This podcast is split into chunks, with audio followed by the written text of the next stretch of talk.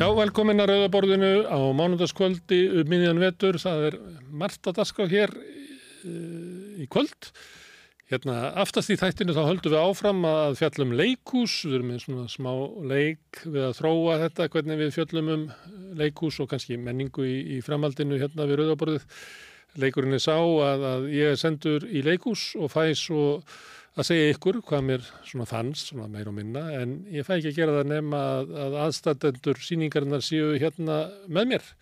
Þetta er svona síðuð gaggríni, getur við kallað. Í kvöld ætlum við að fjalla um leikrið sem er sínt í Tjarnabíu, heitir uh, Kannibalin upp á dönsku, eða Mannætan, getur hann heitað á íslensku. Það er verk sem að fjalla, þetta er eiginlega true crime eins og kallað er, þetta fjallar um, um sagamál í Þýskalandi þar sem að maður sem að vildi borða fólk gerði samkomulega við mann sem vildi ráta að borða sig um að hann mætti drepan og borðan. Munið kannski eftir þess að þetta var fyrir rúmum 20 áru síðan. Þetta leikrit vann svona dönsku grímuvelunin sem besta leikrit ársins fyrir tveimur árum held ég í Danmörku, vakti mikla aðtegli þar og nú er þetta komið í, í Tjarnabíó. Fjölunir Gíslason leikari kefti réttin á því að sína þetta á Íslandi og leikur mannætuna og fekk Adolf Smára Unnarsson til þess að leikstýra og leikur á móti Jökli Smára Jakobsinni sem að leikur hinn Jætna og hérna Ímisönnur hlutverkrindar.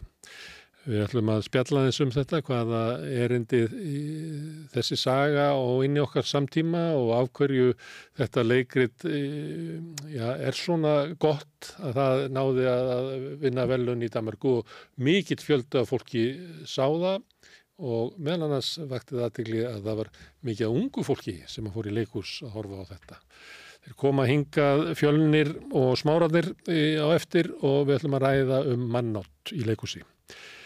Það er biskupskjör framundan og við ætlum að, að njóta þess eins og við gerum þegar það er verið að kjósa. Það er alltaf tilöfni til þess að vera að ræða um anskonar hluti og það er sjálfsagt að fá þá sem að hafa rétt upp hönd og, og, og opna fyrir það að, að verða í biskupskjöri til þess að koma hingað við rauðaborðið og ræða um kirkjurna stöðu kirkjunar í samfélaginu, kristina og stöðu kristinar í samfélaginu og, og svona erindi Jésu og, og, og kristinar inn í umræðina, hvað, hvort það spili inn í, í flottamannamálin, ójöfnuðin, e, lofslagsvanna og önnur stór mál samtímans en líka um kannski það sem að stendur okkur nær, um, um einmannarleikan og stöðu okkar sem einstakleika í þessu samfélagi.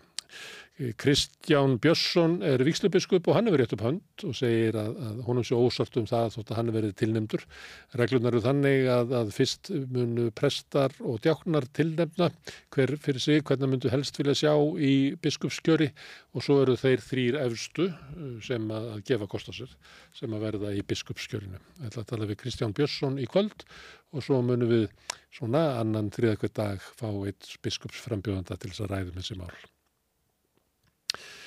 Uh, það er undirskriftarsöfnun með að íbúa grindavíkjur, þeir eru að fara fram á að fá íbúafund með bæjastöldinni sinni, það er svona tilfinning fyrir því að það sé svona smá gjá á milli og það kom reyta fram á íbúafundinu sem var haldinn í lögatarsöldinni á sín tíma að, að áherslur bæjastöldinnar er ekki endilega þess sömu og má merkja að séur áherslur allra íbúa grindavíkur eins og byrtist á svona fundum. Það er undarskiptarsöfnunum að fá slíkan íbúafund bara með bæjastöldinni, ekki með ráþurónum og jarðvísta fólki eins og var í lögadalum og einn af þeim sem stendur fyrir særi söfnunu er hann Pétur Rúri Guðmundsson, hann er kennari og, og pílukastari, hann er formaður pílukastfélags Grindavíkur og keppi fyrir hönd Grindavíkur, hann ætlar að koma og segja mér aðeins frá því af hverju grindíkingar er að fara fram á, á íbúafund. Uh, Trump er búin að vinna forvalið hjá republikanafloknum og sem er eiginlega ótrúlegt, held ég aldrei ekki að stáður að, að frambjóðandi flokk sem ekki er með kvítahúsið að það sé er ljóst áður en að, að fórkostingarna byrji hver muni sigra. En þetta tókst Donald Trump um, stór undarlega stjórnmálamanni.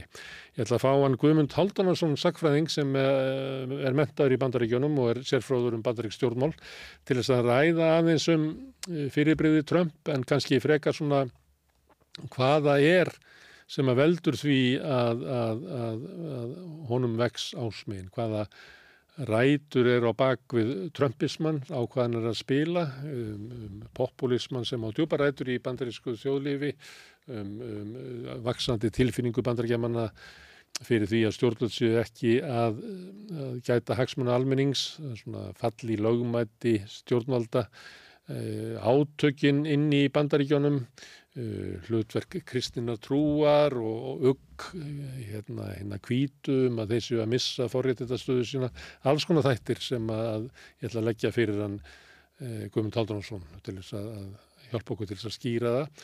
Af hverju Trump er með þessa stöðu í bandarískum stjórnmálum? Svona fyrir utan það að, að, að, að því það er, það er svo lítið hægt að lesa í stefnu Trump því að stefnu Trumps er eiginlega bara Trump. Að það reddist allt ef hann fá að ráða þannig að það er ekki hægt að ræða mikla pólitíki kring Trump en við ætlum að reyna að greina það er reyringar í pólitíki sem að valda því að Trump er í þessari stöðu. Þetta er prógramið í kvöld fjölbreytt efni eins og heyra má og áður en að, að við skellum okkur í villur kvöldsins þá vil ég bara að minna á enn og aftur að samstöðun er samstagsverkefni okkar sem erum að búa til þætti hérna megin og hinum megin myndavelana gestana sem hinga að koma og ykkar sem eru að hlusta og horfa. Og þið getur hjálpað okkur að þið getur verið virkið þáttakötur í uppbyggingu samstöðuna með því að benda vinum og vandamennum á það efni sem eitthvað líkar segja frá því að við erum á Facebook og YouTube og við erum á öllum hlaðvarsveitum og við erum í útarpinu 89,1 á Stór höfuborgarsvæðinu en útasendingarnar má líka sækja á spilaran, hann er á netinu spilar.is, en spilaran er líka app sem á hlaðinur og síman og hlusta á samstöðun og allar íslenskar útastöður hvað sem er í heiminum. Eh, við erum komin í sjónvarpið til þeirra sem að fá sjónvarpssendingarnar frá símanum og vonandi munu að önnu fjarskiptafyrirtæki fylgja á eftir og bjóða sínum viðskiptavennum upp á efnið sem að samstöðun sendur út. Eh, þið sem er svo heppin að vera á símanum að við erum með fimm á fjárstyrningunni og þið sem að viljið döðlað uppbyggingu samstöðunar geta gert áskrifundur e, þá farið inn á samstöðun.is það er nappur sem ástendur áskrift og þýttir hann að þá getur skráð okkur fyrir 2500 krónuna áskrift. Þið getur borgað meira eða viljið og því sem að kjósið geti látið áskriftin að renna sem félagsgjöldin í alltífifélagið og það er alltífifélagið sem á og rekur samstöðuna. Allt sem þið sjáuð og heyrið hér er í bóði áskrifenda og við þökkum þeim kærlega fyrir það. En framöndan eru við tölv kválsins Hvernig getur við réttlætt að helmingur eblingakvönna býr við slæma andlega heilsu? Ebling stjættarfélag. Baróta fyrir betra lífi.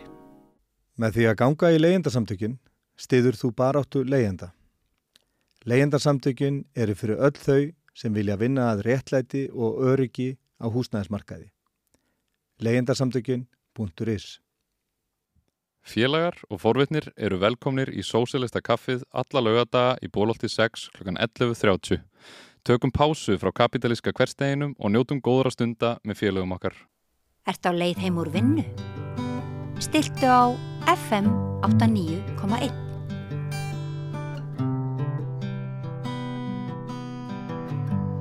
Já, nú ættum við að fara vestur um haf og skoða fórstakostningar sem verða þar í nóvember. Eh, þær kostningar munu hafa mikil áhrif á þróun bandaríkina en ekki síður á þróun heimsmálana skiptir okkur miklu máli hvernig þær fara. Það sem er helst til tíðenda þar er að fórkostningarnar í republikanfloknum eru byrjaðar og þá vil svo til að uh, þær er eiginlega búnar um nefðu þau eru byrjað. Trump er eiginlega búin að sigra áður en lagtir á stað sem ég held að sé sögulegt að, að, að flokkur sem er ekki með kvítahúsið að það sé óum deilt hverju verði frambjóndi þar. Það stundum gerist það í, í floknum sem heldur kvítahúsinu að, að, að það er öllum ljóst að, að fórsetin mun fá tilnefningu en ég held að það gerist ekki oft hinum einn eða hvað, Guðmundur Haldunarsson? Nei, nei, það, það, þetta er auðvitað, mjög sérstök eh, staðat vegna þess að Trump er raunverulega bjóðið sér fram sem eins konar incumbent eða maður í ennbætti vegna þess að fyrsta lögutan aldrei viðkjent en það hann tapaði síðust kostningum en líka auðvitað varan fórstið þannig að þetta er, þetta er í fyrsta sinn í ára tíu sem það gerist að, en, en tap grefur auðvitað undan stjórnmálokki en ekki ja, liftir því ekki. Nei. Trump er auðvitað einhver sérstakasti stjórnmálamöð sem um, um getur sko.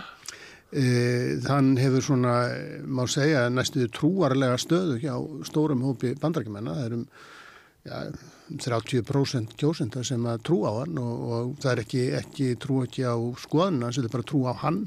Hann sé eina vonin. Já, hann er eina vonin og hann er, er bjargvætturinn. Hann er, hann er eiginlega þannig að, að, að staða hans innan flokksins er alveg greiðlega sterk og hann hefur svona smám saman verið að taka yfir flokkin. Mm.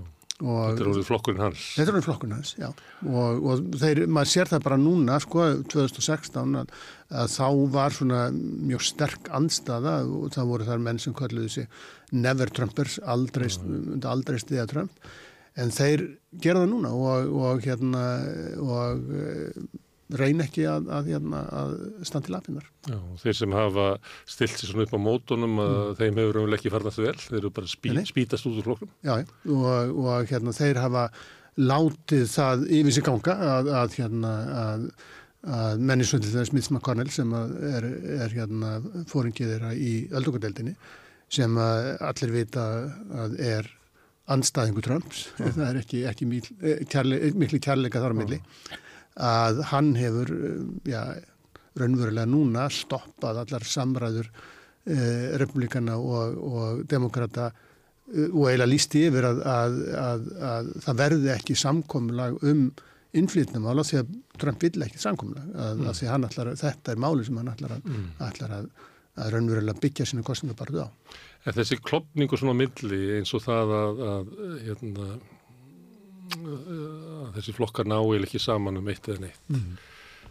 hann nær aftur fyrir Trump til áður og kannski Trump afrakstur af því þessu ástandi Það má segja sagt, að, að þessi þróun byrji með Newt Gingrich mm. sem, að, sem að raunverulega gekk út á það að hans pólitík, eh, þessi hugmynd að þú semur aldrei við anstæðingin og það bara, bara segir alltaf neyfi allu en samt sem að þú samti Newt Gingrich það var, var svona þetta hefur það harnar meira og meira mm. þannig að og vegna þess að það er tvennsko vegna þess að bandarækst stjórnmál þetta eru bara tveir flokkar sem að eru að bítast um veldin mm. þetta er ekki margra flokka kerfi þannig að, að eina leiðin til að koma ykkur í gegn er yfirleitt að þarf að semja um allt vegna þess að það er Eh, það er mjög sjaldan sem sami flokkurinn er, er með meirhulda í öllu apparatinu með fórsetan meirhuldi báðum deildum þingsins. Og nú getur við talað um hæstarétt líka? Já, nú er hæstaréttu komin inn eh, mm. þannig að, að, að og það sem að gera þetta ennþá erfiðar er, er að, að í öldungadeildinni þá er ekki nógun meirhuldi, þú ætti að vera með, með 60 þingmenn og, og það, það gerist ekki átt. Obama hafði þetta til dæmis á tíma mm. og kom í gegn sínu heilbreyðisfrumvarfi um, á þeim fórsendum en það gerist mjög sjaldan að þú hafið meiruldi í fulluröldeldinni 60 þingmenn af 100 í, eða 101 með, ef við tökum hérna varafórsta með sem, sem er eiginlega fórsetti öldungadeildarinnar mm. og, og líka fórstnafætti þannig að, að, þannig að þetta hefur verið svona raunverulega algjörlega pattstaða það sem ekki kemst í gegna því að, að því að flokkarnir virast og þeir eru svo sem báðir brendur þessu marki, demokrata nú kannski aðeins skári heldur en heldur republikanir til þess ekki tilbúinir meðan Trump fóðsiti þá samtittu þeir svona hérna, e, hérna fjárlaga frumvörpin vegna þess að ef þau eru ekki samtitt og þá hérna fer allt fjandans til. Það voru ólöglegt að borga ofbjörðu stafsmennur laun. Já, já. Þetta ástand hefur verið svona síðast að aldar fjórðungi verið að þróast en, en magnast svolítið upp. Já. En hérna og við þekkjum mynda þessa taktík hérna hún hefur verið orðuð á Íslandi Davíð Oddsson orðaði þetta í viðtali sagði þetta að, að við vorum á móti öllum málum þótt að við verðum þeim samála og þótt að verði góð. Það var, var hann að lýsa borgastjóra eða tímabili sjálfstæðarflokksins í, í, í minni hlutanum í Reykjavík 1978 til 82 Já. sem að leiti til þess að þeir náðu aftur Já, völdum og helduðum í 12 ár Já. En e, nú er stundu sagt e, varðandi Trump að já, Trump er svona ákveðið vandamál en líðræðis stofnaninn í bandaríkunum eru það sterkar að mm. hann getur ekki gett svona mikið skada. Mm. Ef að hann nær bara taka yfir republikanflokkin, þannig hann verður mm. stjórnaður, stjórnað eins og bara hérna Eh, framfara flokki Erdogan að, að mm. þú mátt ekki hallmæla fóringjónum að þá ertu bara búin að vera ja. og honum er eiginlega stýrt þannig eh, bendir þetta ekki til þess að, að, að sko svona líðræðið eða hvernig það er stunda í bandaríkunum er kannski ekki svo stert og það kannski stopnaninnar kunni að vera mm. það ennþá hérna. ja. Þetta verður áhugavert að sjá þetta gerist ég, ja.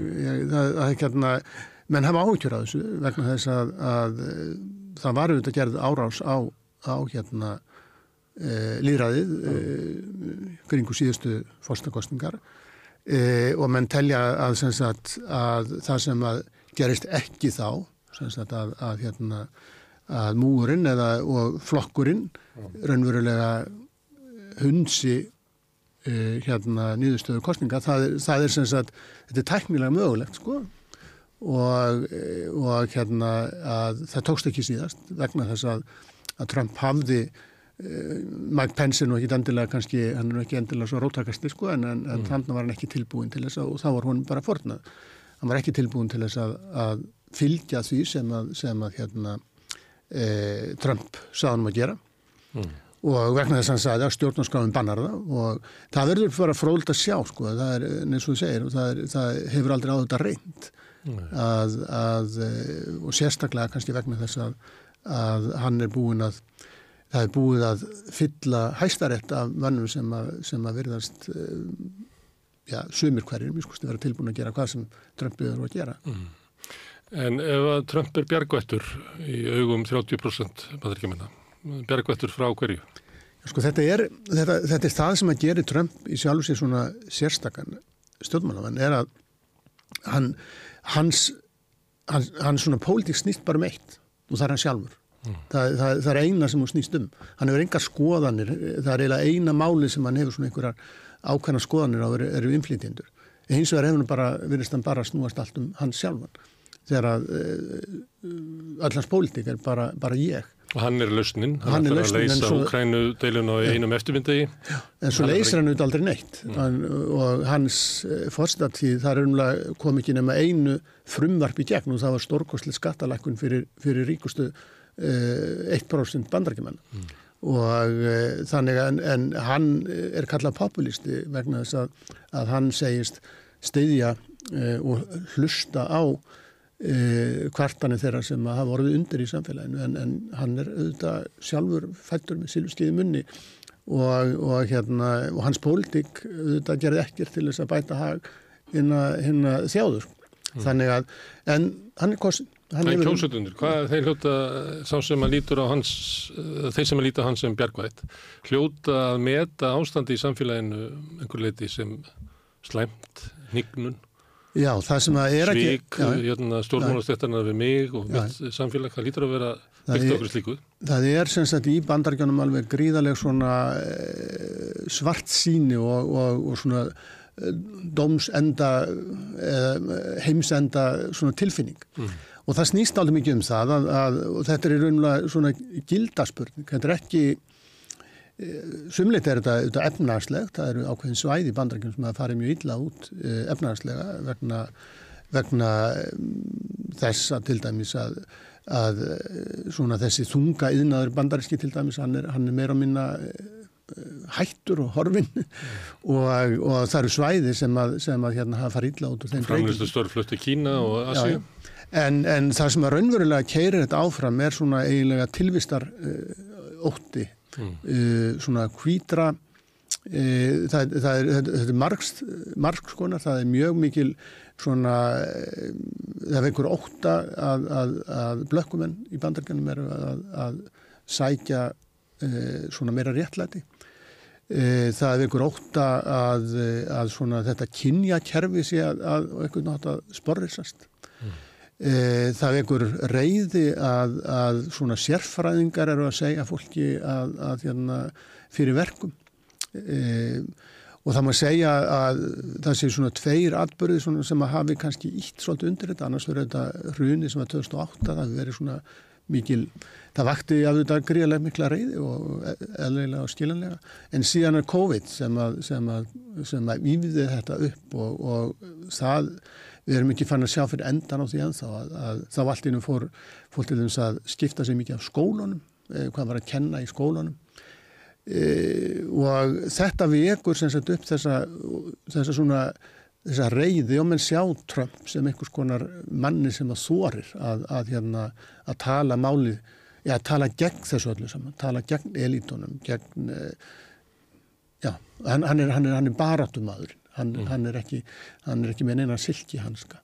Nei. Og í þessu tveggjaflokka kerfi þá getur verið hópur sem kannski er ekki getur verið bara helmingurinn af þeim flokki, rúmlega helmingurinn, nær Já. völdum í þeim flokki og mótar hann í sína mynd og, og ef hann vinnur síðan hinn flokkina þá var hann komið til valda þó svo kannski kjarnin í stefnunni tala ekki til nefna fjórðungsins af íbúanum. Já sko það sem verður fróld að sjá sko það er, það er alveg gætilt að Trump verður frambjóðandi republikana flokksins, hann er, hann er búin að vinna þessar tvær forkostningar næsta léttilega og, og eða semst eina fórkostningar og eitt svona. Bara eitt eftir. Og, og einn anstæðingur eftir og, og hún mun sjálfsagt ekki einu svona vinna í sínu eigin fylki þar sem hún var í Suðu Karolínu, þar sem hún var áður hérna fylkistjóri þannig að að e, þannig að það er mjög líklegt að eftir þær kostningar muni hún sjálf sér bara hætt og þá verður þetta lengstu kostningar í, ég kannski ekki, ég þekki nú ekki alveg alla kostningar aftur í tíman en, en að miskosti á okkar tíma hafa hefur svona kostningabartun, ég vilt ekki byrjað alminlega svona fyrir að fyrir að líða á árið af því að, af því að það, það eru svo prófkjör eru, eru á fullu að miskosti í öðrum floknum og, en það verðist ekki allir gerast núna þannig að, að en það sem að raunverulega stöðnismenn Bidens eh, svona treysta og er það að, að Trump eh, er bæði duglegur að, að fá sitt fólk til að mæta en hann líka hefur duglegur að fá anstæðingar sína til að mæta menn kjósa gegn honum. En í síðuskostningum að þá kausu 75 miljónir bandargemanna Donald Trump mm. og það myndi öllum flestum tilvíkum duga til þess að sigra. Þannig að, að e, það er líkilatrið fyrir bætina ekki bara að að, eh, að eh, menn, menn svítla við Trump heldur að, að þeir mæti á kjörstað mm. og síðan er líka alltaf, er verið að tala um það núna að það komi kannski vegna þess að það eru auðvitað mjög margi sem að, eh, sem að finnst þetta heldur, heldur snöðlegt val að þurfa að velja millir tveggja kalla, mm. hvítara kalla sem eru, eru komnir um með yfir áttrætt og, og vilja eitthvað annað og ef að slíkt frambúð kemur fram að þá er næsta víst sem að færi eitthvað fylgi að þá næsta víst að, að Trump mun sigra því að Trump fær alveg öruglega mjög mikið atkvæð sem hann á bara hefur áskrift á e, og ef að eitthvað saksast á, á fylgi Bidens og sérstaklega í svona þessum líkil fylgjum e, að þá, þá er alveg, alveg mm. einsmikla líkur á Trump vinni. Þannig að kostningar það munur snústu Trump eins og síðu kostningar. Biden var kjörinn af því að hann veri ekki Trump. Mm og það er eiginlega uh, hérna, það sem að hann getur unnið á núna að, að fá fólki sem vil alls ekki Trump til að mæta og kjósta og kjósa sig.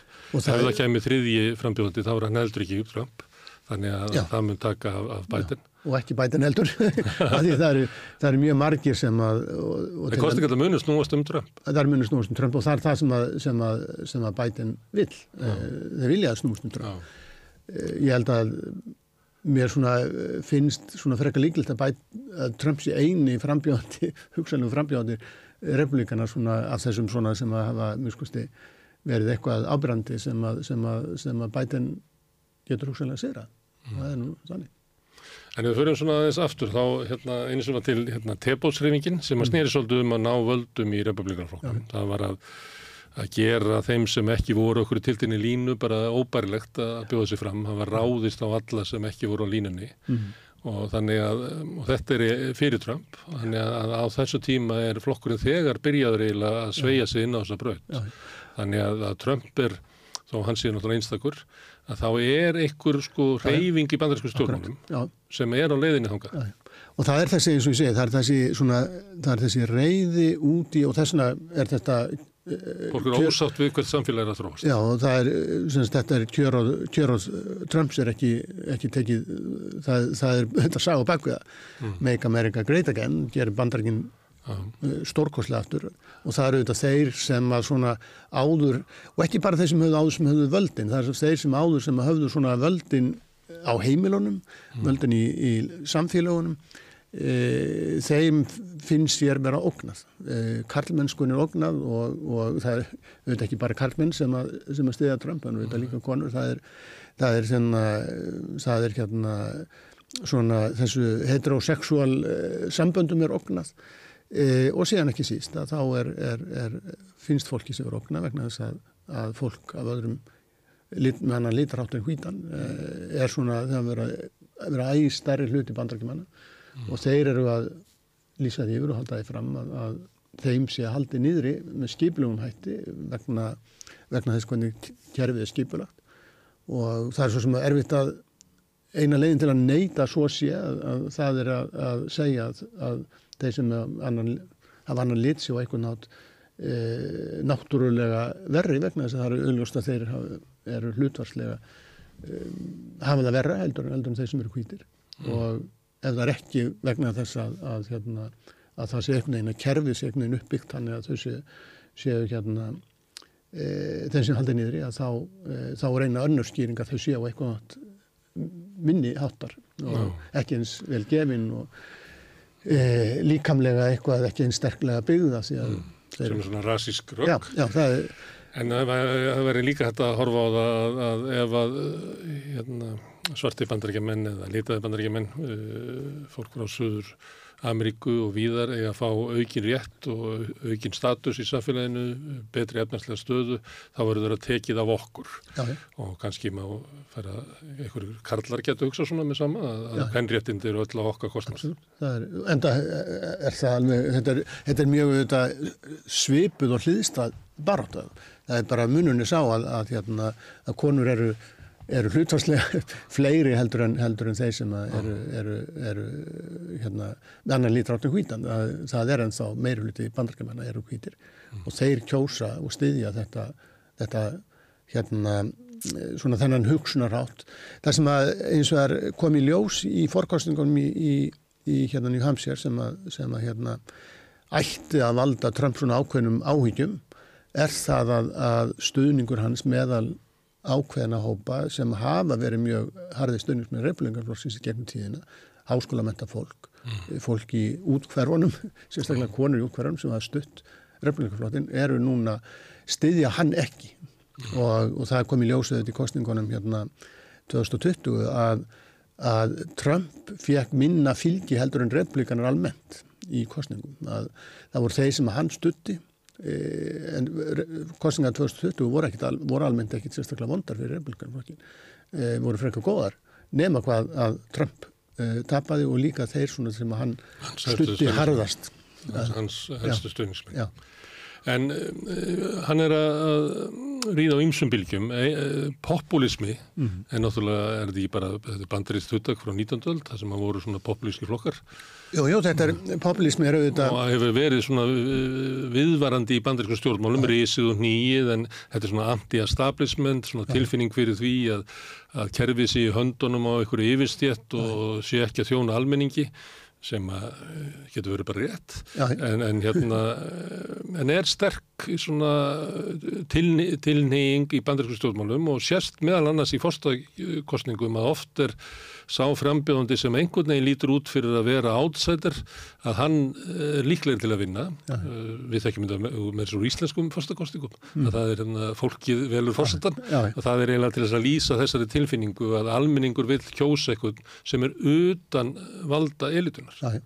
og, eh, og það er það eina sem að sem sagt stöðningjöðu Trump sem að gera þetta svolítið, svolítið sérstaklega að hann er auðvitað úr eins mikil eins og þetta hugsa sér í bandaríkunum úr efnarslegu elítunni. Mm. og hérna en það er samt ekki, hann hefur aldrei notið svona virðingar sko, pappans var svona slömlord og þeir hafa örgla fengið að finna fyrir því í, í sko hérna þegar þeir gengu inn á Metropolitan eða eitthvað svolítið í New York þá stóðu ekki salurinn upp á neði sig sko. Nei, nei og það, það menn segja, segja að það sé svona eitt af hann svona kvörtunarefnum er það einmitt akkur þetta en hann var að berjast fyrir þessu. Það hefur aldrei fengið, hefur aldrei verið meðþykinn. Nei en hann var hins vegar mjög, sóttist mjög eftir því. Þetta Já. var eh, á nýjunda áratögnum þá var þetta sem hann sóttist alveg gríðal eftir að fá þessa viðurkenningu og fekk hann ekki þannig að, þannig að honum líður auðvitað vel þegar, þegar þeir koma skriðand og kissa, kissa fingur, neða ringin á fingrinum sko að, af því að hérna nú hefur hann völdin. E, já, já, það, er, það hefur verið semst bæði þá svona oftast hefur populismi verið meira til, til vinstri eða, eða semst að það hefur verið þá einhvers konar reyfingar sem hafa raunverulega menn hafa verið krefist réttlætis sem hefur verið þá snúið gegn þessu efnarslega vel. Svo ég var að vísa til á 19. öldinni, það var svona já. að liggu við að segja þetta skilgreina sem hálfgerða sósælist. Já, þeir voru svona, voru svona já, sóttust eftir meira efnarslegu jafnrétti og við getum kannski sagt að, að, að Rósveld til dæmis, að það var hans stefna var mörguleiti mjög populísk. Já Eh, hún snýrist um það og hann sagði bara einfallega, Rósveld lísti yfir sem sjálfur var úr, úr, úr elitu eins og alveg eins og hægt var að sko hann var elita þrúan þrú eins og segir á ennskunni ekki bara, og hann, hann kemur ekki bara úr efnarsleiri elitu, heldur líka úr, úr hérna, menningalegri elitu að hérna að, en hann ger sér grein fyrir því og sagði það og þetta er á dögum þegar eftir byltinguna í Rúslandi að, að ef höldum áfram á þessari braut að þá, þá mun verða bolsevísk bylting í bandarinn með þetta mísrætti sem er, er fer svo vaksandi að það hérna mun leiða til, til uppreysnar og ef við lítum á, og það var í bandarkunum alveg fram yfir 1960 þá voru svona mjög, mjög hérna svona ímislegt, e, það er svona jógst og það minkaði misrættið mjög mm. greiðarlega mikið. Skattar, já, og skattar á, á hérna, hátækjumenn voru, voru greiðarlega háur hátækjuskattar voru greiðarlega háur en eftir að Reykján kemst í valda þá er þessu, þessu öllu snúið við og misrættið aldrei verið meira en núna. mm. Og, og það er alveg ljóst að, að Trump kemur ekki til með að ef, að, ef hann heldur áfram þeirri stefnu sem hann, sem hann held þegar hann síðast var fasti að þá mun bara misrættið ennþá aukast vegna þess að að það jógst á hans tíma með þessari, þessari skattalækunum sem að, sem að hérna, voru síðan sagt, skattar voru lækkaðir en, en úrgjöld uh, hækkuð mm. þannig að, að, að og það er auðvitað stefna sem er kannski erfitt að reyka til lengtar og mm. Þú nefnir uh, reyka nú þá má færa rauk fyrir því að Trump sé líka að ríða á þeirri bylgju það er náttúrulega það sem að Rekan gerir er að taka inn svona heitrúaða hérna mm ekki það, en hann hafi verið það, hann bara sá að ja. þetta verið möguleiki til þess að ná völdum og, og, og spenna þeim fyrir vagnin ja. og það, Trump er hluti af því en hann er líka hluti af sko nýfrálsvíkinni mm. sem að, að Rekan gerir kannski er að að skrúa ofan af, við horfum á, á þetta frá alþjóðinni, að skrúa ofan af sigurum alþjóðinar fyrir efnæslu réttlæti, að, að stoppa barátunna gegn fátækt, byrja að tala um að það þýðir umlega ekkert verið að aðstóða fólk sem er mm. fátækt til bjargálna, heldur þessi hérna, welfare queen er, er hugtak sem hann kom með að, að þetta væri bara ekki hlutverk ríkisins. Já, og svo kannski þeir eru komin inn á, á Trump tíman og jáfnveil fyrir hann að þá er farið að skrúa ofan af sko mannréttindasigurum eftir sísjórna um, um uh, hérna réttindi samkynniðra, réttindi kvenna til hérna þungunarofs og fleira. Þannig að að sömuleiti er, er sko Trump uh, hluti af einhverju langri þróun Já, og kannski ég kann ekki að lesa í það en, en það mætti kannski segja að, að eitthvað sem að Reagan gerir sem að veldur því sem er svona eins og oft er í svona dramatískum sögum og gerir eitthvað sem maður má ekki Já. svo eru sko afleðingarna lengi, lengi að koma fram Já. eitrað, þetta var eitrað peð Já, ég, það, það er sjálf og sér sko það sem að er það sem að svona það slæma sem að eða neikvæða sem að lífir ennþá og er ennþá vaksandi, það er þetta mísrétti mísrétti í bandarkanum er svo gíkantist og hefur vaksið og hefur vaksið og þeir ríkur er alltaf verið Þannig að tilrauninnar á eftirsýsárun til þess að minka það, já, já. það sem að var eiginlega má segja hafi verið ja, svona einskonar samfélagsleg sátt um að það væri verkefni hérna, ríkisins að, að minka mísettið. Ég held að Johnson hafi sagt hérna eina réttlætt ekki fyrir formlugu samfélag á millum okkar er að, að rétta hlut þeirra sem að standa höllafæti, eitthvað þáveruna en, en uh, og, og Nixon eins, uh, til hægri og hann var að hann er ekki að brjóta niður hérna, þessi kerfi, Nei. það er ekki fyrir að, að rekkan kemur. Já, og, eh, og eh, það sem sagt það sem að Rósald gerir, Rósald gerir að hann drefur úr, úr, úr þessu efnarslæmisetti en hann gerir ekkert fyrir, fyrir svarta í bandaríkum. Að þeir eru algjörlega skildir eftir út undan. Johnson hins vegar e, sumleiti sá þetta líka að það þýrt að gera eitthvað hana og sem var mjög sérstata því hann, hann er jú, er jú rasisti frá Texas. En, en þetta var bara, hann sá þetta þetta var bara pólitíst nöðsynlegt og hérna og e, kemur í gegn þessum gríðalum breytingum í jafnrættismálum e, kynþáttana í bandarkum mm. en það má segja það það er það, er það e, svona já það er tilraunin til þess að, að leiðrætta þar sem að núna eru undir mestri e, svona, mestum árásum frá mannum eins og Trump. Hann, hann hefur ekki gert mikið í því að hann til dæmis vil ekki snerta við, við, hérna, við tryggingakerfinu. E, hann reyndi að afnema hérna það, þennan vott af heilbreyðiskerfi sem, sem, sem að Obama tókst að, að koma í gegn.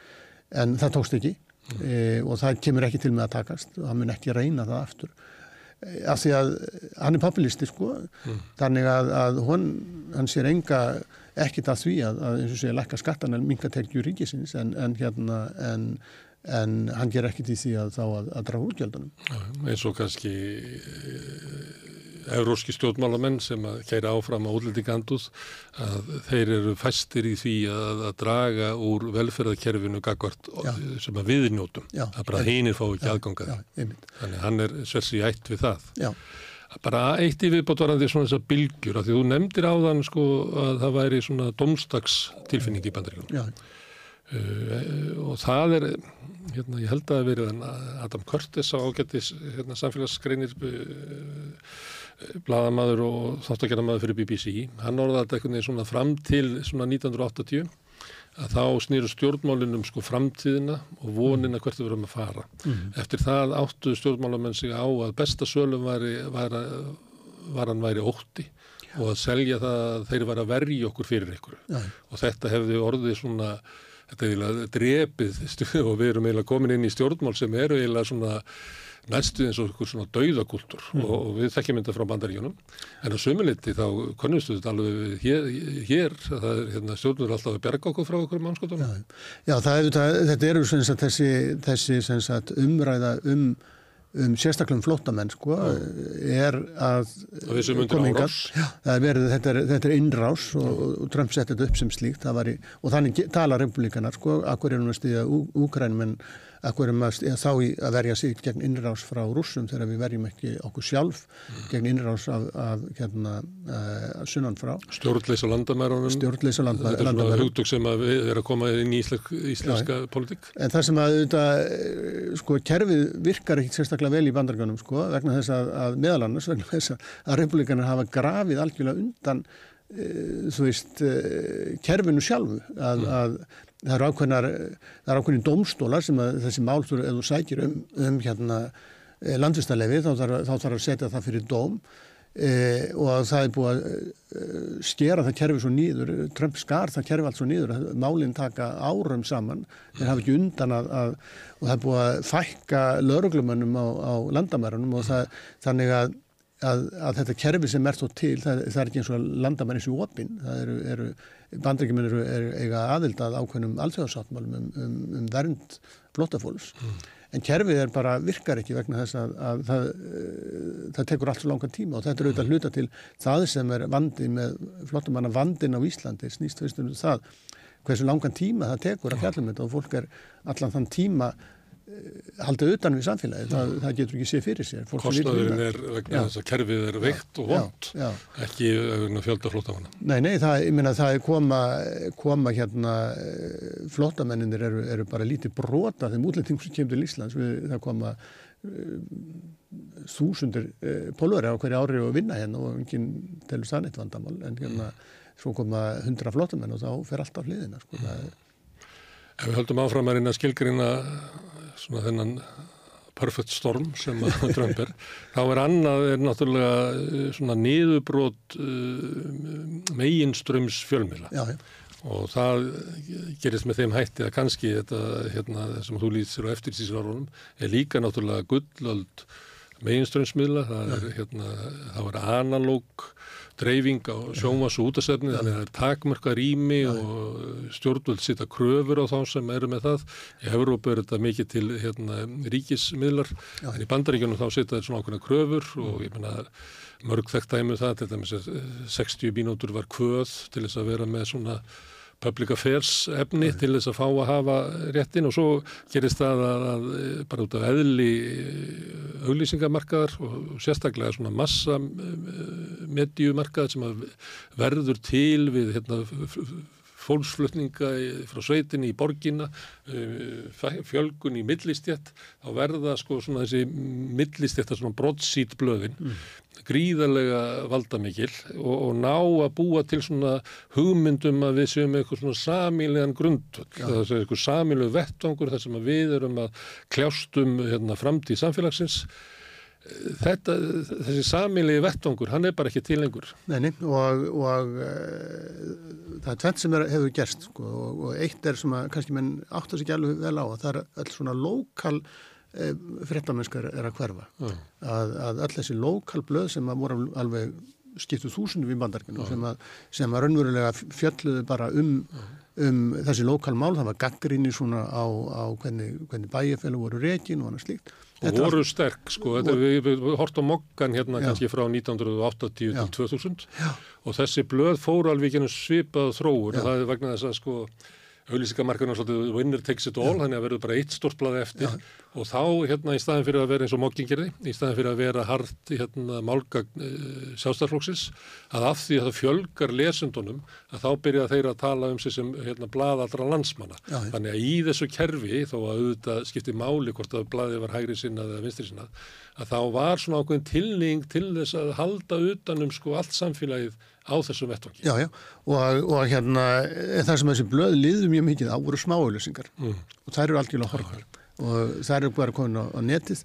Og, og það er hinn þróunin að, að, að með netinu að þá hefur, hefur svona annars vegar e, þá aflar fólk sér upplýsinga algjörlega allt annan háttin áður Eh, og eh, hættir að gerast ásköðanda blöðum, það er stóru blöðin í bandargegnum lífa alveg en þau eru bara, bara ákveðin bergmálsselli sko. þau eru að tala við, við þá sem að eh, eru þessa elítu sem að koma örgla fæsti til með að styðja Trump og, og hérna bara fínt sko en, mm. en, en hinn er hlusta á eitthvað allt annað og, og síðan er þetta í bandargegnum hefur er það sem að kannski í fréttamennskunni sem hefur kannski haft einna mest áhrif er, er Murdoch, Rupert Murdoch og hans veldi að, að Fox News eh, sagt er bara, það er stór hluti bandargemanni sem hlusta bara á þá.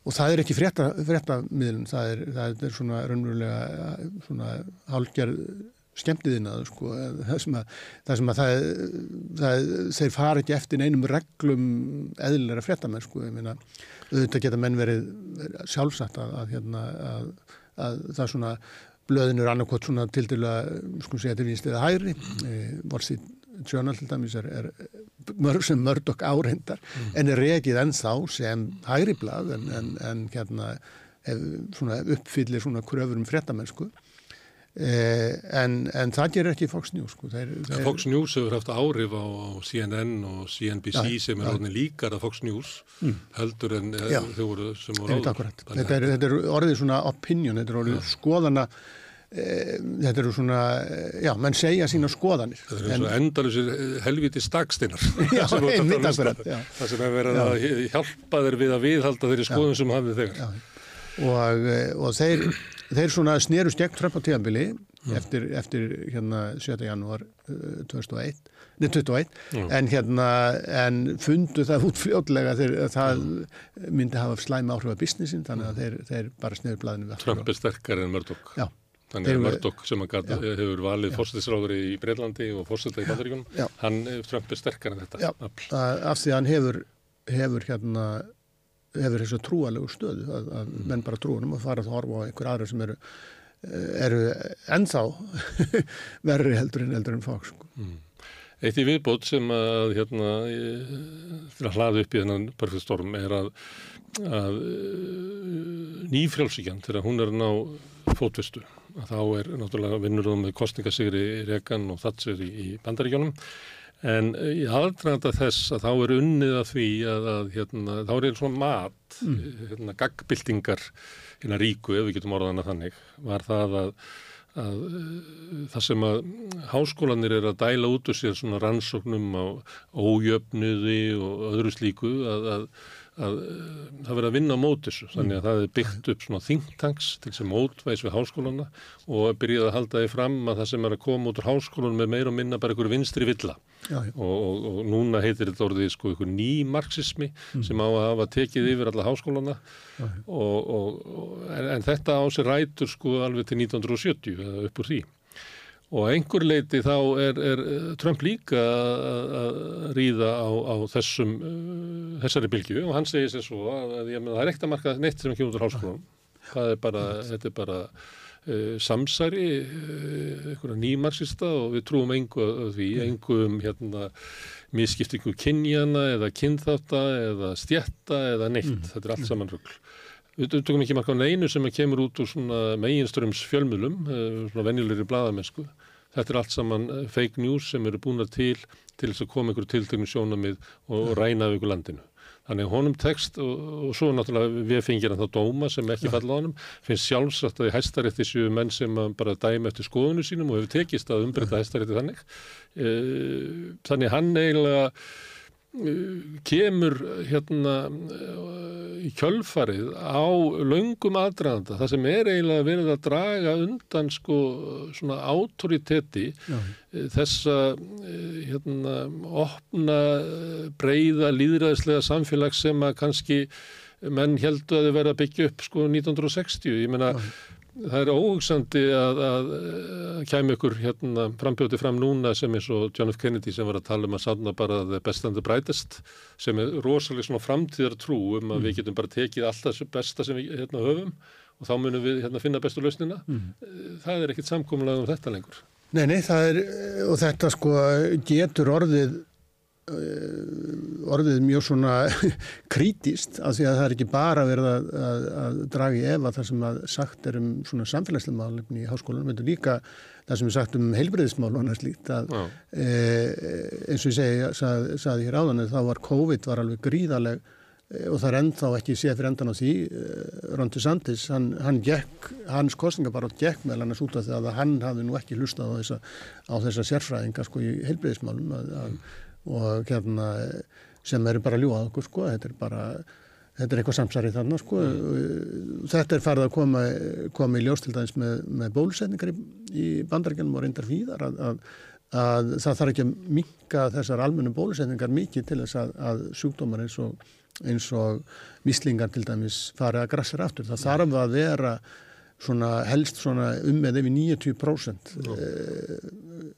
fólk sem er, er bólusett. Við þólum alveg það að 7-8% af fólki vil ekki láta bólusetta sig, það skadar ekki. Og er ekki hægt að sem að má ekki bólusetta, sem er líka unga börn, sko. En svo við á Íslandi, það er reyna tilkastlöstur okkur að agnúast út í það fólk sem vil ekki láta bólusetta sig, því að það, okkur slafar engin hætta. Nei. En þegar þetta dettur fyrir, hérna, upp fyrir 10%, eða fyrir, fyrir 10%, að þá getur, hérna, þá getur svona sjúkdóma að farið af stað. Mm. Og það er annað sem er líka, sem er ótrúlegt í bandaríkjanum, er það að það, skólaskylda er ekki lengur virk mm. vegna þess að núna getur bara hver sem er kent börnunum sínum mm. sjálfur heima og það er, og það er mjög sterk hreyfing sem, sem, að, sem að þessi homeschooling hreyfing, heima kjenslur hreyfing e, í meirunda fylgja bandaríkjana þá er ekkit eftirlit með þessu að, að hérna, þeim að kenna hvað sem er og það er engin próf og ekki neitt e, þetta er líka annað sem, sem að, hérna, mm. er eitthvað sem að verður að hafa ágjur af að því að ég meina hvaða þekkingu kemur fólk þá inn í lífið að, að, að þau gengið í gegnum skóla þar sem að, að þeim er bara kent ja, biblían og, og hérna og mm. Guð bjargar okkur mm.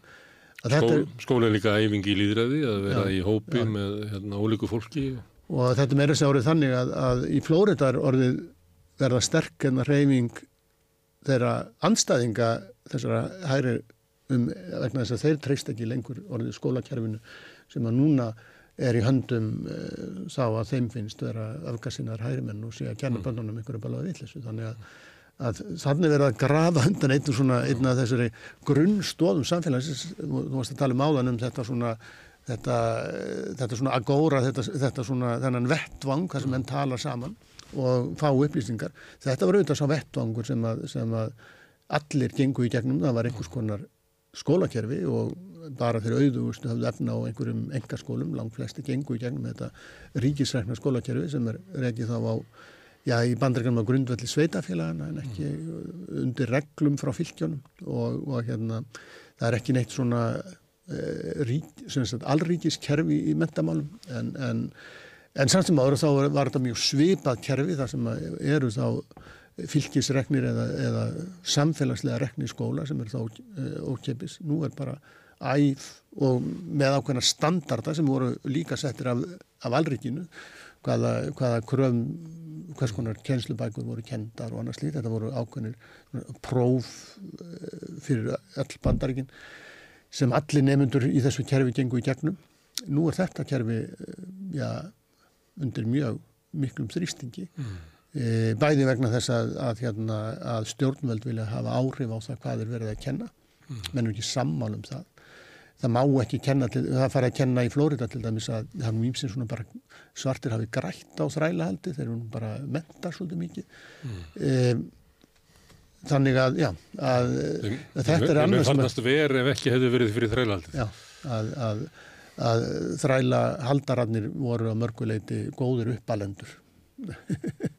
Og, og þetta er sem sagt, eh, kemur í gegnum þá að vegna þess að fylgistjórnin að hún eh, ræður sér sérfræðinga mm.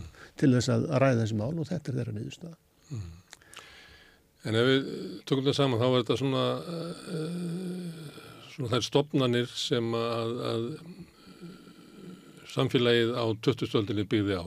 Við erum búin að tala um skólan, eitthvað er þetta drefið á domskerfið, fjölmiðlana, uh, þannig að það, það ríktir í þessu mm. og líka svona samkomraði í samfélagsáttmálinum mm. að, hérna, vikinn mannréttindi og, og réttindi hérna, og jöfnuð að, að þetta er að gefa eftir og en, en það getur náttúrulega ekki gerst ef að þetta kerfi hefði ekki í, í huga einhvers stór sluta almennings mm. brúðist að einhver leiti ja, og þá getur við líka nefnt alþjóðavæðinguna og ímiskunar mm. aðra svona efnarslega þætti sem að er rík tilfin, tilfinning í bandaríkján fyrir því að, að, að kerfi hafi einhvern veginn brúðist okkur. Já, Og það er auðvitað sko með þessa allsjóðavæðingu sérstaklega í þessum efnarsmálum sem að gera það verkum að, að, að stór, stór hlut efnarskerfisins er bara horfin. Bandreikin hafa efnarslega pluma sem ég vel, ég menna það er þá branna sem kemur í staðin. En það er ekki þá fólkið, það eru er ákveðnir hópafól sem að, sem að fá þeir fara ekkit að vinna í hérna hátakniðina mm. sem að varst að vinna í kólanámi Mjög ólíkt þetta svæðun, það er kannski borgirna sem að vaksa og meðan að, að hérna, minni borgir og dreifðari byggð er að, er að rörna og... Já og, og fólk er bara bundið og fast á sínum, sínum svæðum vegna þess að það getur ekki selgt eignina sínar og það, það, mm.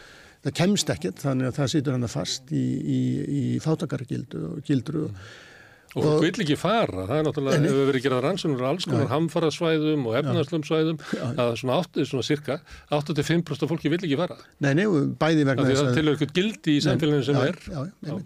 En, eh, en e, sem sagt, það sem er verið að, að þetta er auðvitað alveg, alveg ljóst að, að fólk svona hefur ágjur af og, mm.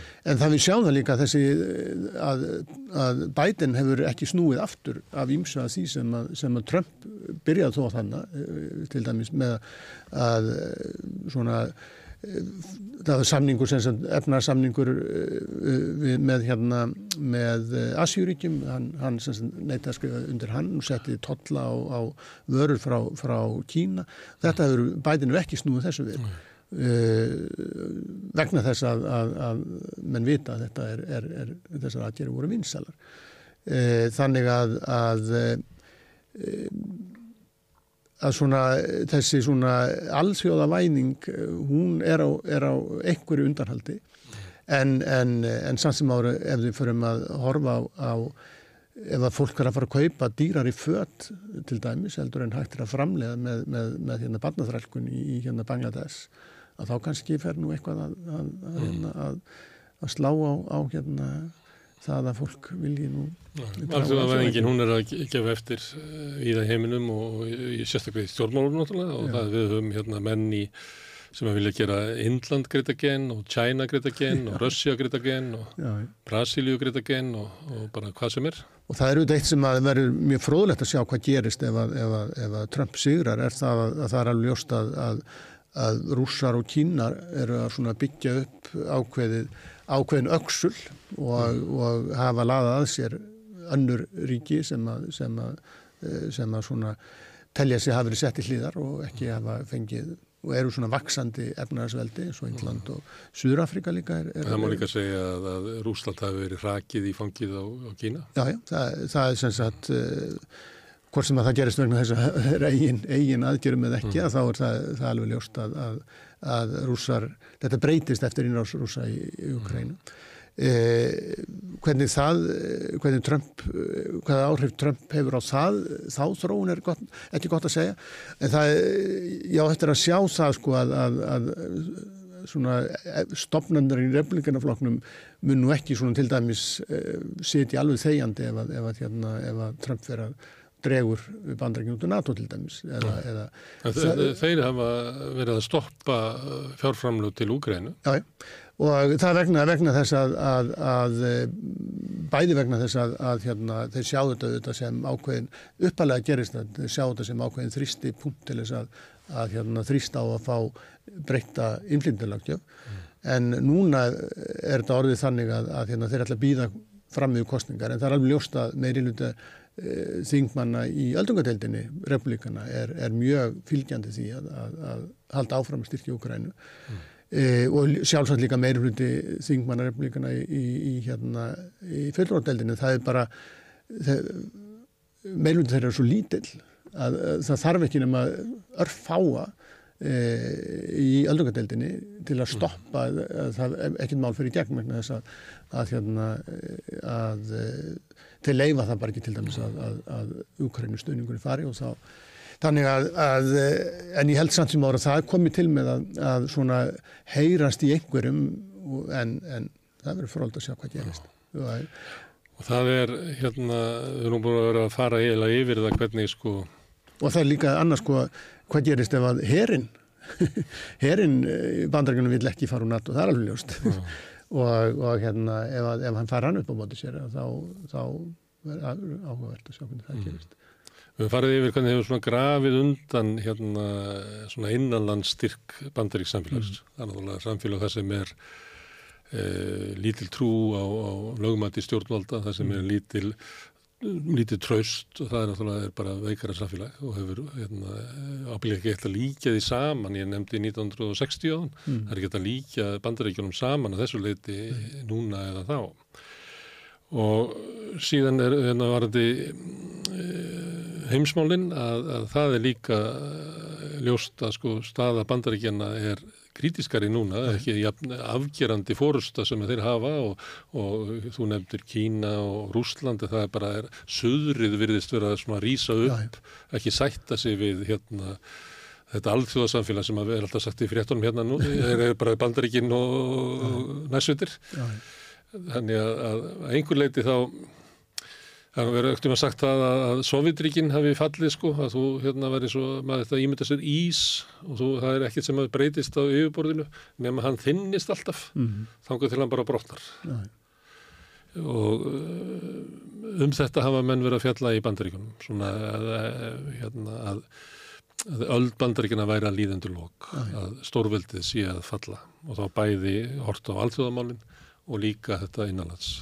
Er það Já, sko, það sem að gerist auðvitað eftir, eftir lok kaldastíðsins er það að það er, verður á tímabili bara einpóla kerfi. Mm. Það hafði auðvitað verið tvípóla kerfi áður að, að, að, hérna, að það er ekki eins og bandrækinu verið áður til heiminum, ég tókst ekki einu svona að berja Víðnama til hlýðinu. Mm. En þegar eftir að það hrinur og þá eh, eftir að Sovjetringir hrinja, þá er þetta orðið einpóla kerfi og það er auðvitað ljóst að innpólakerfi gengur ekki til lengdar það er, það er auðvitað eh, reyngalega dýrt að vera stjórna heiminum sko. mm. að, að þó þú fáir eitthvað út að þá, hérna, þá, þá hernaðar sem sagt, herin er alveg greiðalega dýr í bandaríkunum. Það fyrir, sem sagt, útgjaldum aðrækistöðunarinnar, það fyrir meirinn helmingunar þeim í herin og hérna og, og bandaríkinn bara hafi ekki fjárháslegt bolma til þess að gera það er eitt af því sem Trump var að segja sko að hérna við erum að verja ykkur efrurbúar, við gera svo vel borgið því eitthvað fyrir þetta sko, byggja upp eitthvað reygin her til þess að mm. geta ekki allast þess að við sjáum um, um þetta endalust. E, en síðan auðvitað er það alveg ljóst að Kína er, og í þessu, þessu svona auksli e, Rúsland og Kína þá er alveg ljóst að, að, að Rúsland er, er veikar aðeins þar og rússar komum til með að rússar hafa ekkit bólmakt til, til að gera neitt en, en, en, en hérna kínverðum finnst þetta svona ágætt að, að, hérna, mynda þá þetta, svona, þetta mótvægi gegn bandaríkan mm. Og, ég held að það komum bara til með að aukast og það hefur verið fóröld að sjá sko, eh, hvernig kynverðar haga sér sko, hvað gerist ef þeir áðast til dæmis inn í, inn í og taka tæfan að, að hérna, sem að sem að Xi Jinping segir hann ætla að gera áður hann, hann uh, það gerist á hans líftíma segir hann mm. uh, það, það hefur áhugavert er hérna kannski ekki endilega volið skemmtilegt. Þá er spurning hvort að bandaríkinn ráði við það að vera í stríði í Úgrænu, í Ísrael, mm. í Kína og viðar sko, í heiminum. Já, já, það, það hérna... Árangur þeirra, einna, þeirra reyndu Afganistan og mm. nú eru þeirra að berjast við húta já. með öllu sinni tækni sem er ekki hafa en, eh, en hútandi nárum fram sínum árangri með já. því að, að færa alla skipa umfyrð suðu fyrir góðrónu huga. Já, já, það er, það er hérna... Þannig að trúin á þessu tímabilið þegar það er svona impóla mm. að það var ótrúlega trú á hernaðarmátt já. eins og Íraks innrásin síndi og, og bara allar aðgerðir í miðausturlundum og í Afganistan að það var alltaf að senda herin og innleiða þar eitthvað svona bandarískerfi eh, þetta bara gekk ekki upp sko. Nei það má segja sem, sem sagt að, að fyrra Írakstriðið að, að, að Bush hafði bein í nefnu til þess að sjá það að hérna reka, reka Saddam Hussein út úr Kuwait og svo mm. bara segjum við, svo förum við, hættu við. Og það, ég held að mörguleiti að, að, hérna, að eh, stríðið hafi raunverulega verið vegna þess að það voru mjög margir orði vegna þess að það voru margir af hans fyrirverandi embætismennum voru mjög ósáttur við þetta, mm. þessum þessi nýjó, svo klúið nýjókon sem, sem vildu klára, eh, klára hérna, eh, Írak af og, og hérna, breyta þeim í líðræðis ríki en ég held nú að þessi, þessar tilraunir eh, hérna, þeirra frá árunum 2001-3 hafi nú svona sannfart bæði umheimin og bandrækmi sjálfum að þetta sé nú kannski ekki vinnandi vegur, þetta er ekki eitthvað sem hægt er að gera að, að með hernum að reyna að búa til breyta heiminum. Það, er, það hérna, tókst ekki Vietnam og það, það tókst ekki heldur í, í hérna, Írak og, og Afganistan og þegar eh, bætinn dregur sér tilbaka þá erum við búin að eigða í þetta, ég veit ekki hvað mörgum triljónum af, af, af dólarum. Mm. og það var ekkit eftir. Það var, það var, það var ekki einu sinni sko vottur af, af stuðningi. Þeir hérna eittu þannig e, triljónum dólara til að halda talibanum frá og þeir eru komin aftur. Já, Það er munur á þessu því að það hefur verið sagt sko að eftir Víendamstríði þá var lærdómurinn sá að það var breytt um stefnu og það var breytt um sko svona fórustu einhver leiti en það gerir þetta ekki eftir Írak. Það er ennþá sko sama raunverulega auðverkistefnan sama svona Já, ég myndu kannski ekki alveg segja að það sé nú alveg svo sama sko að, að hérna en, en já, já það er ennþá svo trú að, að Það er ekki orðið sambarileg svona áhrif á svona pólutík og svona stöðu bandaríkjamanna í, í heiminum eins og var kannski eftir Víðnarsrið Nei, nei, það, það, hérna, það má segja sagt, að, að, að eftir Vietnamstríð til að byrja með þá, þá svona hafi, en, en í sjálfu sér sko, ég menna það, það hérna Reykjavík korsin Já, já, haugarnir náðu aftur völdum sko og hérna þannig að, að hérna, ég veit ekki hvað lærdómur var já.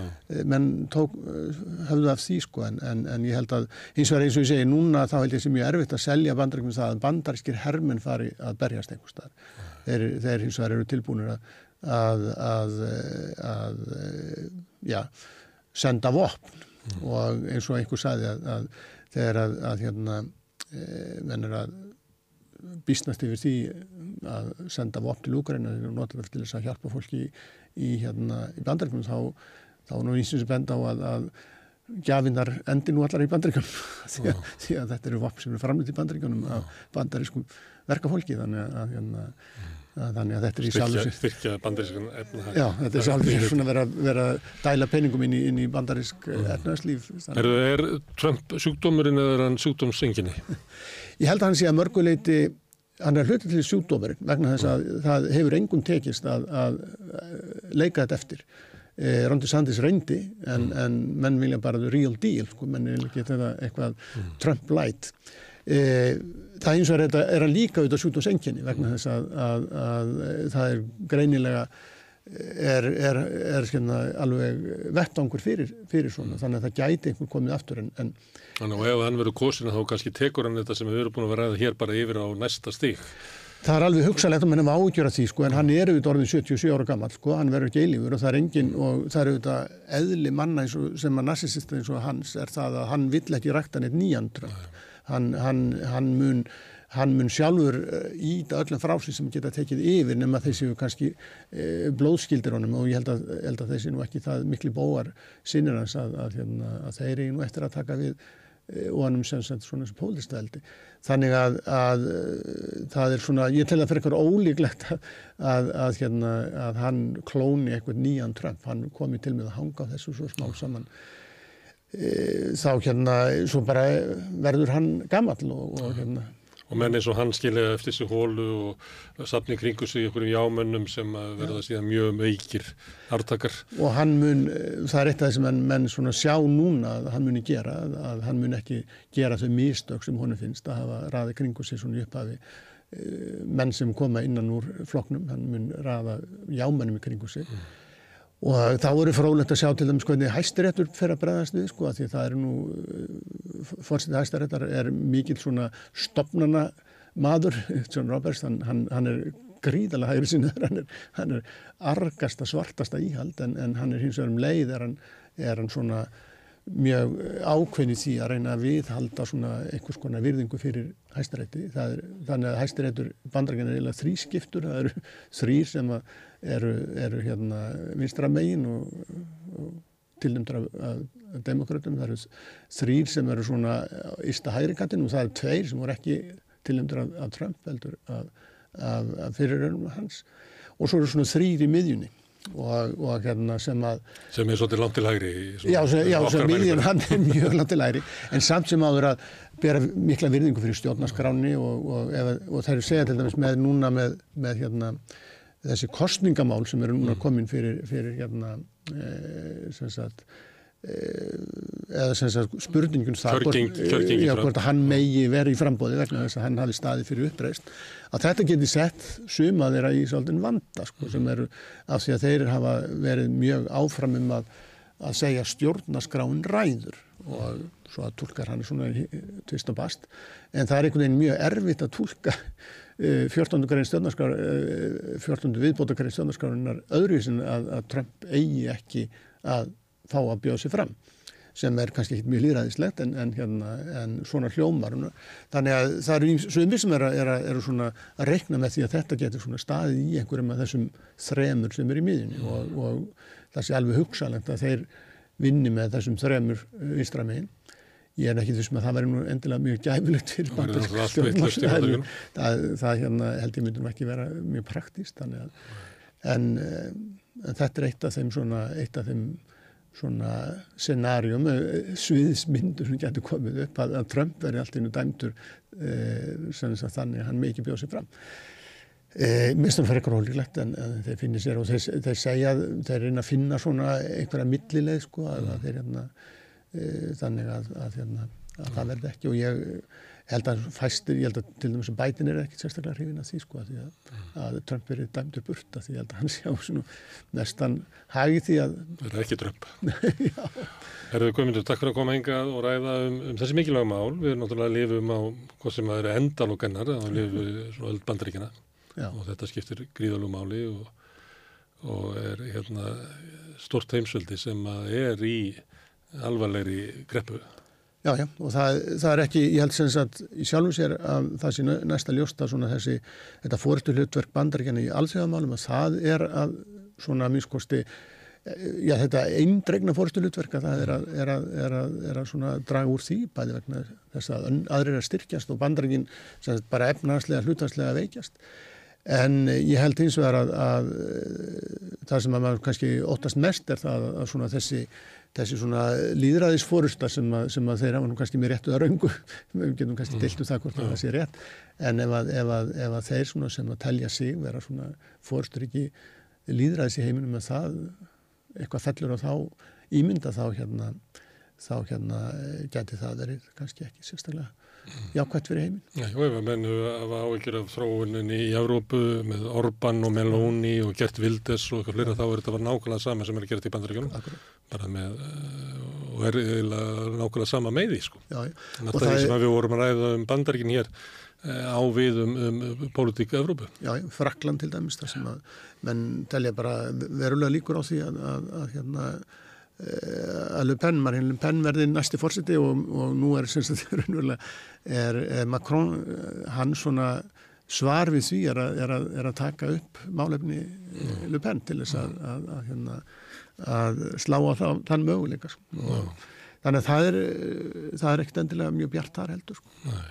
Nei, það er eiginlega það sem er að gera því að að í stríðinu við Pútin þá er eiginlega pólitík Pútin að, að verða sterkar í, í Evrópu. Það eru flokkar sem eru líkastir honum sem er að, að auka fylgisett mest. Já, Þetta er ótrúlega tíma sem við erum að lifa kominir. Og það er á, eh, alveg á sömu fórstundum eins, eins og í bandaríkanum. Það mununni kannski sá að, að í bandaríkanum geta menn eins og trömpn á völdum þó svo er hafi ekki nema, við skulum segja þetta er svona, þetta er svona minnir og menn er svona tala um þetta minnir svolítið á þegar, nazista kundi valda í bandarum ekki það að ég er ekki að segja hérna, að Trump sé nazisti heldur bara það að, að fólk svona flokkur með sem hefur svo ekki nema kannski meitt þriði að fylgi að hann getur náð völdum vegna þess að, að andstaðan er... Ja, þú lístir þessu hvernig þetta gerist síðan í Evrópu, það sem gerist er að Macron tekur upp stefnuna, ja, ja. E, sósjaldemokrater í Danmarku taka upp stefnuna þjóðaflóksins og uh, allt í eini eru þessi flokkar þóttir sé ekki meirluta eins og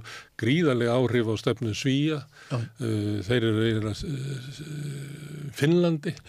Og þannig að, að, að þau sveia stjórnmálinn að sér, þannig að sömuleyti er þetta sambærilega áhrif þótt að sko, framkvæmdi sem aður hætti. Að, að því að í Evrópu þá nærðu ekki sko, öllum völdum með eitt þriðja en, en, en, en þú getur eins og segi haft og þannig er þetta er auðvitað sami óttin, þetta er samin, það er óttin við það að vera, þetta er raunverulega sko forrétninda hluti heimsins er óttast að að, að hérna að þeir sem að hafa verið undir í þessum forreynda baráttu að þessi að koma og taka og einhvern veginn svift okkur þessum forreyndum. Mm. Af því það er auðvitað, þú veist, ef þú dregur línu eins og, eins og í bandrækjum, þú dregur línu öðrum einn við línuna er, er, er velmegun og, og, hérna, og velsæld og hinn veginn er, er fátækt. Þá auðvitað kemur fólk til með að fara yfir línuna. Það er alveg nákvæmlega saman hvað vekk þú byggir að þeir koma til með að koma, fara yfir. Mm. Og ef að þeir fá núna sagt, svona ákveðna pólítiska fórestu í Kína og Índlandi að þá, að þá þetta er þessi, þessi forrind okkar eru, og meðan þessi forrind okkar lifa þá verður þessi þrýstingur og, og, og, og hérna, ég held að það sé líka eitthvað sem er að breytast að, að þessi hluti heimsin sem hefur orðið undir hann sætt sér ekki við þetta lengur Nei, það eru, komum þú kæra þakki fyrir að koma hengað og spjalla við Rauðabröð Takk. Takk. Og við ætlum að halda áfram að sitta hérna og reyna að skilja heiminn sem við lifum í næsti kapli eftir augnumlik. Hvernig getur við réttlætt að um 63% eblingarkvenna eigi erfitt með að ná endum saman? Ebling stjættarfélag. Baróta fyrir betra lífi. Félagar og forvitnir eru velkomnir í Sósilista kaffið alla laugadaga í bólótti 6 kl. 11.30. Tökum pásu frá kapitalíska hversteginum og njótum góðra stunda með félagum okkar sláist í hópin og gerist áskrifendur.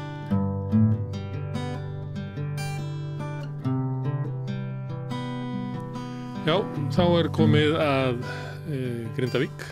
Það var hópur bæjabúa sem að fór fram á það um daginn að e, bæjastjórn myndi efna til íbúafundar til þess að ræða stöðuna. Og hinga er komin einn af þeim sem er stóð fyrir þeirri söfnun, uh, Pétur Rúrik Guimundsson sem er kennari og pílukastari. Þetta í þú keppir fyrir hönd grindvíkinga í pílukastið ekki? Jú, það var sér.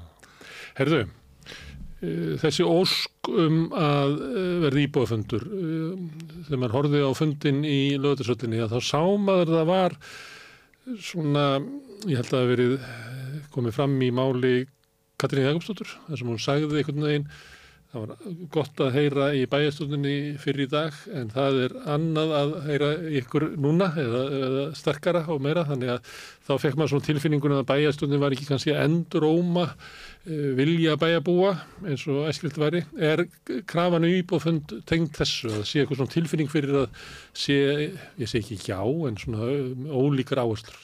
Já, við erum hópur sem að uh, höfum verið að skrifa á Facebook bara svona almennt frá okkar hjarta hvað okkur finnst þér að gerast mm. og fundum hann að samveglega grundvöld að okkur upplifum það að það væri ekki alveg samhljómur þarna milli mm. og hvort sem það er eða ekki þá væri mjög gott að fá að í raun og bara hittast og ræða og, og heyra hvað er verið að uh, í raun og semja fyrir okkar hönd við ríkistjórnum framhaldið um Grindavík mm. og það eru alls konar sjónamið uppi hvað fólk vil að gera og alls konar hagsmunni líka mm. en aðalmáli að frá okkar hendi er það að það sé unni að því að fólk hafi val um hvort sem það vil fara heim eða hvort það vil vera áfram mm. að það sé þeir möguleikar á borðinu þegar uppi staðið þegar við fáum þessar lausnir sem koma frá ríkisturninni mm. þannig að já, okkur langar svolítið til þess að eiga samtali við Grindækbæ og fórsvarsmenn þess og heyra hvort að þeir séu ekki alveg í línu við það sem íbúar mm. Vilja En ef að hérna, þú myndir spurja ykkur, hérna, get, get ég farið tilbaka og þá get eitthvað sagt, já, kannski fyrsta lagi eftir eitt ár eða svo og annar myndir segja, já, líklega ekki í næstu fimm árin. Þannig að, að það er ekki hægt að svara spurningunni hvort það sé hægt að fara tilbaka.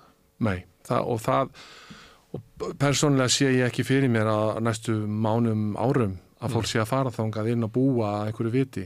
Þannig að þú þarfst að geta byrjað bara nýtt líf, eitthvað starf annars þar? Já, og það held ég að flestir vilji, ég hef verið að spurja gründvíinga bara hreint út, ef mm. þú fengir laustin að mála núna og verið laus, hvað myndur þú gera? Mm. Uh, það fyrsta sem allir tala um það er að ná auðvitað fjölskyldunum að koma inn í öryggt skjól. Mm. Í framhald að því... Á nýjum stað. Á, á nýjum stað mm. og náttúrulega byggt á því að við getum ekki farið inn að sjálfsögðu. Og það er þannig staðan í dag. Mm. Þannig að fólk þarf að fá lausn á því að geta í raun og veru hugaða sinni fjölskyldu, sinni nánustu mm.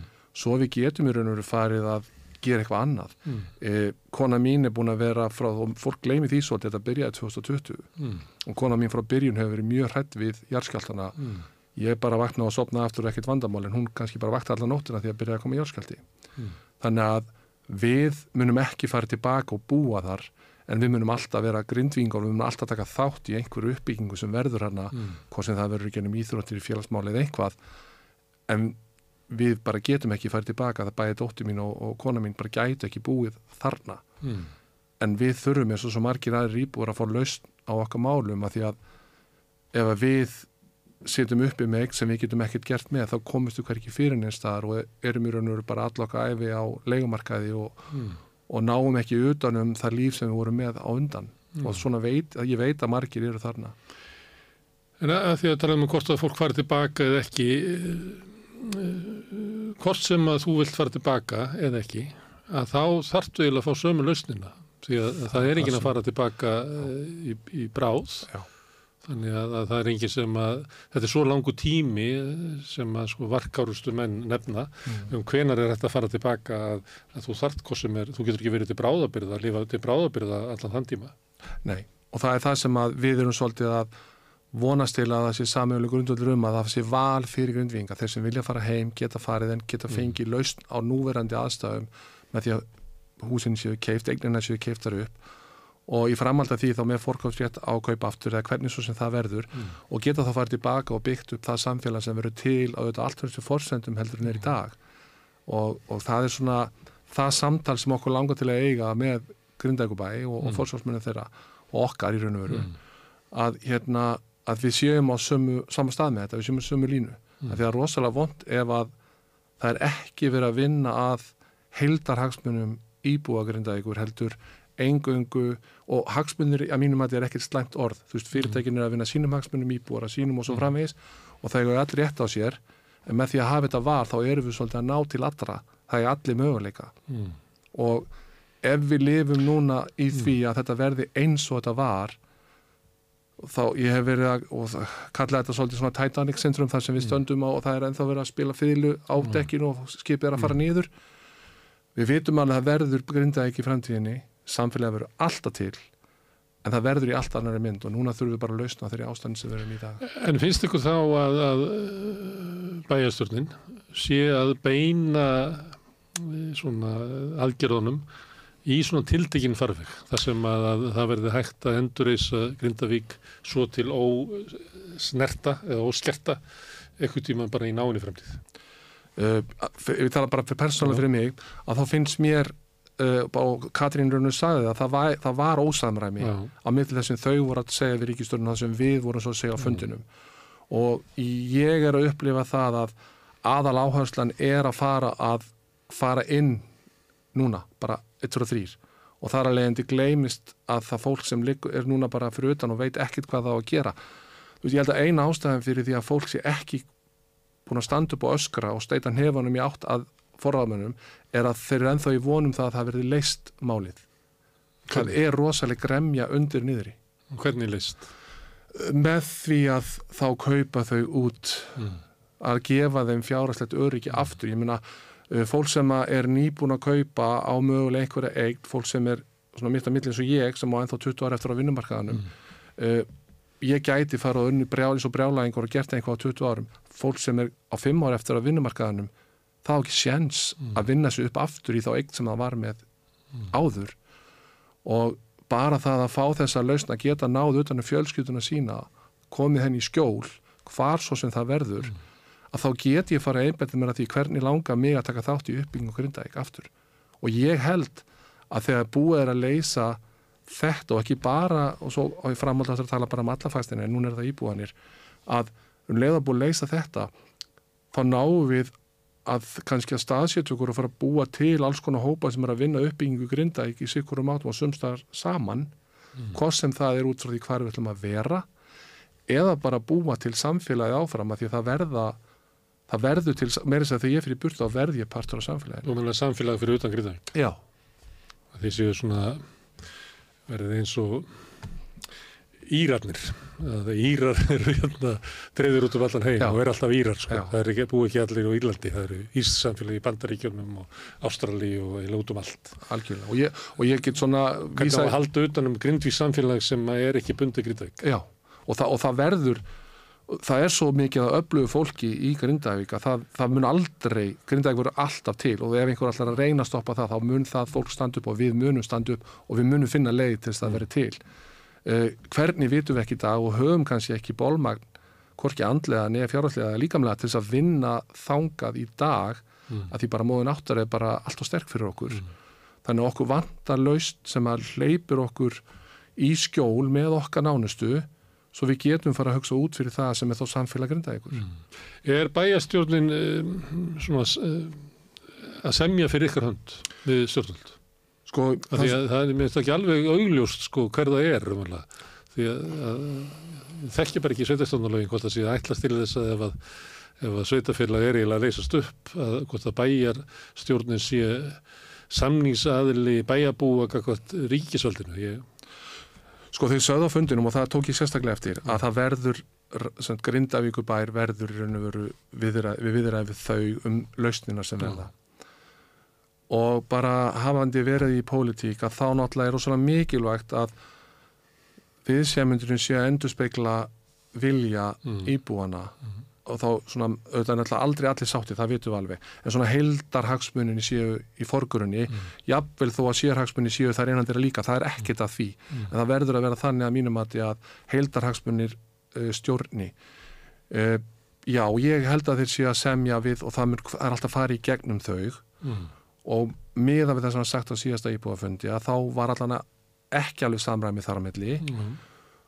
og það er alveg, þú veist, persónulega sé ég alveg umræði, alveg svo fólk sem sér í umræðin hjá mér að ég vil fara. Mm. og það er ekki að því mér langar að fara. Ég er nöðbeigður að fara að því konum minn vill ekki búa hana. Mm. og ég bást aldrei við að múti vilja fara. Þá hef ég alveg heyrt að á hinum megin þá er fólk að ræðum það að það vilji fara áfram. Og þó þetta séu hópar þá, þá, þá er svo vond þegar við förum í þá umræði þannig þú veist að því það er alveg sameileg markmið þarna sem er að, að fyrir að fyrsta að ná utan um fjölskyldun okkar mm. það eru sameileg markmið sem við hljótum að hafa í dag er það ekki í bóði að vera í grindaðeg að ná öryggi þar Mm. þannig að við hljótum ekki að fundi öryggi á þennan máta sem að hefur rætt um það að ríkistöðni kom og kaupi begninar og gefur okkur frjálslega að koma okkur í skjólana staðar og svo í framhaldi af því þá verður sameilit markmið flestra sem búið grindaðeg allan að þeir sem hafa verið það lengi að byggja þau upp aftur á einn eða annan hátt. Það er hérna þegar í Vestmennarkosinu þá ég sá ykkur að tölu núna bara nýlega í tengslu við umfjöldunum Grindavík að það hefur verið 48% sem snýru tilbaka. Ég held að það hefði verið miklu hærra hlutall því að, að sömulegt er saga Vestmennarkosins, saga þeirra sem snýru tilbaka, ekki hinna sem að verðu eftir á fastalandinu og ég hef talað við fólk sem að fór ekki tilbaka og það upplifði svona eins og það hefði verið sko klift út úr samfélaginu. Að það ég segi ekki að hafi verið sakað um að vera svikarar en það var svona, það var ekki tilirið ekki góðsugunu Vestmanniagósið þar sem að fólki bjargaðist fyrir náð og miskun Guðs að það veri óviður og allir bátarnir í höfninni og allir farið upp á land og bara einn maður dáið þarna e, og það var meira þess að hann var reynd að skrifa svolítið út úr sögunni að það var, hefði verið hérna, ekki svona beint tengt náttúru hann fyrir húnum og svo hefði fólk snúið tilbaka. Þannig að þetta er sagan sem að Vestmanniagósið en þeir sem ekki fór tilbaka þeir eru ekki hluta sögunni. Nei, þannig það er náttúrulega ef að klopnar á milli á ykkur þá getur náttúrulega orðið svona brot í samfélaginu. Þessi, þessi að þróast í óásættanlega ósættanlegar áttir. Já, og, og persónulega þá, þá, sagt, þá heyrir maður alveg umræðina sikur megin við, en ég horfi ennþá á þetta þannig að, að við eigum öll rétt á okkur skoðun, við eigum öll rétt á því að verja okkar hagsmunni og tala fyrir þeim. Mm. uh, en við hljótum og þess vegna finnst mér þessi fundur svo mikilvæg þess að við getum þá komist mögulega af sameigilegri svona yfir markmið þar, og það, það yfir markmið frá mínu sjónahorni og ég upplif líka hópsinn sem hefur verið að hittast og svona tala um hluti og þetta er ekki bara hópur sem hitta, þetta er líka bara Facebook samfélagið, Já, eða samfélagsmiðlar að yfir markmið sé að koma okkur í skjól til þeirra framtíðar sem við þurfum áður en hægt er að skoða að fara inn í Grindavík þar að segja ef það verður þarna eða eitthvað annar staðar að það gæti verið svona yfirmarkmið sem við getum saminast um. Að því að það, veist, það, það ég sé ekki fyrir mér að samfélagi sem slíkt muni einhver tíma að líða út en það muni alveg klárlega eins og segir 48% fór tilbaka í bara mat mitt út frá því sem ég hef verið að tala við fólk ég sé ekkit ef það, ef það á að fara þangað að þá sé ég ekkit mikið fleiri fara tilbaka eftir þetta þegar áanleipin á svæðið. Að því að ég myndi aldrei fá konuna mína aftur en hún er, þú finnur ekki meiri grindvík heldur en konuna mína. Það er bara ekki, úst, ég meina ég man ég kem úr Keflæk úr körfinni og hérna spila körbólta með grindaðik og kynnis konunum minni. Og fyrstu svona tvö húsi sem vorum að kaupa var ég alltaf að draga hana yfir svona skoða þeim og það var, var, var ekki fræðilegur. Þannig að þú veist, þetta er ekki auðvelt val fyrir okkur að gera þetta en ég get ekki ég gæti ekki reynda samfærana þó sem mér langi að vera áfram í samfélaginu að því ég veit hvernig hún leið. Því ljótið að vera að velta ykkur sko hvers konar Grindavík myndi byggjast upp aftur? Og maður, ég minna, það er ekki bara heimilinn, heldur þetta fyrirtækin sem að þau, ef það ætla að halda áfram starfsemi, að þá verður það að fara eitthvað annað en Grindavík. Og ég erði nú viðtal við frakastur og vísi sem að var að hérna opnaði fyrir það að vera bara allt annars þar, hann vildi helst frá Reykjanesnu og reyndar hann vildi bara samina hérna samin að öll sveitafélagin á, á Reykjanesi til þess að, að víst væri einhvern veginn heima áfram. En þá verði það líklega bara í sandgerði eða ég veit ekki hvað hann sá þetta fyrir sér að vera orf þarna líftækni er með komin í gróðurús eitthvað stóra Suðurlandi Já. og smátt og smátt mun þetta náttúrulega bara gerast Alkjörlega. og svo segjum að verði flautað og allir með að snúa tilbaka þá eru kannski mörg fyrirtæki bara búin að koma sér betur fyrir á nýjum stað heldur en var í Grindavík Já. þannig að það er ekkert víst að það verður óljóst hvers konar atvinnulíf verður þarna. Nei, og það, og það byggir svolítið upp á því að, að hvað, hvað raun og útgerðin mun gera, hvort hún nær starfseminni sín áframanna og ég til rosalega mikil að það sé passa upp á það að, að það verði starfsemi áframanna Mm. Uh, Þá með því að fólk sé bara kert í rútum í vinna. Já, sko, ekki þannig að einhver neyðist til að fara heldur Nei. það sé byggt á því að fólk vilji fara og ég held að Mm. Pétur í vísir hafi mitt bent á það, veist, Mm. við viljum ekki vera að fá fólk sem er neitt til að koma Nei. hingað, þú veist, hann orðaði þetta ekki svona en þetta var samt sem ára þeim hann sá alveg fyrir sér að, að því, ef þú ert að þrönga fólki að koma tilbaka þá, þá enda það bara illa Mm. þannig að mér finnst mikilvægt að það sé reynd að horfa í þetta alls saman þannig að, og það er miklu auðveldar að einbeita sér að fyrirtækjanum og þá sérstaklega stóru kannski þegar þú ert búin að losa snöruna hjá íbúanum að einbeita þá bara að halda þessu starfsemi gangandi fyrir að vera að halda öllu batteríunu á fullu heldur bara Mm. í lámars stöðu uh, en auðvitað er þetta rosalega erfiðar ákvæðin sem allir þurfa að taka og hvernig á að fara í að þessu minni fyrirtækin eiga að byggla rosalega erfitt uppdráttar sem að byggðu sína afkomu af grindvíkingum Mm. og auðvitað útgerinni líka. Uh, og þá er einmitt annað sem að þarf að skoða, ég meina með fasteignir þessara fyrirtækja, þú veist að það líka skoða hvort þessi geta að leysa málinn hjá þeim.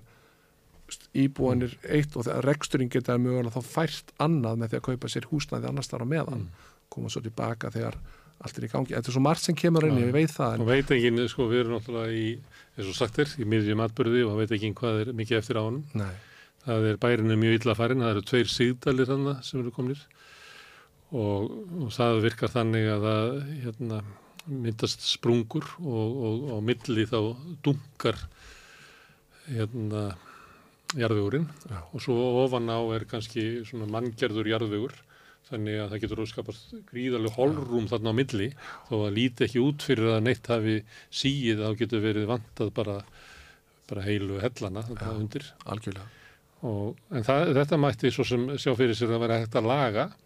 En, en það, er, eh, er ennþá verið að hlaða upp í næsta gós já, það geti opnast hvar sem er í- hérna, jarðfræðingarnir koma með ykkur svona mat á því hvað er líklegast en engin útlokkar það að það geti opnast sprunga í, í Grindavík. Nei, og ég ég man að ég var rosalega ósáttu við, við vísnamenn þegar þetta byrjaði að því maður var alltaf á því að maður er áfram heima Já. Og Og þá, þá sem að voru að segja að það gæti fara að gjósa sko, í Grindavík. það var meira bara, ekki þendilega það meira bara Já. þeir voru alltaf á sikur þeir voru alltaf að segja, það var svo rosalega vítt allt sem þeir sögðu, það gæti gósi á morgun gæti gósi, ekki neitt að gæti og þetta var rosalega, á þessum tímapunkti var bara alveg bara, hefst, segðu frekar ekkert heldur en að vera að segja þetta uh, í dag, þú veist, þá bara svona veit maður alveg að, að veist, það er svo, þeir, þeir, það er svo erfitt að vita hvað náttúran er að fara að gera Já. og þess vegna persónulega þú veist þá, þá já, geta að fara morgun í Grindavík og við erum bæði ennþá að hugsa eigum við að fara og ná ég þá hlut, veist, ég er ennþá pínu smeykur að það muni gjósa Mm. bara, þú veist, þó svo þau segja sjö vikur í það þá er persónulega, bara þú veist ég, ég veit ekki hvað ég hort á margar myndir og dokumentur um það, það sem er sagt þetta og svo gerist eitthvað allt Já. annað þegar náttúrulega er hlut. Það var, þetta, það var engin fyrirværi á sprungunni, setni sprungunni sem opnaðist á sunnudeginum hann já, sem að inn í, eh, náði næst inn í bæinn. Nákvæmlega. Bara og, og, og hún sást ekki á mælum. ekki neitt. Þannig að ég bara ég sé ekki fyrir mér að á næstunni verði einhvað hægt að vera þann inni að út af þessari óvissu og líka bara vilja menn taka þá áhættu að hleypa fólki hann inn. Og svo gerist eitthvað eitthvað verra en hefur gerst sem er Mm. náttúrulega mjög slæmt sem hefur gerst. Mm. Þa, það er bara, ég, ég sé ekki þann endir fyrir mér og ég vil frekar ég vil frekar sjá heinalegina það sem að uh, við erum skorin úr þessari snöru sem ofta hefur verið að tala um. Okkur er gefið frjálsæði til þess að sjá um okkur sjálf og að við getum farið í þá átt- áttir sem við viljum fara og svo þegar búið að róast er komið eitthvað örugt hvort sem það er á þessum staðið annar að þá getum við ákveðið að fara tilbaka Varst, þú varst inn í Grindavík uh, förstu daginn, hvað var það, 18. nóvumber eða 10. 10. nóvumber já. uh, og þá hérna vitum við eftir á við vissum það ekki á meðan á því stóð að þá var það kvikugangur sem að gekk undir bæinn hvernig Þetta var, þetta var hérna, já, þetta var eiginlega bara uh, þetta, uh, maður var eiginlega orðið svo meðvirkur maður átti að sig ekki á hvað þetta var ótrúlega alveg jálpið þó það bara öskraði andlit á manni já, við sem sagt, kona mín uh, kona mín var búin að vera í burtu hún var eiginlega ekkert í grindæk Mm. vikuna fyrir þetta og var eiginlega búin að vera í sömbústa vikuna áður líka bara svona hún og tengdamóma Í svo kvöldu skjáltafríi. Já, það má kalla það þannig, nákvæmlega. Og við vorum með æfingu sem tjá pílifélaginu, vorum að fara að kjósa fyrir Íslands mót félagslega og ma- vorum með æfingu klokkan 5 og svo voru bara svona 12 myndur liðnar æfingun og ég tók alveg, var með á smá myndbanda þessu en það því mjög sást ekki alveg hristingurinn nógu vel að því það var bara tengt húsinu. Og þá bara endaði með eitthvað að segja, já, Petur minn, er því komið nóg, ef ekki bara fara. Og við náttúrulega, þá bara húsi búin að hristast fram og tilbaka, þetta risastóra En hús. höfðu verið slíkir jarðskjáltar áður þar sem að þú ert bara eitthvað starfið segir að það er bara ekki hægt að vera hér og förum bara. Ég man ekki eftir, ekki þannig að ég vildi fara. Ég, ég kom alveg stóri skjáltar sem að maður bara svona, ok, en svo smá eftir skjáltar, en þannig að var þetta bara endalust, það stoppaði ekki. Og svo kemur þessi rosalegi skjálti sem að bara hérna og svo annar í kjölfarið og, og, og Og hvernig þá? Er bara eins og bara höggundur iljónum á ykkur eða hvernig getur þú líst í? ég, ég, stað, ég stóð inn í íþróðasunum með náttúrulega rosalega stór og mikil bygging og örug að manni fannst. Uh, ég horfði á gluggana sem var svona langir glugga þeir bara svona bogn og ég skil ekki hvernig þeir brotnuð ekki. Og það hristist allt í kringum hann og þetta var svona eins og það var, að, var bara að fara að rinja Mm. uh, en maður samt stóð þann og bara hljópingin svo út skilum, maður var einhvern veginn bara já, bara fraus. Mm. og svo byggðum við smá tíma og við vissum að það kemur annar og ég tek það smá upp á vídeo. Og þegar það gerist þá, þá hlægjum við bara bara hvað er í gangi? Þetta, var svo, þetta var svo eitthvað fáralegt en hérna, Ólíkt því sem þau höfðu upplifað áður. já, þetta var ekki þannig. Og svo fórum við heim og, og hérna við þurfum að býða því tengdapappi fór á bílnum. Og við býðum eftir að hann kom að ná í okkur. Mm. hann var bara hinn rólegast að fá sér að borða.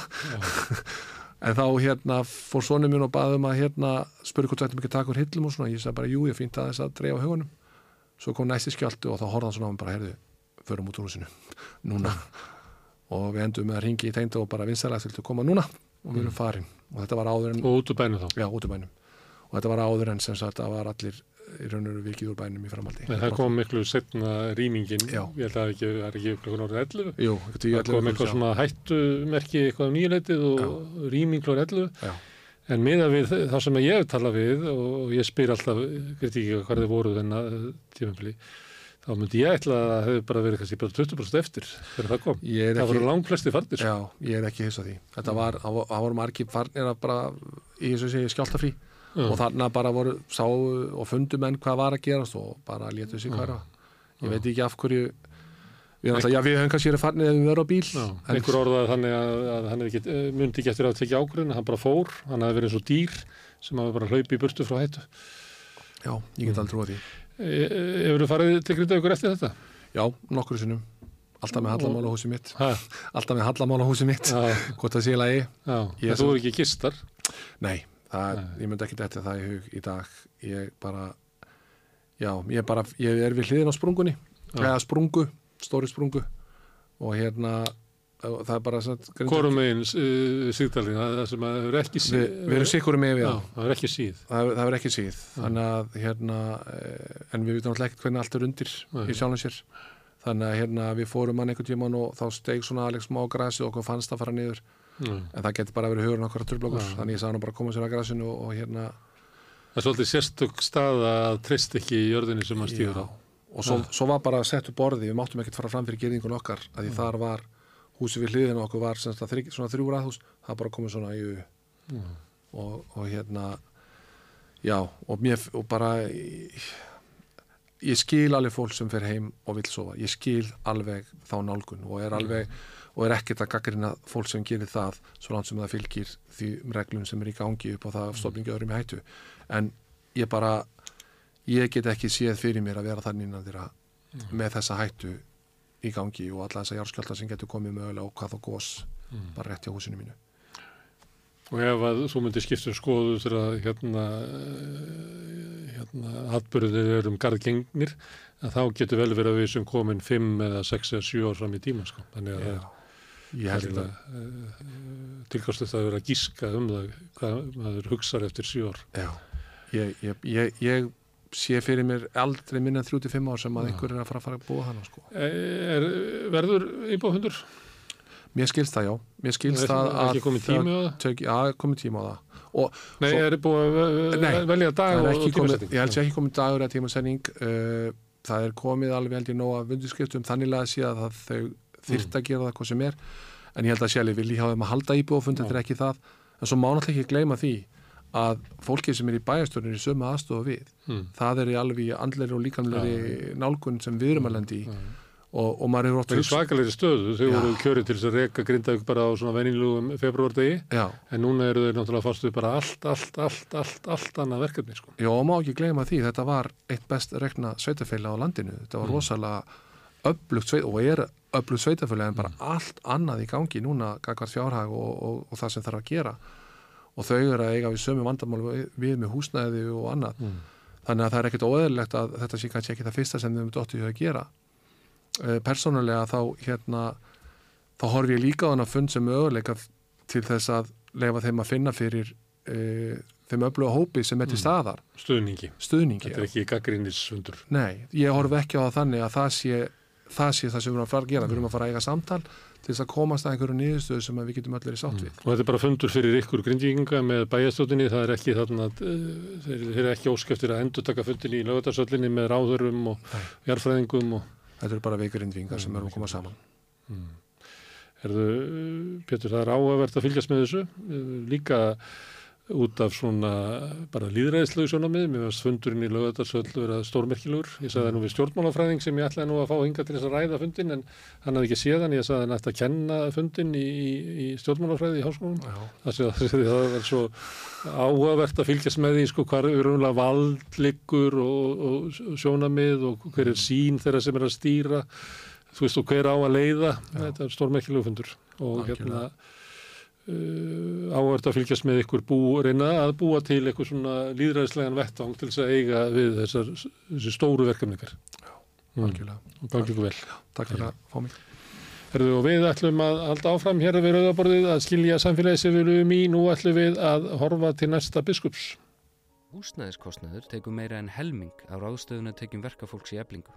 Hvernig er þetta réttlæta það? Ebling stjættafélag. Samstöðin er í eigu hlustenda, áhorfenda og lesenda.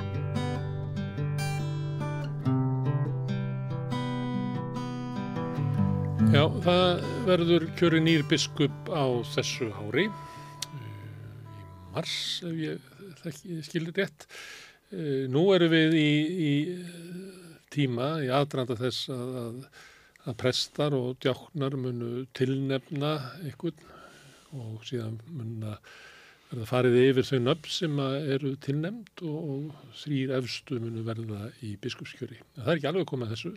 Þannig að nú er fólk svona að gefa sér fram um að segja að því væri ósárt um það ef, að, ef að það verði tilnefnt og, og myndi verði kjöri. Og við ætlum að njóta þess við rauðaborðið að fá þetta fólk hingað að, að rauðaborðinu til þess að, að ræða um kirkjuna og kristina og samfélagið sem eru líklega þau svona viðfónsefni sem að verða á dasgrá í biskupskjöri. Hvað, hvað vill næsti biskup? Og til að ríða á aðið er hinga komið Kristján Björnsson, vikslubiskup í Skaróldi. Já, takk fyrir það. Þú hefur svona rétt upp hönd. Já. Já, það er ótt að segja það.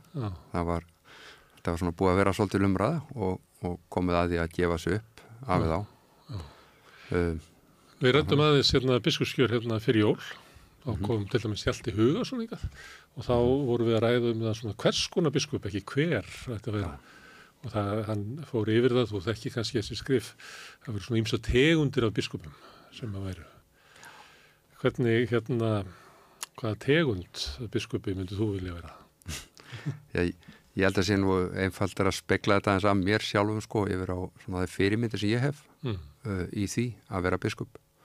Og ég hef verið í tölv, á svona góð samskipti við uh, biskup á Norðurlöndum sérstaklega aðeins í bandaríkjunum en, en, í Þýskalandi en það er aðalega og svo náttúrulega í Jérúsalem en það er það er, uh, það er gríðalega gott fyrir kirkju að eiga biskup sem getur rætt sko komið fram sem guðfræðingur og rættir um veru guðfræðilega um þau um, álitamál og þau viðfónsefni sem fólk er almennt að fást við í lífinu og bara líka mál sem að uh, breyta mjög miklu um tilveru fólks.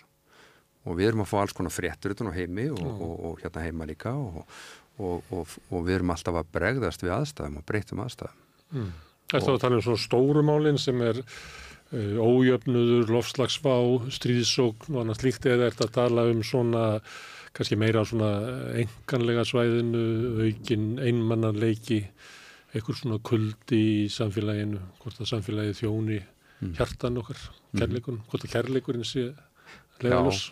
Já, er, þetta er gríðarlega breytt svið, sko, þú mm. nefnir þetta allt svona í einni andra og þá er þetta gríðarlega breytt svið og, og, og sko, ég, ég, ég hef sérstaklega áhuga á þessu sviði, sko, nær mannlega, mannlegum tilfinningum að því að ég var nú mentaður þjálfaður upp í, í klíniski sálgjastlu á sínum tíma og, og kynnist á uh, því hvernig við, uh, sko, hvað þetta mjög skaglegt fyrir fólk sem að eftir því hvernig það líður, hvernig þið líður mm. og hvernig við mætum fólki. Það er gríðarlega mikilvægt að, að svona kirkjuna fólk almennt, bara allir starfsmenn í kirkjunni, vigðir og, og leikmenn sem eru að starfi í kirkjunni að þeir kunni þetta, mm. að, hvað er gaglegt og það reyndar ef ég byrja á þessum málum sem er svona nær manninum mm.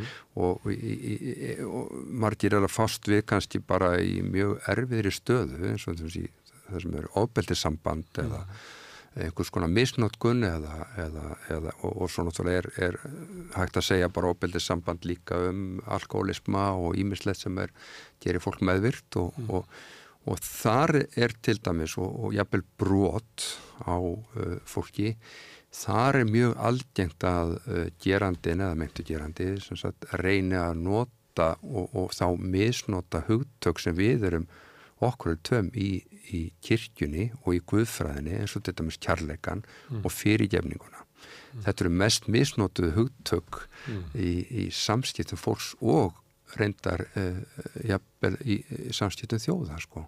Mm.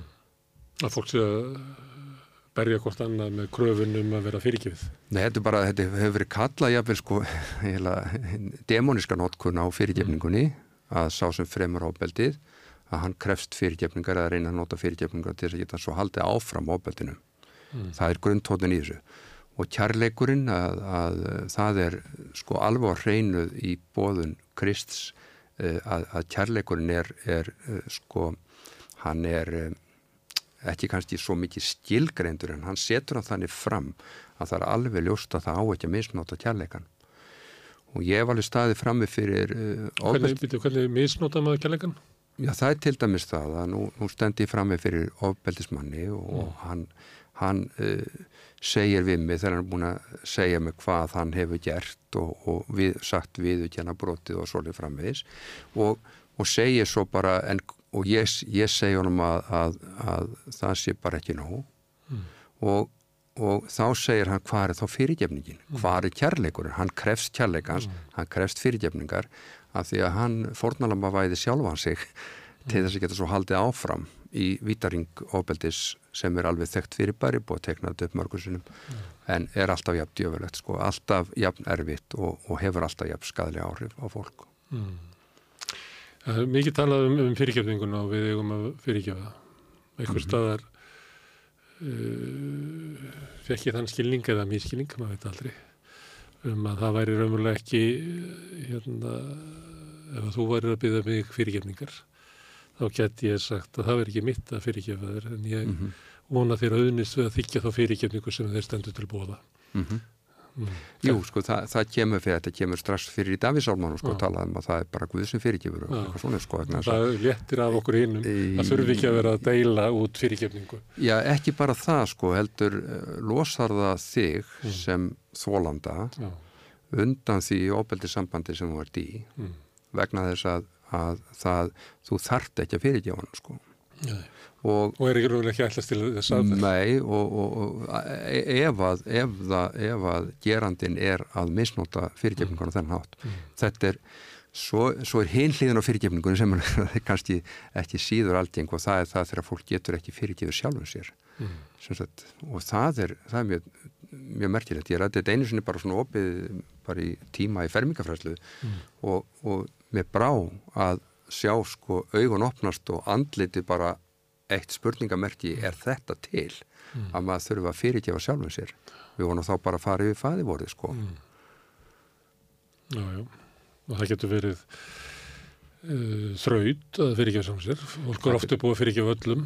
Já. Það er allt í nátt að sjá því að kannski Já. Er það óeðlegt ástand ef þessi eini sem er ég á að mm. byrja alla sökina en að ég til að fyrirgefa öllum öðrum nefnum mér. Já, já. Og þetta getur verið, verið mjög, mjög erfið staða og, og þess að segja það. Það er alveg til í dæminu að það bæði reytingavers og orð Jésu og, og, og, hlut, og svona, svona hugtök úr kenningu mm. sem við köllum oft fagnadarindið að þau eru misnótt og þá er það nú til lítils fagnaðar mm. þannig að það er mjög þetta er mjög mikilvægt að, að, að vera meðvitaður mm. svo við eh, hérna látum ekki sko einhvern halda áfram að gera á okkur hlut og það er mikilvægt að, að kirkjan tali inn í samfélagið inn í svona aðstæður Ég býst við því að, að sko mhm. til er að kirkjana er erindi og kristina er erindi. Ég held það sko vegna þess að sko þetta ef við skilgurum svona umræðu í samfélaginu sem sko einhvers svona opir í mig mm. að þá finnst mér sko alveg, já mér finnst það að vera algjörlega hreinu að guðfræðin á erindi inn í opnarímið mm. og ég held að opnarímið samtalið í samfélaginu einhvern veginn, það er náttúrulega alls konar samtöl í gangi og samfélagsmiðlarnir ég, ég tel að, að, að þetta opnarími hafi mikla þörf fyrir guðfræði, sem sagt einhvers konar uh, guðfræðilega stýringar og annað þess að það. Og þá fyrir eh, einstaklingana svona engalegt erindi eh, fyrir okkur í okkar mm tilvistar vanda.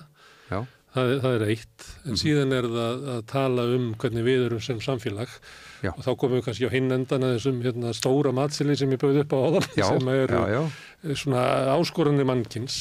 Við erum að Og ég held að sé engar íkjur að segja það að, að hérna, það er komin svona meiri uggur í, í mm. fólk. Við lifum svona, maður þarf eiginlega ekki að réttlæta það með okkur um hætt að segja að við lifum sko háskalega tíma. Þetta er bara orðið ríkjandi tilfinning. Já, við lifum... Frammeð fyrir stríði og mhm, átökum mm -hmm. og, og mm -hmm. ósætti og vantrösti mm -hmm. og öðru sliku.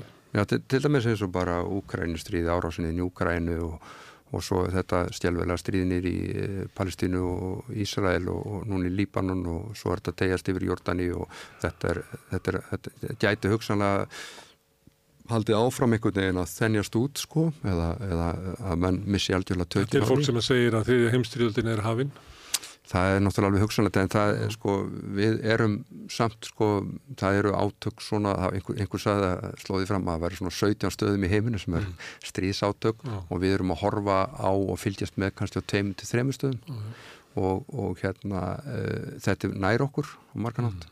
Þannig að það sem ég var að veita til þessi tilfinningum að þetta sé já. að fara á verið veg þannig að já, það er svolítið e dramatíst að segja að þriðast reymstjórnir er hafinn, -hmm. við verðum bara að sjá hann að spilast út Já, já, við, við höfum lifað svolítið svona á þessum, það sem kallaði svona postmoderniska tímanum eftir setni heimstyröld og, og núna erum við komin á, á tímabil þar sem að um, við erum að uh, sko þetta, þetta er svona upp á ennsku svona kallað eitruðu pín 5, eitthvað svo leiðis og það er svona skautun og það er, það er uh, líðskrum og, og, og svona það sem við kallað svona post-truth eða svona mm. eiginlega um, öðruvísi sannleikur sem að með þess að fórstita mm. uh, fórstita hefur haldið á lofti og, og, og, og einhvers svona alter truth eða eitthvað svona það, það er til dæmis til og svo erum við sagt, þá, þá, þá þurfum við að passa okkur á því að þessi þessi óæskilegu uh, já, þessar óæskilu tilneyingar í, í samskipt fólks mm. Eh, hafa verið að, hafa orðið íktari mm. á marganhátt og, þeirra, og, og svo er þessi það sem eitt, fymta píð held ég að sé hérna sagt, föðurlands afskræming einhvers konar að, að, að við hérna teljum okkur á einhvern nátt betri eða eitthvað þess að vegna þjóðaðinnis og, og, og þetta er sko, þegar þetta kemur allt einhvern veginn sama þá, þá erum við að fá alltaf eitraða blöndvin í umræðuna. Mm. og, og það er held ég bara mjög nöðsynlegt að fólk svona allavega átti sig á því hvað er að gerast. Af hverju er þetta í umræðuna, af hverju er, er fólk að tala svona saman? Eða ekki að tala saman heldur svona stjóta hvert og annað? Og hverju er fólk að fara alltaf stöðut í einhverja tvær fylkingar sko með á móti hinn og þessu? Og og það er, það er að verða miklu yktara í dag mm. og óupplýstara og ólærðara einhvern veginn sem sagt og þannig að það held ég sé alveg nöðsulegt að tala svolítið inn í það mm. af einhverju yfirvegun og, og, og, og hérna En af hverju er þetta svona? Það er þú spurður Já, það, það, er, það er bara þetta er bara tákn okkar tíma sko. Það var guðfræðingur hérna hjá okkur í gæra ræðum vettvótt dagsins, mm. Bjarni Karlsson Já. og þegar hann var að tala og var að svona lýsa ástandinu þá rifjaðist upp fyrir mér og ég var svona veltað fyrir mig hvort þetta skjótaði inn í umræðina, gerði það ekki að mm.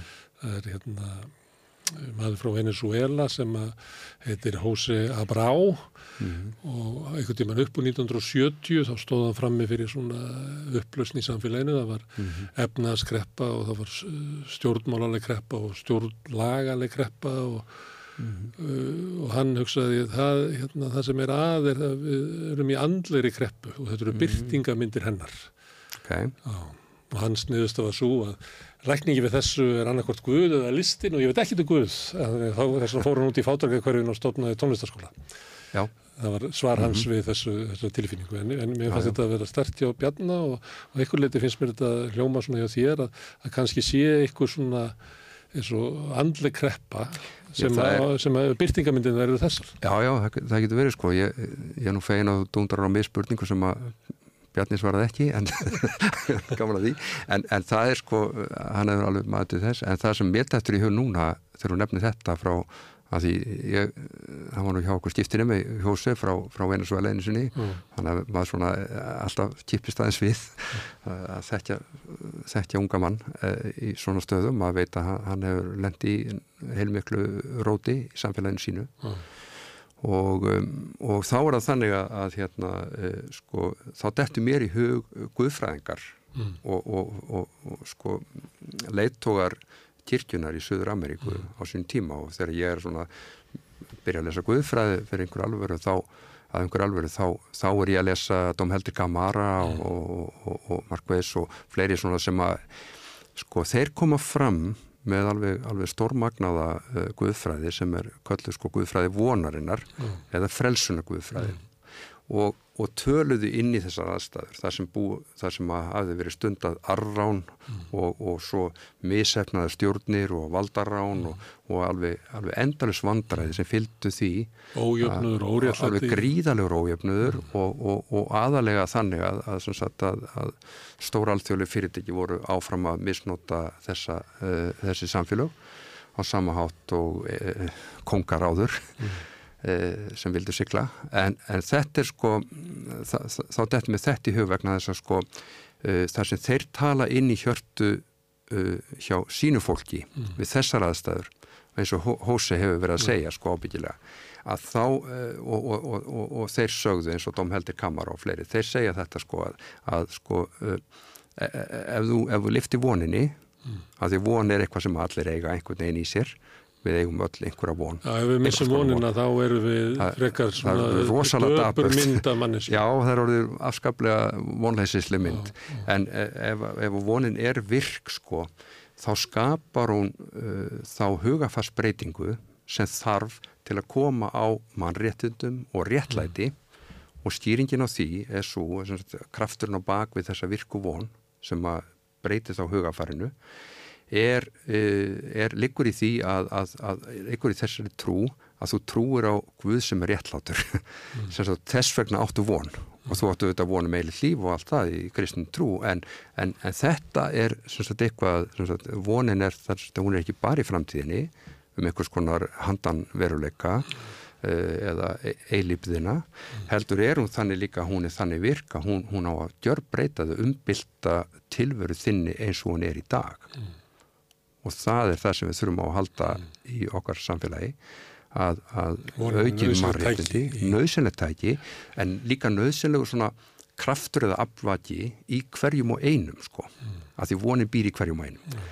og þess vegna er það þannig að þú, þetta er held í líkildina því að e, okkur tækist að breyta sagt, hugafari, þess að ná fram hugafarsbreytingu mm. gagvart einhverju óréttlæti eða einhverju sem er ekki í lægi í samfélaginu okkar eða okk sem að stafar af að samfélaginu mm.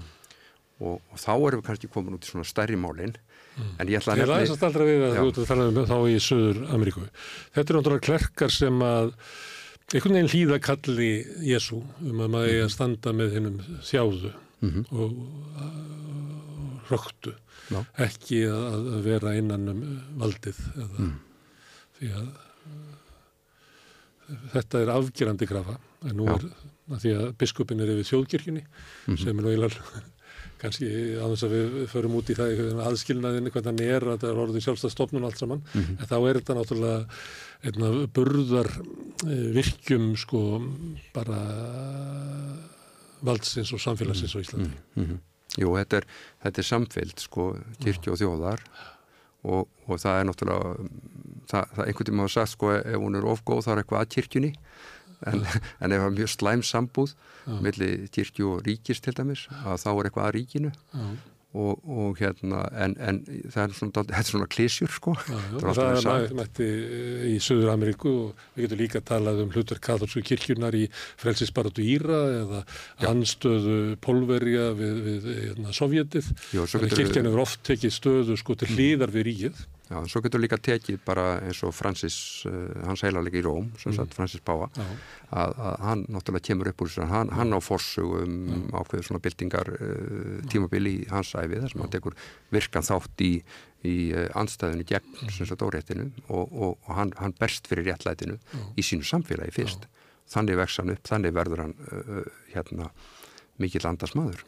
Og ávarpar heimsbyðina á bara þokkala rótakan hátt. Hann gerir það sko, ég var einmitt með guðfræðingum bæði íslenskum og, og, og, og hérna í Norður Ameríku, það var einn í Kanada og hinn voru í Bandarækjunum. Við tókum fyrir í haust sko á tímabili sköpunurinn, þá tókum við fyrir eh, einmitt uh, páabrifið, láta þetta sé, frá Francis. Og við fórum yfir það sko af því að það er stöðut verið að, að eh, sko, ekki endur skoða heldur sem sagt, það það er komið nýjútgafa og það er komið sem sagt um, það er svona eins og fólk sé að bregða svolítið við því að því það er, það er grundvallar uh, skjál og við fórum yfir þetta guðfræðilega saman og vorum bara á svona netinu í, í, í, á fundum vikulegum og, og tókum þetta fyrir að því að hann, hann er að ávarpa þessi stærstu mál sem varða allt mannkyn þess að öllu heldur uh, alla tilveru mannsins. Ef ég getum sagt því svo. Hann tekur á ójöfnuðunum hann tekur á í þessu brefi á, á loftlasmálunum og, og, og, og hann hamrar á voninni sko. Þannig að hann er alveg sprottin upp úr þessari frelsuna guðfræði og, og ég ætla að gauka því að hérna, eða stjóta því hérna inn í að, að þetta er eiginlega sko eiginlega sama uh, nálgun, guðfræðilega nálgun á samfélagsvandamál uh, eða samfélagsrýni uh, eins og var notuð og er kannski svona já, er, er í þræla uppreysninni eða sagt vitund þrælana um það að þetta er óréttlæti og, og, og hjálpaði þeim gríðarlega mikið og byrtist meðal hans í gospelsöngunum sem við þekkjum og var gríðarleg frelsuna guðfræði því. Og þetta er samskonar áhersla. Og, og, og eins hefur þetta verið nota og verið mjög mikið lagt til grundvallar í umræðinu jafnrætti kynjana og það er um allan heim og, og hérna og ég hef svolítið gaman að því að fyrst er að sagt, þessi guðfræði fyrir að rýsa þessi ár, þessi, hvað maður að segja þessi bylgja, guðfræðilega bylgja fyrir að rýsa í Suður Ameríku og breyðist út og hún er notuð í, í Norður Ameríku líka og, og þá, þá bregst sko, þá bregðast guðfræðingar sko mið Evrópu, guðfræðingarnir við á alveg frábæran hátt sko eða hitt og heldur. Þeir sko dæmana úr leik og segja bara hún leggur ómikla áherslu bara á vonina og frelsununa á þennan hátt og mannréttind og réttlætt og allt það. En hún er ekki systematisk, hún er ekki sagt, samstæðileg guðfræði eins og trúfræðin á að vera, það er að hún takki ekki á öllum þáttum. En þá svöruðu þeir tilbaka og sagði við erum bara að leggja áherslu á þetta af því þetta er það sem brennur á okkur. Þetta er að breyta, við þurfum að breyta tilveru okkar sem mannkins og samfélags. Mm. og þið með bara vasast í hinnu Já, já, svo með því bara sitta eins og, eins og bara lærðir professorar og, og, og ræða samstæðilega guðfræði hvort að þetta hallar nokkuð á nokkuð mann og, og hvort að þetta sé villutrú eða eitthvað annað þess að það er. Ég hef verið gríðarlega hrifin af, af þessu undir áhrifum þessara guðfræði mm. alveg frá bara námsárunum. Þannig að þetta er guðfræði sem verður til í miklum átökum og þú vísa mér að, mér að segja til sko þrælahalsins, mm. það sem eru óréttlætið er hímirrópandi og þá getur eitthvað sagt hérna, segjum að þetta sé bara rött úr garðabænum sem segir Kristjánin það má vel vera að það þurfi að, að gefa fólki vonuna sem að býr við svona mikið óréttlætti og mikið hójöfnuð og ófrelsi og valdaleysi í sínu lífi. En við höfum það nú helviti fínt hérna á Íslandi og, og, og þetta á kannski hérendi við okkur. Nei, en þá, þá kemur inn á það sem að kannski er svona stóru fjóru þætti sem er að breyta tilveru mannsins sko uh, svona á heimsvísu. Mm. Og við erum bara að horfa upp á eitt pínlítir ánga af því það snertur okkur á einhvern hátt en, en við erum ekkert, sko við erum ekki að horfa á í loftslagsbreytingum þá erum við ekkert að horfa á gríðarlega stækkun eðumerkurinnar eins og Sahara í Afríku eða sem það sem er kallað er sem sagt uh, uh, já eiginlega uh, eðumerkur útþensla og er að, er að gjörbreyta öllu, maður er í vestur Afríku og þá, þá getur maður alltaf andaða því að það er svo mikil sandstormur já. yfir. Og, og en, en sko við, við erum ekkert orðið var við það það er eitt og eitt fjallar hinja niður ein og einn fjallið hjá okkur að því að sífriðin er að minka og mm. það eru breytingar í lofslæginu líka á Íslandi mm. en uh, okkar ógn er kannski nær uh, pingjunni eða afkomunni með súrnun sjáar mm. sem er stórhættulegt uh, og, og hérna myndi gjör breyta tilvörunni allir í á Íslandi til dæmis En, en það er þess að lofslagsmálinn og, og, og, og hérna ójöfnöðurinn í samfélaginu, sem bara á heimsvísu, þessi gríðalegi tetju ójöfnöður. Í heiminum og innan. Bara í heiminum og innan allra þjóða, af því að það er allþjóðlegt fyrirbæri og er þess að breyta sko tilveru mannsins í heilt, aldjóðlega. Og svo ertu með flottamannavandan og svo ertu með gerfikreindina. Mm og, og þetta er svona allt í ákveðinu þróun. Í gegnum COVID þá, þá uh, jógst ójöfnudur gríðarlega. Mm. hann bara þaut upp á skalanum. Uh, loftlagsmálin eru að breytast. Við erum að horfa upp á breytingar í loftlæginu en, en það eru tiltöla hægar með að við, að við erum að horfa á einhverja áratvíi fram í tíman og jafnvel hundruð ára. Og þetta virkar svolítið svona óraunhæft fyrir fólk að er, kemur það mér eitthvað við sko. Mm en, en sko svo er svo er það sem að uh, uh, bæði ójöfnurinn og, og, og þessar loftlagsbreytingar uh, eru að kalla fram stríð og, og kalla fram átök í heiminum og kalla fram í raun og veru flótamannastöðum og hann á eftir að aukast verulega á næstu áratugum. Mm. ég, gæti ég trúað. Margir sem spáð því. Það er margir sem spáð því og, og svo erum við að, að, að hérna, en, en svo er það gerfigreindin og það er svona eitt nýjast áhuga máli mitt að ég verða að hugsa mikið um hann og lesa, lesa um það mikið svona síðustu, síðustu svona 5-10 árin, eða já svona 5-6 árin. Og, og hérna e, e, og, og, og einnir ástöfnu var, var maður mikill sérfræðingur um gerfugreind e, aldrei trúleysingi en þetta var í kirkjunni þessir ástöfna og hann var spurður út í þetta sko með gerfugreindina og svona að svo, nú, hún er svo miklu hraðari þróun í henni heldur nokkur tíma lofslagsmálunum mm. og þá var hann spurður að sko, getur til dæmis gerfugreindin eitthvað hjálpa til við þetta og þá bent hann á það að, að, að það er sko fullt að tækifærum til þess að nota hana til þess að, að vinna gegn og spórna gegn alls konar óerstjölum áhrifum á lofslægið mm. og, og, og, og hlínunjarðar En, en svo, svo var það kannski það skjálfilega sem að benda á líka að, að gerfugreindin eh, kemur til með að, að sko breyta tilveru mannsins líklega mest af öllum. Af því að, að því hún kemur til með að auka á ójöfnuðin og gera hérna fáu, örfáu eða þessi, þetta 1% eða 2% eða hvað það er uh, sem eru eh, málduríkir að gera þá sko ennþá ríkari. Já, af því að þeir eigu all fyrirtækin sem þau láta þá gerfigreindin að vinna í og þá þarf það ekki eins og vinna. Róbótaðinni fara ekki verkvall til þess að knýja Nei, sko það er ekki bara það. Mm. heldur að þannig að sá sem á fyrirtækið, Vesmiðuna, hann á róbótin og launin fara þá ekki úr húsi. Nei allt öll til hans. Það Þetta er, getur já. við nú bara séð á Íslandi, þannig að ég ætla að vera að draga það inn í pólitíkina, en, en það er oft, okkur oft syngt í velvætt eh, fristihús Samherja á, á Dalvík, þar sem mm. að kannski til þess að vinna þá vinnu sem það er unnið, unnu kannski 250 fiskverkafólk. Mm -hmm. en nú er það örfáir sem að vinna þar og harðurinn fer ekki til fiskverkafólksi sem að, að hérna, er ekki þar á stanum Nei, nei, nei, nei. það hefur oft verið bent á þetta í taknibildingunni sko, að það voru skapast aðra atvinnugrein Ég er ekki bara dæmi að, að sko, þessi raunveruleiki er svo nálat okkur Sko, hann, sko, hann er miklu nær heldur en við höldum og, og, það er eitt, eitt hérna, leikilatri í sambandi við öll þessi mál mm. að því að nú hafa menn sko, þó geta verið stikk frí til dæmis í umræðinu um, um flottamanna vandamálið mm. í heiminum mm. sko nú, núna eru bara 2,6 miljónir á flotta bara frá Gaza mm.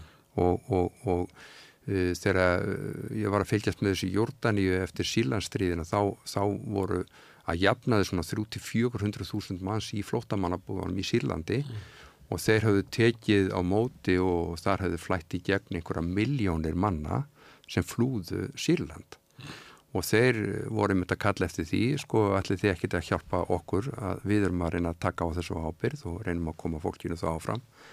En, en við erum svolítið hér heima að hugsa um bara okkar litla samfélag. En, en á móti kemur ég var nú bara hérna úti á götu í Reykjavík núna var, stóð þar úti og, og kemur maður lappandi og ég, ég heils svona bara góðan daginn og og, og þá svara hann náttúrulega bara alltaf hátt svona salam uh, mm. uh, og, og ég, ég kallaði þá bara strax á móti salam og legði höndun á brjósta því að það var hans kveðja og, og við erum sem sagt konum með annað samfélag mm. heldunum var fyrir svona 20, 30, 40 árum mm. og samsetningin á fólki er þannig en, en sko þá er það spurningin sko hvernig, hvernig getur við svarað ábyrð okkar gagvar því. Hvernig getum við sagt, bröðust við? Sumi vilja fara til baka og var að hérna eh, færa að verði líkara samfélagin sem að þú volst upp í. Og er ósáttur við hvernig samfélagið er að þróast. Er, Já, já Þetta er sko, ekki, við, við er ekki einslega tveir þetta er bara töluvert ríkjandi eða ég vil ekki segja ríkjandi en töluvert útbrytt afstafa um að, að samfélag okkar sé að að eh, mér fyrir leysast upp eða vestna að... Hérna, Já, eða, eða hinn sem segja sko að samfélagi er orðið ríkara. Já, það er aðrið sko, en ég er að segja að þessi tilfinning fyrir að, að, við sem ekki á, á góðri leið, meðal mhm. annars út af fjölkun eh, innflytjenda, er svona raunveruleg og við myndum ætla að það væri eitthvað sem að kirkjan ætti að tala inn í Já, að, að, að ég get nefntir eitt lítið dæmi bara úr, úr sænsku kirkjunni því mm. ég horfum mikið þángað að það, þá, sagt, er, er, er, er heilt hverfi heil, heil, heil kirkjusók til dæmis í söður Stokkólmi mm. þar ég var að spjalla við prestin sem þjóna þar og það er bara engin eftir sko kristina trúar mm. kirkjan stendur hana mm. og prestunni, þeir haldi út í presti og, og það er vegna þess að, að hverfið allt er orðið Íslam meir og minna og, og önnur tróbröð en það er sagt, ekki kristni kirkjastendur aðna, presturinn er, er, er á launum hjá sænsku kirkjini og, og þeir, þeir hik ekki við það að setja uh, svolítið kraft í þetta að veita þeim stuðning og þannig þá bæði hjálpastarf og sálgjæsla mm. og, eh, og hérna að, að svo miklu leiti sem að flótamenn geta treyst okkur fyrir sálgjæslinni mm. að því viðum lönd er það algjör tabú að tala við sálfræðinga eða meðferðaðara. En þetta er svona, þetta er einviðbröðin. Já, en þú er heilt svona að það er hörðumræða um innflyttiðamál allstar í Evrópu og sömuleiti er hún að harna hér og hún bara, já, ég, ég, ég með svona stigmögnuna, þetta merkið það bara frá viku fyrir viku, hvað er? Já, það er mjög hættur þetta því að það er skautun, sko, það já. er þessi bólisering, sko. Hvað er hlutur kirkjunar í þessu? Hún er að tala niður þessu skautun, við verðum að, að, að nálgast þetta uh, þessa breyting á samfélag okkar á, á miklu meira skapandi hátt. Mm. Við verðum að gera það eins og kirkja. Þeir sem að eru að skauta hérna, mm. sem að segja að þetta sé samfélag okkar þeir nota oft kristina þeir þurfa að verja kristina fyrir áhrifum frá Íslam já, já. sem í hálfgjörðu trúabræðastriði Jú, þetta hefur á sig marga myndir nýra á Ítalíu lítil kirkja, lítil söfnuður í litlu þorpi mm.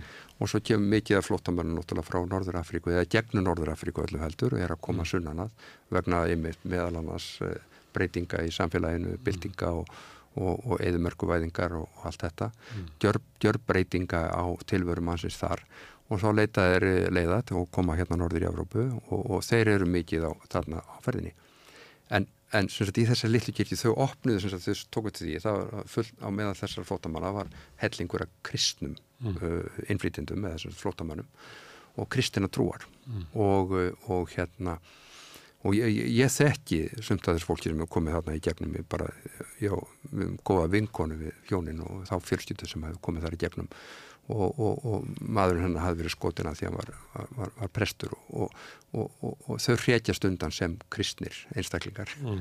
og hérna þau eru komið þarna og þessi söfn, litli söfnuðurinn, sveita eiginlega þorpsöfnuðurinn sem fámennur og fullotna konur og mest áberandi í kirkjunni í, í Guðþjónustum að þau bjóða uh, þessa kristnu bræður og sýstur velkomin í kirkjuna og og svo fara þau sem sagt að, að lofa eh, þennan sama Guð mm. sami Kristur en þau, þau bara, þeirra tjáning er allt önnur og, og, og hérna þar varð til svolítið tókstreita mm.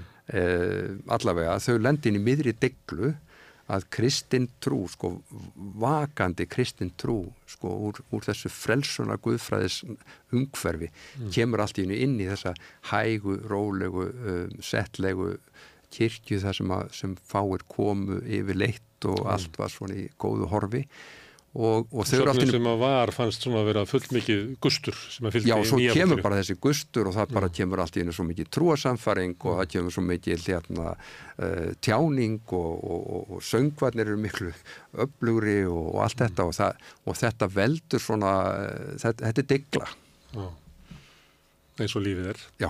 lífið er ekki kjört. Nei, en ég ætla að nefna eitt í sambandi við að því þú talar um andstöðu við flottamenn sko það er líka andstaða við uh, hugmyndir uh, vísindamanna um, um loftlagsbreytingar og, og umræðanum gerfigreind er kannski á því stíi að það eru svona fáið sem treysta sér út á það. Mm. en það er uh, það er sko fólk er skeftíst Uh, mm. á þetta og, og það er talað líka um ójöfnuð, þegar við höfum að tala um þessi stóru aðrið já, ójöfnuðurinn og það, kannski, það. það er allt og stilt um það vegna þess að, að þetta, við ættum að ráta okkur þetta meira, meira varða mm. en, en að því að þetta er, þetta er að breyta tilveru okkar mm. við komum til með að hafa minna og minna um veruleika okkar að segja í framtíðinni en, en þá er það þannig að, að sko að, að það er eitt góðu punktur sem ég rakst á um daginn og það er sem sagt að, að þeir sem afneita loftlagsbreytingum sem sagt, afneituna sinnar uh. -huh. og sem eru líka þá uh, í mótstöðu við uh, afleiðingarna af því sem eru flóttamannaströymurinn þeir eru ekki að setja saman sem merkið þarna á milli að það er, það er svolítið merkilegt með það að það er alveg sama hvort ert afneituna sinni mm. eða í, sko, á móti þeim miklu breytingu sem eru að ganga yfir mannkyninu, hjá mannkyninu eh, eh, og neytar því og neytar að taka þátt í því að leysa það einhvern veginn mm. að þá er það sko, staðrindin er svo að, að, að, eh, hvort sem þú gerir þig grein fyrir hvort þú meðveitur um það eða ekki þá munum við öll þetta eru þannig breytingar að við munum öll vera í þeim aðstöðum sem verða uh, í framtíðinni mm. þannig að það Sko, Þá er það vel að hafna fullriðingum afnittunarsinnuna sem segja þess að breytinga verði ekki. Já, en, en, en þeir eru... Þú svarar þeim, já, já, já, það má það að halda það, en þú munt sitta uppi með afleðingarnir alveg svo við hinn. Já, ég var að lesa stjæmtilega bók, svona spennandi bók og, og, hérna, og þá, þá var einn setning sem ég mitt hjó eftir, sko, að það er alveg sama hvort þú býrði undir uh, hamfarinnar mm. sem eru svona talað um að verði eða hvort þú býrði ekki undir það að eh, sagt, þegar að að stjalla á að þá munu sagt, allir verið í sömu spórum. Það getur orðið sko svakalar. Já, það, það getur verið þannig eins og ég held að verið Mike Tyson sem sagði það, það var allir plan þá getur maður kildur á kæftin það er í bóksinu það getur verið að við já, það okkur takist ekki að búa okkur undir þetta sko. En það góða við það er það sko, eins og einn ein ágættum aður sagði sem að stundaði nú sáttagjörð mm. Uh, fríðarumnættin og sáttagjörð víðum heiminn, miklu mórangri var, var, var maðurinn sem að var farið með, sko, með hausbóka inn á milli sko, stríðandi fylkinga mm. norður, á norður Írlandi meðal hans og nefnir í Zimbabwe og stundu allstaðar, allstaðar sko, náðu gríðalegum árangri mm. og ég var svo lánsamur að hafa hittan á kynstónum og, og hérna við rættum einu sinni uh, eitt mál sem ég var að glíma við þá var, var takast á við Já. og sem var á sviði sáttagerðar að þá, þá sagði hann sko já þú verður að gera grein fyrir því að, að, að sko strategían eða sagt, mm. leikplanið sem þú fær með inn í þessar aðstæður mun ekki leysa vandamálið. Mm. og svo brost hann aðeins og sagði en þú skal ekki láta þetta eftir í huga að fara inn í aðstæðunum og hafa plan. Nei, þetta, er, þetta er svona, svona lífið því að lífið er síkvikt, sköpunarverkið er síkvikt. Herðu, sko eh, frammið fyrir þessum spurningum mm. og uh, áskorunum vandamálum eða hvernig við viljum orða það mm. lofslagsmál, flóttamanna vandi uh, ójöfnuður mm. uh, við kannski köllum á uh, líffræðinga og veðufræðinga mm. og, og köllum á hagfræðinga og við erum kannski ekki að kalla á, á guðfræðinga til þess að leysa hana vanda en mm. það sem að guðfræðin talar inn í er hver er, hver er mín staða sem einstaklega skakvart þessu hver er ábyrð mín -hmm. skakvart gasa, hver er ábyrð mín kakvært ójöfnuðunum í samfélaginu, mm -hmm. hver er ábyrð mín kakvært ójöfnuðunum í heiminum, mm -hmm. hver er ábyrð mín kakvært því að, að mannkynnið er að eðalegja náttúruna mm -hmm. og mengana, dýrin er að dæja út, hver er ábyrð mín? Er þetta ekki svona ykkar? Jú, þetta er svona, svona síkilt. Já. síkild spurning sko og, og vangaveltur, ég var nú einmitt í Njárvíkukirk í, í gær og þar var Pál Þórðarsson, guðfræðingur og prestur og hann, hann einmitt skrifaði svona, gaf, það var gefið út svo ræðisafni hans, það var Sko ég er að tala um ábyrg, sko ég er ekki um sög sko, um Nei, nei, nei, er akkurat sko en hann, hann einmitt, hann, hans yfirskriftur á öllum hans, eh, hans erindi. Hann dónu ungur en uh, hann var á uh, neskusta minni með áður og var þar í, sagt, í snjóflóðinu þegar það skall á. Og, og svo er hann þarna í Njarvík og, og svo gefur hann út þessa, þetta sapn, ræðusapn og, og yfirskriftin var ástguðs og ábyrð mannsins. Mm.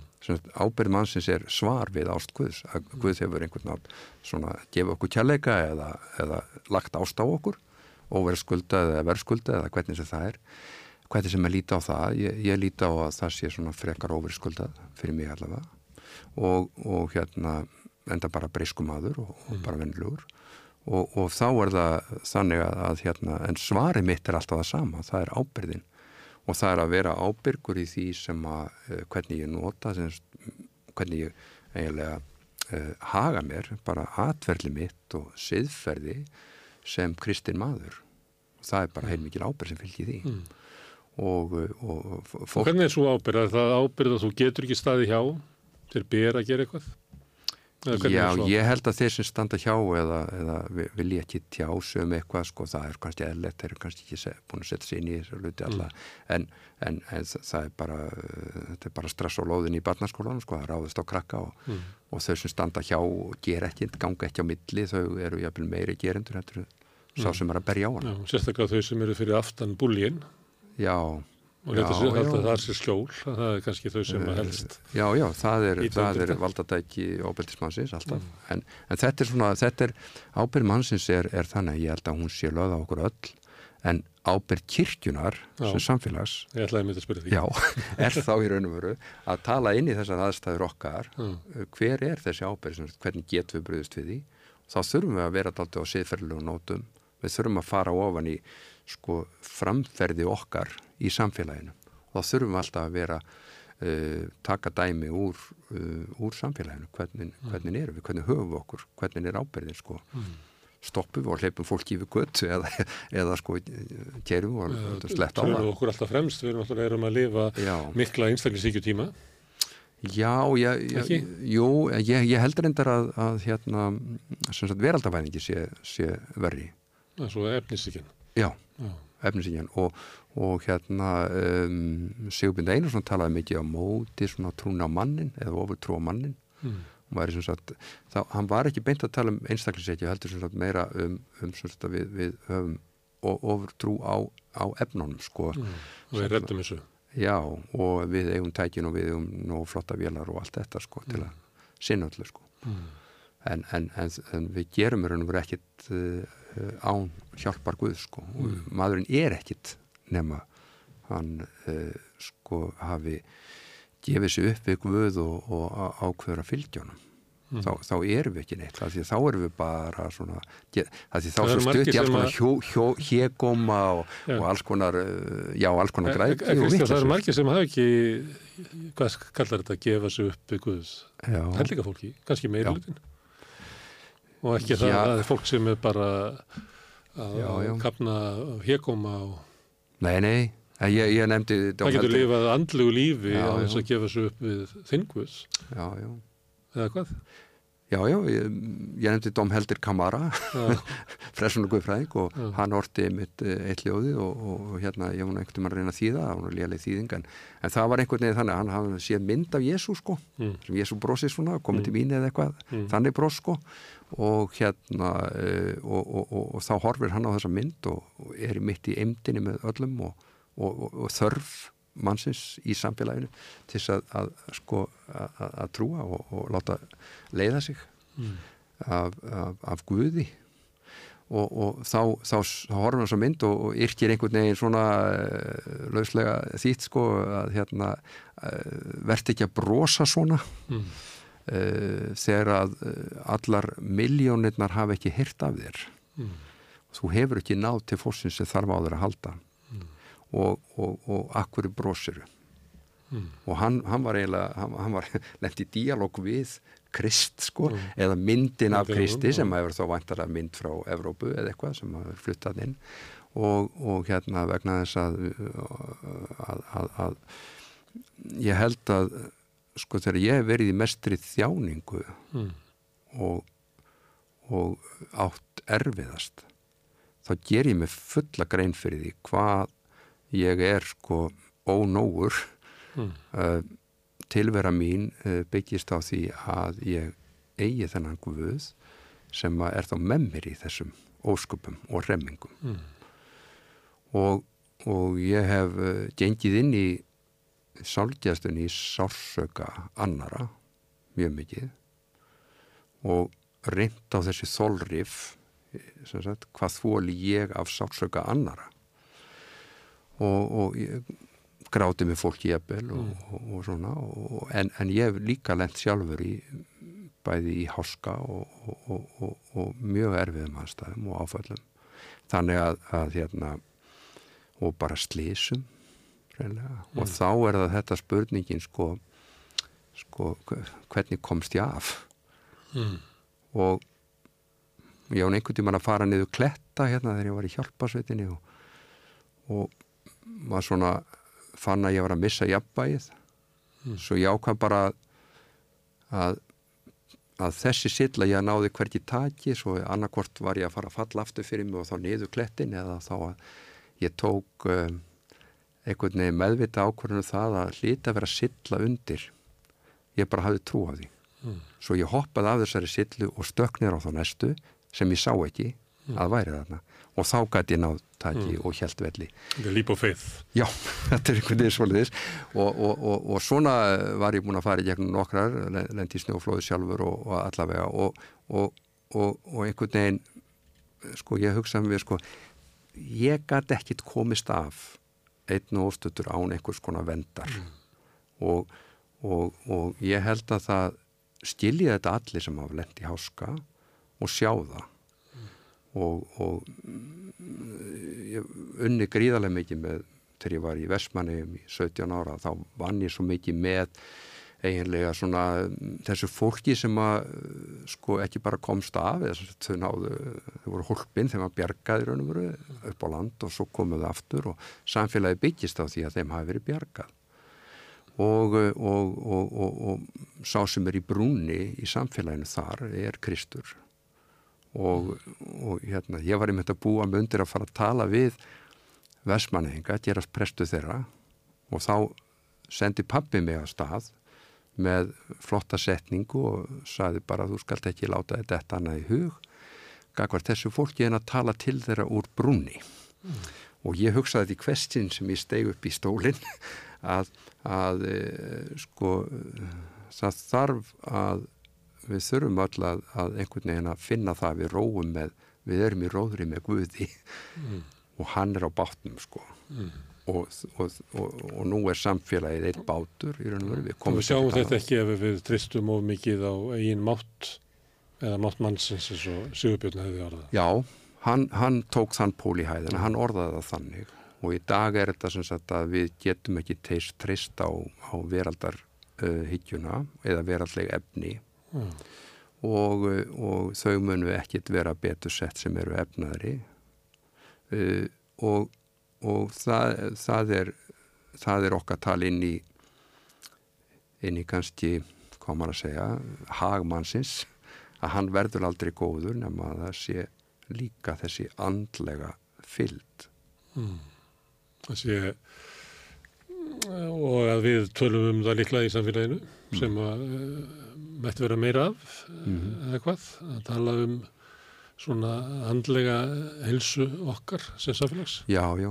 Ég, ég teki eitt lítið dæmi svona hver mm. guðfræðin getur komið inn í þetta sko að, að hérna þegar við erum að byrja svona ráðstefnur af alvöru inn að kirkjunar um loftlasmálinn uh, það var í mitt uh, stofnum Sigurbjörn Einarssonar sem, sem beitt sér fyrir því og, uh, og, og hópurinn að kirkjunar uh, og, og þá er það þannig að, að sko þá, þá voru við fyrst með erindi bara frá vísindamönnum og, og, og svona fá stöðuna hverju staðan og þá einmitt var svolítið eftirminnlegt að það er vísindamöður sem, sem leggur allt fram og það eru fleiri búin að tala og, og það er margt búin að koma fram, alls konar skýslur og þess að það og þá segir hann sko nú höfum við lagt fram alla þekkingu mm. á þessum málum en við erum ekki sérfræðingar í hugafarsbreytingu mm.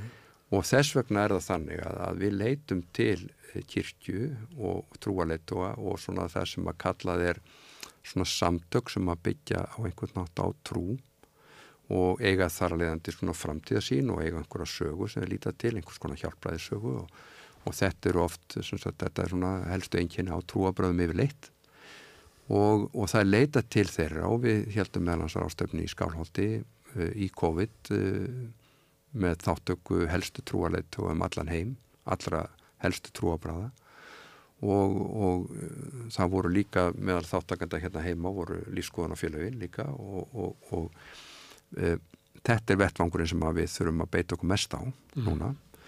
Og þá leggja þeir þetta fram og segja sko við erum búin að leggja fram alla vísindilega þekkingu en ykkar þekking mm. þarf að fara að tikka inn núna mm. að því að þið eigið að vera sérfæringar því, því að móta hugafar fólks mm.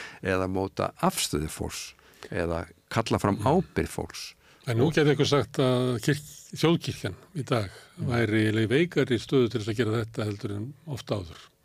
Hún er eh, mm. eina af þeim stofnunum samfélagsins sem almenningur hefur minna tröst á. Já. Hún stöndur á sumuleyti hallari fæti heldur en áður mm -hmm. Já, það, Hver, það er bara staðrind mhm. Hvers vegna? Uh, ég, ég held að þetta sé almennt bara, það var nú bara ekki síst í hruninu þá, þá, þá rapaði trúin til trúin á stopnarnir yfir leitt og kirkja, þjóðkirkjan er svona á meðal trúabræða á Íslandi og lífskoðanafélaga þá er, er, er þjóðkirkjan svona mesta stopnunin, mm. hefði á sig mesta stopnuna brag biskupin var skipaður að fossetanum og svona þetta var, þetta var, var hérna var einhvern veginn þannig að, og, og, og, og hún he, þarf að losna út úr því mm. Þið byggðið byggðið Guð að blessa ríkistjóðinu og stjórnvöld og, og svondum? Já, það, mm. það er kannski vegna að það er oft þörf á því hvað er, af hverju hérna, af hverju hefur þjókirkja mist uh, tröst og hvernig má endurvikja það eða við getum talað um aðra stofnun sem að hefur miströst þessi svo sjálfstæðarflokkin en nú er þeir farið að tala um að það er bara liðin tími að við verðum í ykkur 40% flokkur og við erum bara svona þannig að við bara sætta sig við stöðuna er það Já. þannig sem að þjókirkina á að gera að hérna, Nei, þið verðu ekki lengur svona dominerandi að þið verðu bara e- einn söpnur að meðal margra, kannski stæðstur ennum sinn en eh, Já. svo sess sem að þjókirkina hafði hér á 2000 mm -hmm. hann kemur ekki áttur Nei, nei, það er svo, það, það er hlutfall, sko, það er ímislegt orðið til þess að breyta uh, hlutfalli uh, þeirra sem almennt eru í trúfélögum og, og sérstaklega þá uh, þeirra sem eru uh, meðlumir í þjóðkirkjunni. Ná, mikill uh, innflutningur fólks hingað, hingað koma fólks, orðið, katholsku og réttrúnaðkirkjunni. Og... Já, maður sér það sko að, að næstesta trúfélagi er katholskirkjan allt í hennu og hún var það ekki mm. og hérna e, það, það bara er e, en, en þeir, þeir er starfa í mjög góðu samstarfi okkur og ég, ég hefði haldið að í, því sambandi þá er úrslit aðrið fyrir þjókíkjuna að, að halda áfram að leggja áherslu á uh, svona samráðsvettvang trúfélaga mm. og ég var einmitt að tala í Kristkirkju núna um daginn og á, á sangum þeirra og bænavíkunni, alþjóðleiri bænavíku og, og þá, þá er, er þetta grundvallaratrið að við höfum sagt, bæði uh, uh, ítum undir sagt, virðingu fyrir trúaskoðunum annara og, og kirkjitildum en sko lúterska kirkju samanlagt eru, eru ennþá langstæstar á Íslandi með fríkíkjónum sko. Mm. það er sami tjenningagrunnur og, og, og svo, svo í katholska kyrkjan er, er næst stærsta trúfélagið og Rómans katholska kyrkjan og við erum komið með gríska réttúruna kyrkju og, mm. og hérna rúsneska réttúruna kyrkju mm. og uh, við höfum verið í samtali, ég var nú bara síðast núna út í Uppsala, miklu samtali við, við erkibiskupa Úkrænu mm. og þar lúterskan biskup líka þó að þessi pínlitli sko, þeir eru hluti af þessu 2% sem ekki tilhera uh, réttrúna kirkjunni mm. þar í landi og, og, en, en þeir hafa gríðalegt hlutverk samt þó þessi pínlitlir mm.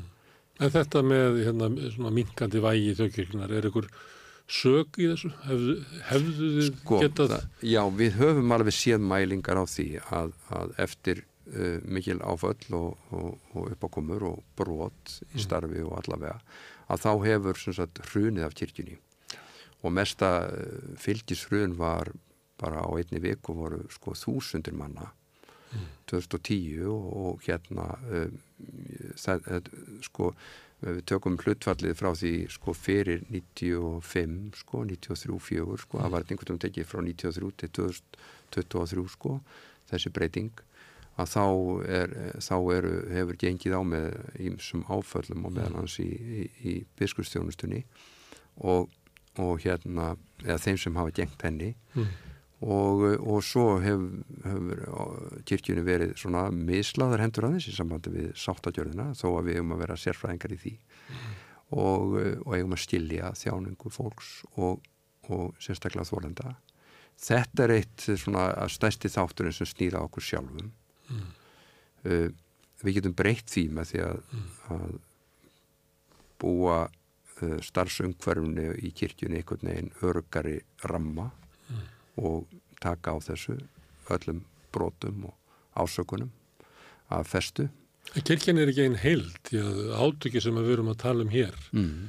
um, hérna, uh, við kanum að tala um náttúrulega kemputu ofbeldi og, mm. og hérna samkynniðra hinsegin og kynsegin fólk og alls konar og allu ölldeilumálinu og lofslagsmálinu og allt saman að þetta, hérna ef þetta klífu þjóðina þá er þetta líka að kljúa þinsöfnuð já, já, já, já, það var alveg sagt við mig sko, voru prestar að segja við mig sko að ég væri alveg ágættur í því sem ég var að gera ef ég, ef ég hérna geti losa mig út úr þessari þessari hérna þessari helfur einhvern veginn. Þetta lofslags uh, maníu minni sko. En, en ég, ég neita að, að nálgast þetta verkefni nema horfa raunsætt á það hvað er að mæta okkur mm. í heiminum mm. að því kirkjan er, er með erind í heiminum þú má ekki gleyma því og heimurinn er bara eins og hann er, hann er stöðut að breytast og þessi tveir miljardar kristina manna um allan heim sem er sagt, vaksandi hópur að um, það, hann er ekkit að dopna í trúni yfirleitt sko og svo eru svo, svo horfi ég svolítið eins og ég hef nefnt held í tvísvar áður mm. sko orðið til kirknarna á Norðurlöndum að ég hef verið á fundum með biskupónum þar og verum að meta ástandi og, og sænska kirkjan hefur verið sjálfstæð frá ríkjunni í, í, rúm 20 ár mm. þeir gerðið sjálfstæðir árið 2000 og var hægt að skrá fólk eða börn automatist inn í það og það raðlækkaði. Já, samskonar Já. Eh, breytingar á skráningaferli það er náttúrulega það sem breyti mest hjá okkur var, var hérna, breytingar hjá þjóðskrá og hvernig þeir skrá mm. Eh, fólk til trúfélaga Já.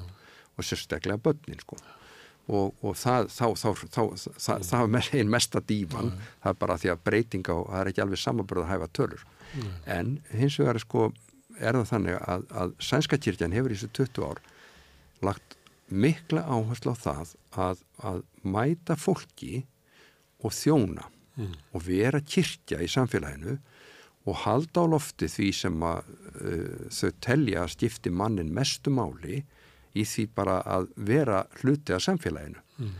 og, uh, og hérna vera hjálpleg, vera með hjálpastarf vera að taka múti flottamönnum taka skinsamlega á öllu í umræðinu um uh, hjónabönd samkynneira og, og þau hafa verið framalega í, í umræðinu um, um sagt, öll kynin mm. og hérna og það er sko það er að stíla sér og þeir hafa svona veitt þjónustu við eins og ég nefndi á þann við þá sem eru ekki í kirkjunni mm. og eru bara ekki í neittni kirkju mm. og, og ég segi þá bara þetta En það sko, er, er Jésu ekki að fara fram á það? Nei, bara... hann er að tala um allan heim ja, Það er ekki reyndugur farið til allra manna, til allra þjóða og hérna, og, og ég held sem sagt að með, og svo leggja þeir gríðarlega áherslu á, á, á hérna, barna og æskulistarf og, og setja, ef þeir eru einhvern lausa pening, þá setja þeir í fermingafræðsluna mm. og, og það eru fyrsta skipti, heyrði ég það í fyrra, að í Stokkólmi sem sagt í stifti, að þá eru hægar en örga vísbendingar um það að kyrkjan er aftur að auka hlutel mm. sína mm. og það er að fjölga þáttakendum, það er að fjölga skýrnum, það er að fjölga fermingabötnum og það er að fjölga hjónavislum í kyrkju mm. og þetta er svona merkju um það að, að fólk er að að eh, nýta betur eh, kirkjuna sína og vera hlut af henni. Þannig að þú ert að vísa til Norðurlandana og ég held að það er kannski sérstaklega við Noreg og, og Svíþjóð og það varð svona svolítið svona líðræðisbilding innan kirkjunar, svona mhm. leikmannakirkjan svo kvöldað af því árif og það þegar maður ferðast uh, um þessu lönd og, mm -hmm. og kiki í kirkju bara til þess að skilja samfélagi betur og þá tekum maður eftir að það er svolítið öðruvísið þar að, að presturinn situr meðal safnarins og mm -hmm. það er ekkert púlt, hann er ekki að tala um brunni eins og þú veist að tala um áður og þetta var þérna og já, þessi bylgja náði ekki til Íslands Ímislegt mhm. sem að spratta af þessu eins og hjálparstarf og það er mjög ábyrjandi þegar maður er í, í Nóri að ferðast eftir bæjónuðar að yfirleitt er eitthvað svona hjálparstarf kirkjuna bara á torginu sko, bara ja. svona helsta torginu ja. í smáum bæjum. Ja. Uh, það voru tilhörnir gerðar hérna svona hvað alltaf ekki svona um og fyrir um og eftir 1970 til mm. þess að mm. leiða þessa, þennan þetta starf hingað inn. Mm -hmm. uh, einhvern veginn að það auðnaðist Íslandsku þjóðkirkjunu ekki að taka mótu mm. þessu og, og þetta uh, ferði síðan yfir í sko samhjálp og veginn og, og það mm. allt saman að það voru þessi, þessi þessi tilrönd til þess að, að hérna, fríska upp embættismannakirkjuna varði ekki. Þannig að einhvern leiti á Íslandska þjóðkirkjan svona ekki alveg sambarlega sögu og kirkjunar. Nei og hún er náttúrulega líka á þessum tíma er hún svo gríðarlega aðþrengt með allar sína tekjur. Það er lengi sóknadjöld og, og það eru fái prestar og það er ekki nærið prestakvöld mönnuð og, og það er svona margar ólíkar aðstæður sko. Já svo tók náttúrulega eh, svona, mm, hvað maður segja, svo tekur kyrkjan gríðalega dífu eftir heimstölutina og, og þá var bara erfitt að fá nokkuð til að fara í Guðfræði sko. Mm. og, og, og þetta er lengi vel þannig. En svo, svo gerist það sko að, að hérna uh, lögum sóknargjöld breytast þarna 87 og og safnaðastarfin sem við þekkjum í dag sem er í öllum kirkju meir og minna mm batnaæskulistarf og hjálpastarf og mömmumotnar og ég veit ekki hvað, hvað kórastarf og, mm. og organistar og, og bara tónlist líka og bara mikið, mikið sapnaðastarf. Þetta er ekki, þetta er bara sprengingi 1990 sko, mm. 89-90 mm. og ég er einmitt að byrja þá í preskapana, maður mað fylgist með þessu sko, þá var þetta svona bara elsneiti fyrir allt sapnaðastarfið að það er kert áfram og, og það er farið að byggja sapnaðarheimil í stórum stíl mm. vegna þess að það er mikið þörf fyrir þetta og menn finna það að þetta, þannig erum við að mæta fólki þannig að þannig er stóra sprengingin hjá okkur mm. að, að koma til móts við þessa þarfir mm. hjálparstar kirkjunar er, er eldra og, og hérna og, og hjálpastarfið í Afríku með Kristinbóðssambandinu Mm. og, og, og, og hjálpastarfið þar er, er mjög gamalt. En ekki kannski svona sterkum uh, stofni eins og hjálparstarf uh, kirkna í Nóri sem er Já, sko- sjómanna kirkjuna sem að dreifist út um annan heim og, Já, þeir og því, bara- sko. hefur haft Já, bara já. gríðarlega ári bara á auðverkistefnu Já, Nóris. já, Vi, við höfum verið með prestjónust í, í útlöndum sko sem er þá oft með sjúkratryggingum Mm. en, en, en sko um, sem sagt trúbóðskólanir í Nóri er, Mm. voru gríðilega öflugir og sagt mentuðu marga presta líka Mm. og, og við erum í hjálpastarfi og í uh, kristinbóðstarfi eiginlega þáttæklendu með Nóri Mm. það er mjög algengt í okkar sögum og mjög þekkt og hérna og, og síðan erum við orðin sko sterkar og sjálfstæðari með hverju áratug sko en við byrjum þar Herðu, þú ert með svona erindi, en hvort er í frambóði Kristján, maðurinn, mm. eða, og presturinn og víslubiskupin eða erindi hans? Hvernig funkera svona prestkostningar? Er verið að kjósa á milli fólks eða er verið að kjósa um framtíðastefnu kirkjunar? ég held að sé vera að kjósa bara um trúverðuleika Já. Og ég, held það sko uh, fólki sem kýs sóknandafólkið og prestarnir og djáknandir um, og kjörfulltrúarnir í hverju prestakalli er að kjósa og ég held að þetta sé allt saman fólk sem að hefur það uh, uh, svona horfir til þess að, að kirkjan svona endurheimti svolítið svona trúverðuleika sinn Mm. og, og verði nær fólki og taki þátt í umræðum um öll mál sem er að brenna fólki ég held að skipti gríðalega Skiptir máli. meira, skiptir meira máli í samfélaginu og skiptir meira máli fyrir einstaklinga? Ég held það vegna þess að, að, að sko, kirkjan er, ég bara eh, hamra ofta á því bara að kirkjan er í heiminum. Hún er ekki, sagt, við erum ekki köllu til að loka okkur af bara í einhverjum klausturum upp á hæstu fjallatindum með enga samgöngur og hérna, við erum ekki alveg köllu þar, ekki svona almennt það er mjög mátt, sérstaklega mátt kölluð. það, þú mátt fara Já, já, það röð. mátti alveg vera og, og hérna þú mátti alveg gera það en uh, sko uh, ég, ég held að við þurfum að uh, ástunda miklu meira samræður við sem sagt líka aðrar fólk af öðrum fræðigreinum og það er heimsbyggi náttúrulega gríðarlega sterk og ábrandi og ég hef þess að sé oftar kalla á siðfræðing, heimsbygging til að reyna að varpa ljós og hvað er að gerast svona líðandi stundu í kalla á hann í útvarp eða sjónvarp heldur en sko guðfræðing. Þó að guðfræðin sé raun og veru þannig að, að henni sé ekkit mannlegt óviðkomandi og þess vegna er erindi okkar þannig að okkur er ekkit mannlegt óviðkomandi og við eigum að skipta okkur af velferð mannsins. Mm, Og það er þannig að eh, sko, í Guðfræðin er farvegur uh, hugsana mannsins um stöðu okkar í heiminum og hvernig heimurinn er. Þótt að við myndum íta sko trúnni frá að þá er hann gríðarlegur þráður í vangaveltum okkar um, um sko heiminn og mannin og stöðu okkar. Já, já, já. kristin siðfræði er alveg Það fræði má nota Guðfræði á þess að, Já, já. að, láta trúna tröfla sig. Já, já, en, en sem sagt, uh, það er, hún er mismunandi svona uh, stefnumiðuð, þessi kristna siðfræði, sko. Hún tekur mis uh, stert til orða gagvart uh, viðmiðinu sem til dæmis Kristur setur eða settur í bóðorðunum, en samt er þetta svona grundvöldurinn í samfélaginu til að halda frið og, og gera samfélagi betra.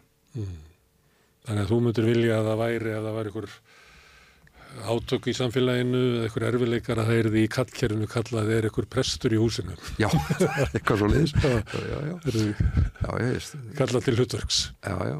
Ég, ég stóð einu sinni upp í flugvél, sko. Já, fekk að fara í mikrofóni, þetta voru allt vinni mínu sem voru í flugvélinu en, en hérna svona hópur. Já, og ég sagði sko, ég, ég heiti Kristján Björnsson, ég er prestur. Og, og þó að þeir vissu það fyrirfram að þá sló einhverju Já, já, undanlega já. þögn á alla þetta í hálóftunum, Það það, hljóma bara ekkert vel að Það þetta hljómar ekki vel. Nei, þannig að við erum að prófa þetta saman. Já, og hérna, ég held að uh, eitt af stóra verkefnum fyrir næsta biskup er að taka svolítið mikið til í sambandi við skipulag og, og, og þennan þetta skipulag og, og stjórntjærfi kirkjuna sem er bara á miðri leið núna í mótun. Hálbakað. það er bara hálfbakað og, og við þurfum að, að klára að baka það og taka úr ofninum sko, þannig að, að, að þetta þurfum við að gera saman. En, og þar þar, það verðum við að gera guðfræðilega. Mm. af, því að, af því að það er sko til alveg guðfræði kirkju stipulags það er til sko Þú ætlar ekki að kalla hérna ykkur sem eru sérfræðingar í stjórnun. Jújú, þeir eru mjög góður en, en, en ég, það eru líka til sérfræðingar í, í stjórnkjærfi kirkju sem slíkrar. Og það er meiri mjög flotti sérfræðingar á Norðurlandum og, og ég hef unnið svolítið eh, út frá kenningum líka frá uh, Norður-Ameríku og, og, og farið svolítið eftir því þessum sagt, þá hlutverk biskups í stjórnkjærfi kirkjunar mm. og hlutverk hérna víðu þjónustu og svo hlutverk hérna kostnu eða hérna kjörnu af því að það má ekki gleymast að uh, norræn kirkjuhefð hefur alltaf mótast af því að, að hérna, meðal annars að, að biskupar hafa meira og minna í gegnum tíðan að veri kjörnir af einhverjum ekki útnemdir af forvera sínu til dæmis oft leita til forverans ef hann hefur verið mjög mikil tjennimaður en, en, en til dæmis Gissur Íslefsson, hann er kjörin á þinginu, á Rángarþingi til dæmis mm. og þar er svona sagt svo sangkoma leikmann og þetta er norren hefð, mjög merkileg og ólík til dæmis Norður-Ameríku og ólík eh, Mið-Európu sem byggir á, á sko, tilskipunum og, og, og innsetningum bara pávans á, á, á biskupum og kardinálum og, og erkibiskupum. En, en hérna uh, sko presskostningar, það er mjög lútest fyrirbæri en þetta er enþá eldra í norrætni hefð að það er yfirleitt einhver hópur leikmanna og presta oftast sem eru þá miklu minni hluta að það er ofta einhver hóp, oftast einhver hópur. Biskupar eru kjörnir á alþingi og, og þeir eru kjörnir af einhvers konar samkomum á Íslandi alveg frá öndverðu. Og þetta er mjög mikilvægt og, og, og svo Kolbett ungistuttin og Guðmund góða og sá svo eftir því eins og frækt er náttúrulega. En, en, en sko það þurfti að steyðja menn til ennbættis og, og það er alltaf það held ég að sé grundvallastefi núna og mjög spennandi í þessu biskustjöri þetta er ekki vegna þess að við séum búin að stjórnmálaveða kirkjuna heldur vegna þess að við erum sagt, að, að, að fara eftir norrætni hefð að það eru leikmenn sem eru til áberðar uh, fulltrúa líðræðinu, í fulltrúa líðræðinu leikmenn sem að eru að fara að kjósa biskupin mm. miklu meirluta En við ætlum að fylgjast með því hér á samstöðinni og takk fyrir að koma Kristján og hérna ræða um kristni og kirkjuna og samfélagið Takk fyrir mig. Við ætlum að njóta þess hérna við rauðaborða þessi biskurskjör til þess að fá ykkur frambjóðunir til þess að koma og ræða þessi mál. Takk fyrir það. Takk fyrir mig. Og við ætlum að snú okkur að öðrum málum, við erum alltaf að reyna að skilja samfélagið hérna við rauðaborðið. Næst á staðskrá er mannátt. Hvernig getur við réttlegt að sívaksandi hópur eblingarfólks festist á legumarkaði? Ebling stettarfélag. Með því að ganga í leyendasamtökin stiður þú baráttu leyenda. Leyendasamtökin eru fyrir öll þau sem vilja vinna að réttlæti og öryggi á húsnæðismarkaði. Leyendarsamtökin.is Allir þættir samstæðvarinnar eru fáanlegir á öllum helstu hlaðvarpsveitum.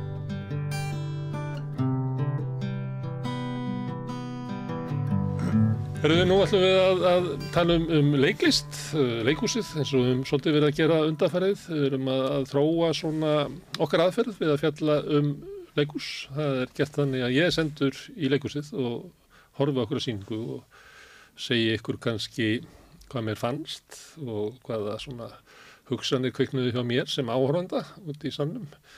En ég má ekki gera það nefn að gera það fyrir framann fólki sem að stendur á síningunni. Það eru komnir þrýr piltar sem að hafa sett upp kanniballin, heitir það, upp á dönsku sem er dansverk og fjallar um mannátt og hérna er Fjölnir Gíslason sem að veikur mannötuna Já, hæ, takk fyrir að fá mig. Sittur óþægilega nálagt mér. Já. Adolf Smári Unnarsson sem er þýðandi og, og leikstjóri. Takk. Og Jökull Smári Jakobsson sem að leikur meðal annars inn jætna en einmis önnur hlutverk. Jú, heldur betur. Herðu, Ég verði að byrja að spyrja svona hverju er, er verið að bjóða okkur upp á leikrit um mannótt. Uh, þetta er uh, nýtt verk frá Danmörku og var sínt í konunglega danska leikursinu þar um, og vann sem sagt bara í fyrra leikrit ásins mm. á Pól Róimert-velunin sem eru dansku grímuvelunin, svo segi dansku sviðslistavelunin og þannig að þetta er bara glænýtt og fest bara beint frá leikursinu í, í Skandinavíu þannig að það er alltaf gaman fyrir íslenska árundur held ég að fá, fá ný verk utan að bara heimi að bara heldur okkur á tánum hvað er gerast úti. Og síðan bara fyrir utan það held ég líka að þetta sé bara efnistökin og, og hvernig þetta er skrifað er náttúrulega, þú veist, þetta er virkilega einstækt, eða ég ætla að segja bara að þetta er sjálfséð viðfangsefni í leikúsi. Já, það er bæðið viðfangsefni, en svo held ég að þetta sé líka frábælega vel skrifað. Það er eitthvað svona taktur í verkinu þar sem að það er svo hröð skipt á milli persóna og, og það er eitthvað við að, að hérna, hérna, sem sló mig svolítið, að er, þetta er svo fánalega vel skrifað. Já, hann heitir Jónis Lillöri sem skrifar þetta og hann er, hann er sko, hann er ritthundur, hann hefur gert hérna þrjár skáldsögur í Damurku en en þetta er fyrsta leikritans, þetta er debutans sem leikskáld, en það sem hann gera hann líka áhugavert og eins og þú segir, þetta er svo vel skrifa hann hefur svo mikið sens fyrir leikhúsformunu hann er náttúrulega leikari fyrst og fremst hann lærir, hann er leikari sem fer síðan að skrifa, þannig hann er eitthvað með næra held ég að blanda þessu mm. vel saman. Og hann hefur mikið sens fyrir bara hvað virkar leikhúsi, hvað virkar fyrir leikara held ég líka, sem er mjög áhugavert því að sjálf það er ofta ekki Það lítur að hafa verið gaman að leika þetta er þetta er skrifað í svona ping-pong, ping-pong á milli ykkar. Já, já, algjörlega. Og líka í nútíð, þáttíð ofta er maður kannski að tala við, við árandur en líka að vera inn í einhvers konar situation sem maður veist, á, á móti mótleikara. Já, um, rosa mikið bara svona hoppa inn í aðstæðar, út úr þeim, já, verið í aðstæðar menn kommentar á þær. Og ólík hvernig þið eru sko, að, hérna sko, kameruna voru notaðar og svona, er, þetta er ekki alltaf, sko, þetta er ekki alltaf stofu, stofu drama. Nei, nei, einmitt. Mm. Mér fannst það að vera hérna, svona þegar maður lappað út og þá var maður líka að velta fyrir sig sko með þýðingunni, mm. að, að, ég þekki náttúrulega ekkert til danska textars Nei. en svona tungutaki í leikrutinu er svona mjög svona almennt og einfalt raunverulega á einfaldu máli. Ég veit Já. ekki hvort það er þannig í Danmarku líka Já, það er, veist, það er hérna það er, af... það er bara hlutu og þetta er náttúrulega að skrifa á svona talmáli millir þeirra eins og segir, þetta er svona samskiptin. Þetta er í raun sko, við, þetta er í raun sko leikritið það sem mannætan Armin og Bent Jürgen er að segja árundum frá sögunni. Já. og saman tíma er þetta leikarinn er að segja leikúskestum frá sögunni. Og þetta hoppar millir þess að vera leikar að segja frá þessu sagamáli og personar að tala í sína milli um sama sagamáli, þetta er aldrei margstungið mm. -hmm. og, og, og textin já, einhvern veginn flakkar á milli, jú, hins hins almenna, þú veist bara þegar menn er að segja frá sögu einföldu máli, en líka náttúrulega er þetta, eins og segir hoppar þetta svo hratt á milli, en er sem sagt líka að segja frá sko bara við við þórum samfélagsins skakvært glæpsins. Já hvernig tækla fjölmeðlar þetta, hvernig tækla rektakerfið þetta. Þetta er ekki einföld svona, hvað við segja, svona sögumerska heldur stekkur en aðeins til. Já, einmitt, eins og, og fjölmeðlar segja, þetta eru stekkur á milli. Það veit ekki alltaf hver er að áarpa sig. Nei, einmitt, og það er svo skemmtilegt, þannig að maður fer eitthvað með bara svona, þetta er náttúrulega knappt leikrið, þetta er bara 75 mínútur, en maður fær svo mikið tungumál spila svo stórum partíu sem maður er eitthvað með inn í þessu allan tíman. Það verður eiginlega næstu útastleikrið að kapla. Já, einmitt. Og virkaði, mér finnst það virka mjög vel. Mm -hmm uppfærslan hérna, ef einhver vinnur hérna velun sem besta leikritið, þá er náttúrulega leikritið gott. Það er líka uppfærslan sem hefur unnið það. Kannski ekki bara kópir eða hana uh, Nei, það, var, það, það má ekki. það, það má ekki, ég er náttúrulega ekki sé Disney gerir það sko. Já, það má hérna, en það máli tala um þess að dönsku uppfærslu, þetta er náttúrulega hérna, uh, slærali í gegnandi í Danmörku og, og leikstjórin sem er leikstyrið þetta heitir, heitir Sargsun Oceano og er sem sagt dansku leikstöri og leikst allstað í Skandinavíu mm. og meðlags í Malmu og en þeirra hérna var náttúrulega mjög einkjöndu uppfæslega hún gerist eða öll í myrkri. Bara mjög Já, 70, 75% af síningunni var bara, bara í myrkri. Já. Já, og þeir bein eru bara með lí, mjög lítið að ljósa við vildum mm. aðeins fara bara fyrir okkur fyrir listamenn að fara að glænja leið mm. veist, fyrir að gera eitthvað annað sem virkar.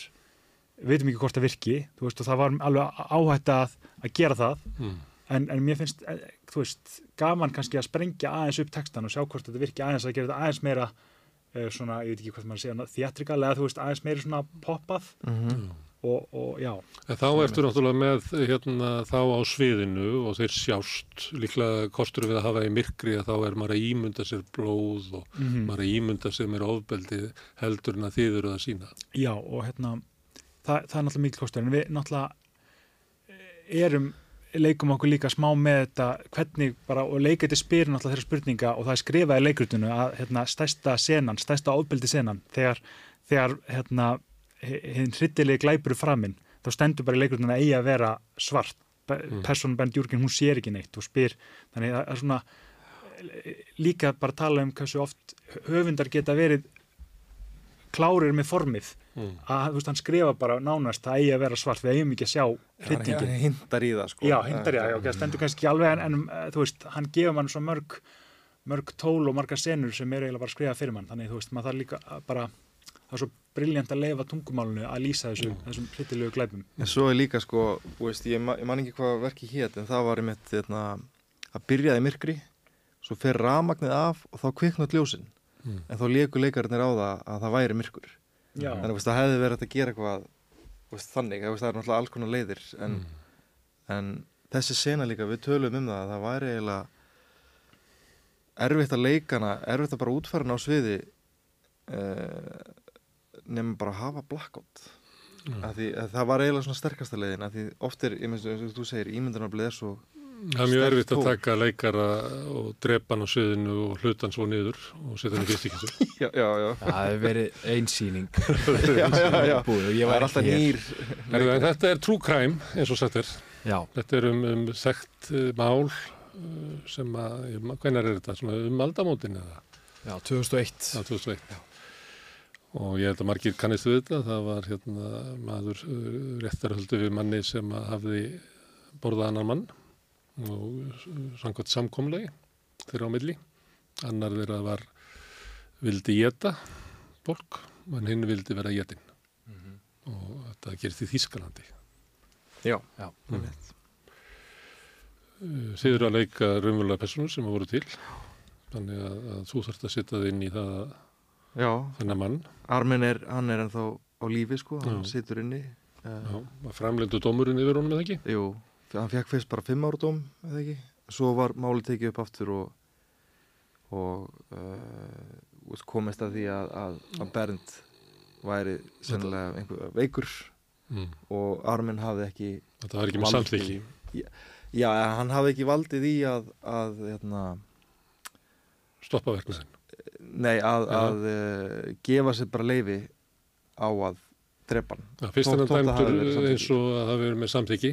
Já, það var samþyggi, sko. Bara eins og líknarborðið eitthvað. En síðan er, er nýrdómur sem að segir að, að hann hafi verið umvölulega brotið gegn honum gegn hans. Eða hann hafi gert möguleika á að geta uh, hreift andmannum. Já, og það hefði sennilega verið til betri úræði fyrir Bernd. Já, um, Já þau fara að skoða þetta of, einmitt, bara kemur í ljósu þetta að þetta má ekki og þau voru alltaf að reyna að sanna hvernig má þetta ekki Já mm. Það var mjög flóki fyrir réttakerfið Þau gátt ekki hugsað að sleppa hann út. Nei, í raun ekki og, og sko þegar hann er dæmdur í, setna, þegar hann er dæmdur þá er hann dæmdur fyrir mandráp ekki fyrir morð. Mm. og, en, en síðan er mitt er það eitthvað meina ekki viðeigandi löst fyrir bara samfélagi, þau bara get ekki ímynda sér að hann fái bara fimm ára dóm og gangi síðan frjálsmaður mm. þegar hann er búin að drepa og borða. Menn þetta er eiginlega hryllilegast að glæpa sem hægt er að ímynda sér. Mm. og þá er þetta tekið upp og hann er, honum er hendi í lífstega fangis út af því að þeir sjá einhvers konar að þeirra mati tæknilega á myndbandunum sést að hann er levandi þegar hann stingur hann í hálsinn, þegar hann drefur hann, drefur náttúrulega bara mann.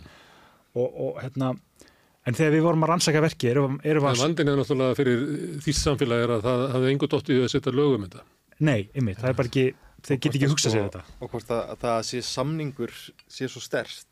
Já, við fórum að, því að aðalvörnin sko gagvart málinu hjá lögfræðingnum, við vorum að rannsaka þetta og við fórum að skoða klippur, dagbæðaklippur, er að, er að verjandi armin mannættiðina segir náttúrulega bara þeir gerðu samkómulag og menn verða bara virða samkómulög sem gerð eru. Og, og að, að það væri raun bara ef að, ef að mannættan og svo jætni hafi gert samkómulög bara einsiklað með handabandi þá berið þeim skilda jafnvel samkvæmt lögum að halda honum til streitu.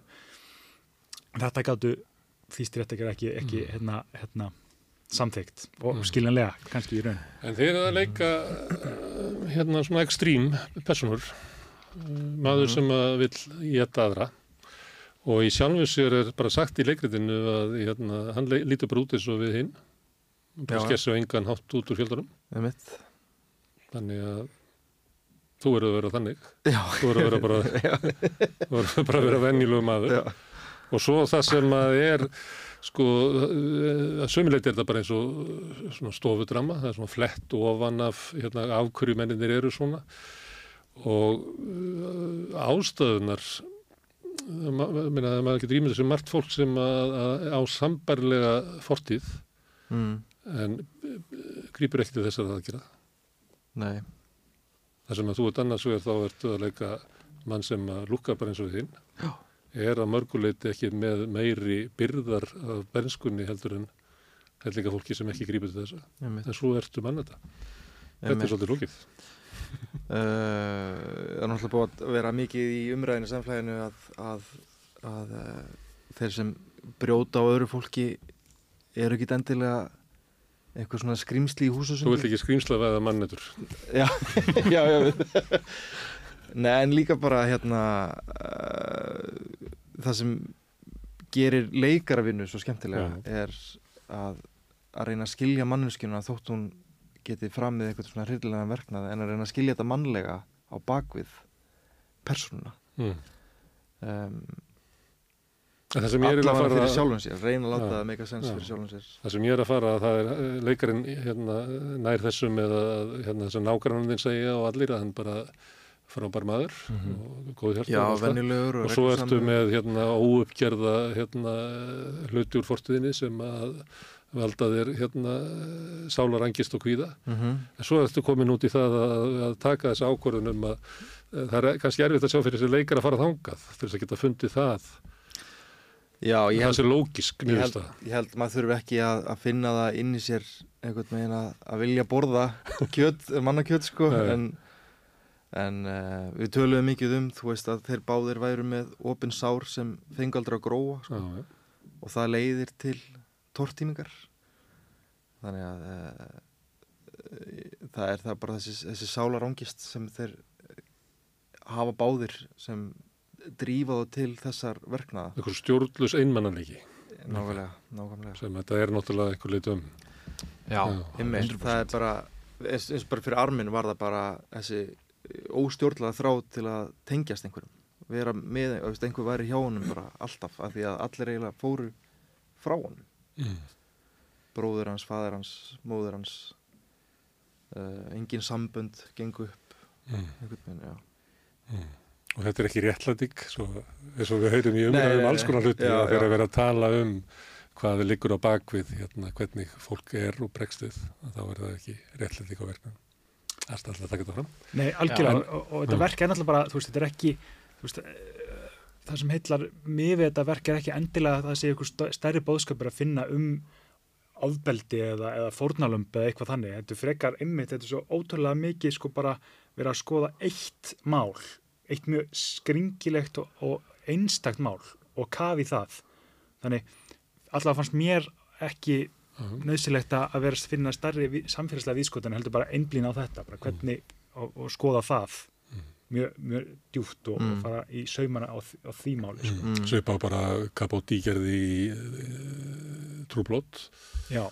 þess að það er bara að skoða einhverju hryllilegu glæpur og svo er bara verið að ka- skoða þá sem að voru myrtir og þá, þeir sem að myrtu Já, einmitt. og það er og bara dreigið upp og það, svona er þetta Já. og hefur líka mikið verið bara í einhverju bara svona sjónvarsefni og alls konar það sem er upp á síkasti verið að rannsaka einmitt raðmórðingja og hvað svona þessi pæ, pælingar um að enginn fæðist svona. Þú verð, þetta, þetta verður til í þér einhver tíman á lífsleiðinni og uh, svona baksögur þessara skrimsla í heiminum okkar og auðvitað er það þarna vissulega. Og hjá þeim báðum í rauninni út af því að við erum alveg að, að velta fyrir okkur í þessu verki hvor er gerandi á, þú veist og þeir skip, skiptastundum á að vera að gera okkur öðrum eitthvað. Já, og ít, íta mísjaflega á eftir atbyrðarósinni Já, já, já, og valda svona ójafvæðið er Mm. algjört vegasa það er enna En jættni ítur mannetinu í að fremja verknaðin Já, En það er ólíkt samt sko að, að persóna þín, að hún er einhverju leiti svona í einhverju eins og svona örvæntingar ástandi, þess að hún sé að reyna að drepa í sér einhverju óværu og er þar að leiðandi í minna jafnvægi á meðan að, að mannættan er svolítið svona slikk, eins og hún sé að reyna að komast að þessu vitsmunarlega að þetta sé klókleið. já, já, já, einmitt Það, á meðan að hinn er eiginlega bara er svo að kæfa eitthvað, eitthvað sem er óbærilegt innræð með sér. Já, Þetta hérna, mjög sterk síning. Ég hérna, þól ekki svona efni. Nei, Ég held fyrir augun ef það er bara uppskurður í fréttonum já, og ég, það tók mér svona fjör, nei, 20, 20 mínútur að svona sætta mig við að vera að inni. Já. Því að, að sömuleit er þetta náttúrulega spurningum um svona traust, sko, að vera að segja manni sögunar og, og maður er svona, veit ekki hvert þetta á að fara, sko. Á að fara að vera með eitthvað helvítið splattir hérna fyrir fram að mig. einmitt Þannig að, Við, við, en svo lendir maður bara inn í sýningunni og, og, og lætur ykkur segja sér þess að Já. manni að þegar ég er að segja þessi að 20 mínútur eru það sem ég kem með, með, mér inn, með mér inn sko. Já, já, það er ekki það sem þau byggur til. Og við vildum einmitt það verðum að tala um þess að þekktu síningu í Danmörku sem er aðeins hún gengur aðeins meira fram að þér, hún er, var óþægileg ég, hef ekki séð hana en ég fjölnir sá hana í Danmörku og, já, maður fekk svona klóster tilfinningu, sko að, að því það var svo mikið myrkur. Já, svo mikið inn í þessu. Mikið inn í þessu Mm. um, vildum og maður stíga sá ekki handabækja á sér, það var svo dimmt, sko. Já, við vildum stíga aðeins meira aðeins meira frá þessu og einblína líka smá á eh, þetta ótrúlega skemmtilega hérna form sem leikrið er sem er bæði að vera heimildilegus en að vera mm. dramatísleikus líka. Þess að við fáum bæði staðrindin en fáum líka einhvers konar algjörlega uppdiktaða sögu sem er svo okkur, eða mér fannst virkilega gott. Og mér finnst, mér finnst í raun eh, frekar gott út af við getum aldrei vita til fulls nákvæmlega 100% hvað gekk inn í þessum mönnum hvað var hérna, hérna kvartning þeirra til þess að koma sér í þessa aðstæður um, en aðstæðunar eru allar eins og var í sögunni. Já. og svo að kannski álíktanir eru mikilvægi einstaka atbyrða, einstaka hugssjóna Já. það er höfundarins. Já, algjörlega. Þa- þa- þess að hann, hann, er ekki að segja ósatt. Hann er ekki að segja ósatt. Er hann hann er að segja satt og bæti síðan við eigin tólkun algjörlega. Og það er sem gerir þetta sterk maður fær að heyra innri rattir og hugsanir þessar manna sem hann er að, að skálda. Þannig að þetta er einhvers konar þú veist það er líka mikilvægt að einmitt að þetta er, þetta er bæði sannleikurinn en þetta er líka skáldskapur. Einmitt. Og það, Það gefur okkur smá leifi til þess að einmitt, gera þetta meira leikhús, gera þetta meira síningu því að, því að það er kannski verið aðeins erfiðara að hérna að, að ef þetta væri 100% sannleikur að sviðsett það, finnst mér. Já, að- hann var eiginlega, hann Jóhannes var eiginlega bara búin að gera leikara vinnuna í textanum Mm. uh, sem var einmitt að, að finna þetta mannlega í þeim. Já, annars hefðu við Jökull þurft að gera það sjálfur Mm. uh, ef þetta væri hvernig, útskýra þetta? bara að, að hérna hvernig Þetta leikir sér sjálft? Nei, nei, en svona maður þarf einhvern veginn að halda með þeim sem leikari allavega. Það er svo erfitt að leika karaktera sem maður heldur ekki með. Þá eru þau bara karat, eh, svona skrifa mitt Já, já, já, eða, eða þú veist, það er oft maður sér oft á, á sviði kannski leikara sem ætlar að leika geðveikan mann og er að leika hann geðveikan í staðin fyrir að að jartengja hann betur en, en gjörðir hans eru skrýtnar. Mm en einhvern veginn leikarinn nægir að láta það uh, make a sense og hann heldur með honum en, en er, ég veit ekki hvort ég er að koma svo nú Já, en það líka já, og svona, það sem að mér finnst, út af þetta er vel skrifað og, og þetta er einmitt skrifað á leikara sem að veit hvernig er að takla texta þegar hann er að skrifa þetta og, og það er svona sem að við tókum til dæmis strax ákvörunum en, en stiður það, það, textin stiður okkur í því er að fylgja ekki, við erum ekki að fara að setja eh, sanna málið á svið, við erum að fara að setja upp þessa leiksýningu, þetta leikrit sem er skrifað og uh, jú, þessar personur eru til en oftar en ekki í ferlinu hjálpaði, hjálpaði okkur frekar að nálgast personunar í textanum frekar en að fara eitthvað pæli hvernig voru þeir nákvæmlega. Þóttum við um jú eitthvað skoðað bara eins og það að maður googlar Armin Mæves í dag og, og maður Víst, áður en að ég var búinn að því en var búinn að kynna með málið þá var ég búinn að búa til bara, þetta er eitthvað skrýmsli þetta er jókerinn, hann er með bara hennar, hann er ennþá með blóðið öruglega á sér en svo kemur hann á óvart að þetta er bara vennjulegasti maður og bara eiginlega smá myndalegur þess vegna og, mm. og maður trúir því ekki og, og þá förum við mitt svolítið að rannsaka þetta sem þetta eru personur sem við fáum líka frelsi til þess að skapa en líka eins og við vorum að gera og textin býður, býður upp á að stíga út fyrir það og stundu bara segja frá þeim mm. Og allt innum fer maður að tengja við þá á einhverju öðru leveli heldur en eitthvað að vilja láta borða sig eða vilja borða mannakjöld en mm. maður tengir við innmannuleikan Já. og það er eitthvað sem við getum öll tengt við Já, þetta er náttúrulega leikrit um einmannuleika og ég held að þetta sem ég var að reyna að orða á þann að við finnst að, að, að þú leikur hann sko frekar eins og hann er á yfirborðinu. Mm -hmm. þú veist í staðin fyrir að vera að reyna að tólka út úr sér eitthvað svona innri átök í, á yfirborðinu af því hann er, mm. hann var, hann held hann held haus. Hann held haus, uh, fyr, fyrir um herrmaður var í hernum um, fyrirmyndaborgari fyrirmyndaborgari einmitt um, uh, rosalega svona vakandi. Mjög upptikinn af svona átsett sjóin hérna halin upp við það. En það væri mjög óöðilegt ef hann væri sko að missa grímuna eða eða, eða gríma, ég veit ekki. Já, já, já. svo kannski einmitt gerist það, það hún allavega rennur aðeins af Já, hann, þá, er hann að, þá er hann að bregðast raunverulega, hérna, hann, hann hefur ekki kjarkin í að klára verkið sem já, er bara óskup mannlegt, sem tengist ekki skrýmslinni. Sko. Já, já, og lætur aðstæðunar hafa áhrif á sig, já. en undan því er hann kannski búin að reyna að vera svolítið stabíl, mm. sína rétt að mynd fram í samfélagið, einhvern mynd, myndi sem hann vildi sína, sko. Mm. Hann byggi hérna einn í herragarði og allt væri svo flott og mm en svo eru kongólöfur út um allt og... en, en, en það er líka svo gaman að heyra og maður er búin að vera njóstna frá árundum sem er búin að koma á þessar tvæ síningar að það er svo undarlegt fyrir okkur sem áhörundur að fá samúð með mannætunni. Mm.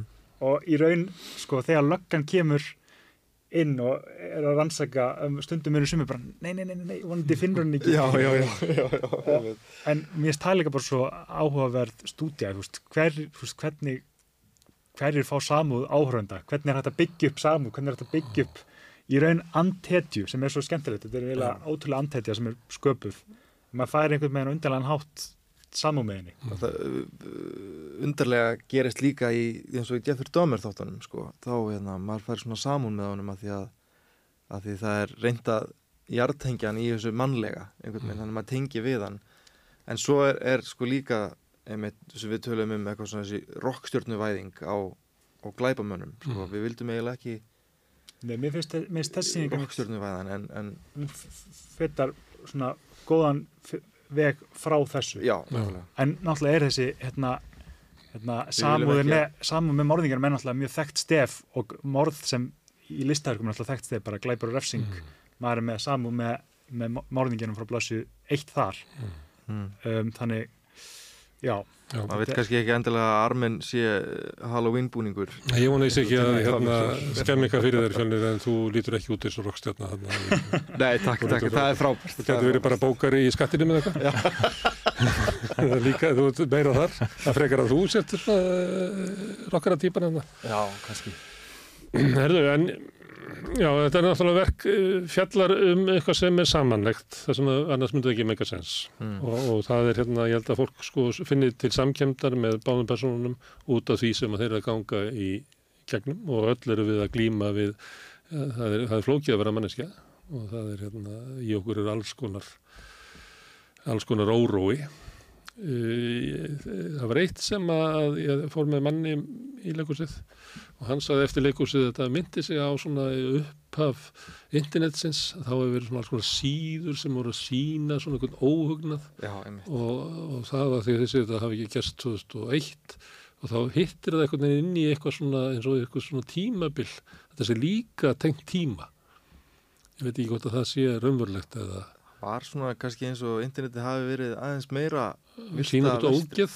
já. já, það var nýtt það var ekki alveg mm. jafn beislað og er í dag. Þannig að einhver leiti voru þessar personur líka börn síns tíma Já, Já, báður, báður tölunafræðingar eða tölunafræðingar og tölunafverkfræðingar Nördar, já. Þannig að interneti tengi saman sko nördana sem áður voru bara einn í sínum hópi og internetið gerði það, tengdi nýnasetana og barnanýðingana sem já, voru einir ja. og byggur til samfélag þeirra. Og þetta er náttúrulega merkið þess hvernig verður til samfélag á netinu milli já, ólík, ó, ég menna það var engin leið að þessi menn myndu hitta hvern annan í, í, í kjötheimum. Nei, nei, ég mynd Já, kemur mér alltaf, mér komur rosalega óvart og mér finnst alltaf áhugavert að pæli því að þetta er ekki einu svona alþjóðlegt spjall sem er hittast, þetta er þýst spjall mm. á þýsku uh, og þeir tala saman um þýsku eða eitthvað svona maður er alltaf haldið í heiminum út af þetta er svo fjarrir manni að það væri eitthvað svona já, þýsk manna þetta finnur eitthvað frá Japan eða já, þú veist. en báðir, bara báðir þjóðverðar og ef það sko þið að skulle segja að þetta svona fólk komið saman á netinu þessi síða hétt Cannibal Kaffehúsið mm. mm. og það var ekki það var ekki eitthvað svona eitthvað svona djúbvefur en það var þetta ekki bara eitthvað vennileg síða? Þurfti maður ég, ég, held, ég held það sko, ég er já, ekki alveg við sko, en, en, en, já, en eins og þú segir þetta er svona, já, þetta er svona frumdagar internetsins, það var, maður finnst eins og allt hafi eitthvað með mátt og ummitt, svona alls konar hugmyndir að koma saman og jafnvel eitthvað sem hefur bælt allt í húnum fær algjörlega að vera frjálst. Mm. og, og já mjög, mjög hérna. Er þetta sett upp í tjannabíói og þið setjum þetta upp sjálfur eða? Já. Já. við þrýr uh, Þannig þið eru bara í harkinu? Bara, þetta er harki eins og það gerist best. Já, algjörlega. Keirum þetta af ástriðu og, mm -hmm. og Júlia Gunnars. Já, við erum náttúrulega nokkur teimi, lítið teimi en bara og, hérna, þétt og veist, en, en ég held að þetta sé fullkominn síning fyrir svona harksíningu, hún þarf ekki mikið hún, hún, hún þreistur svo mikið á orðina þau einhvern veginn eru stærsta leikmyndin og stærsta mm.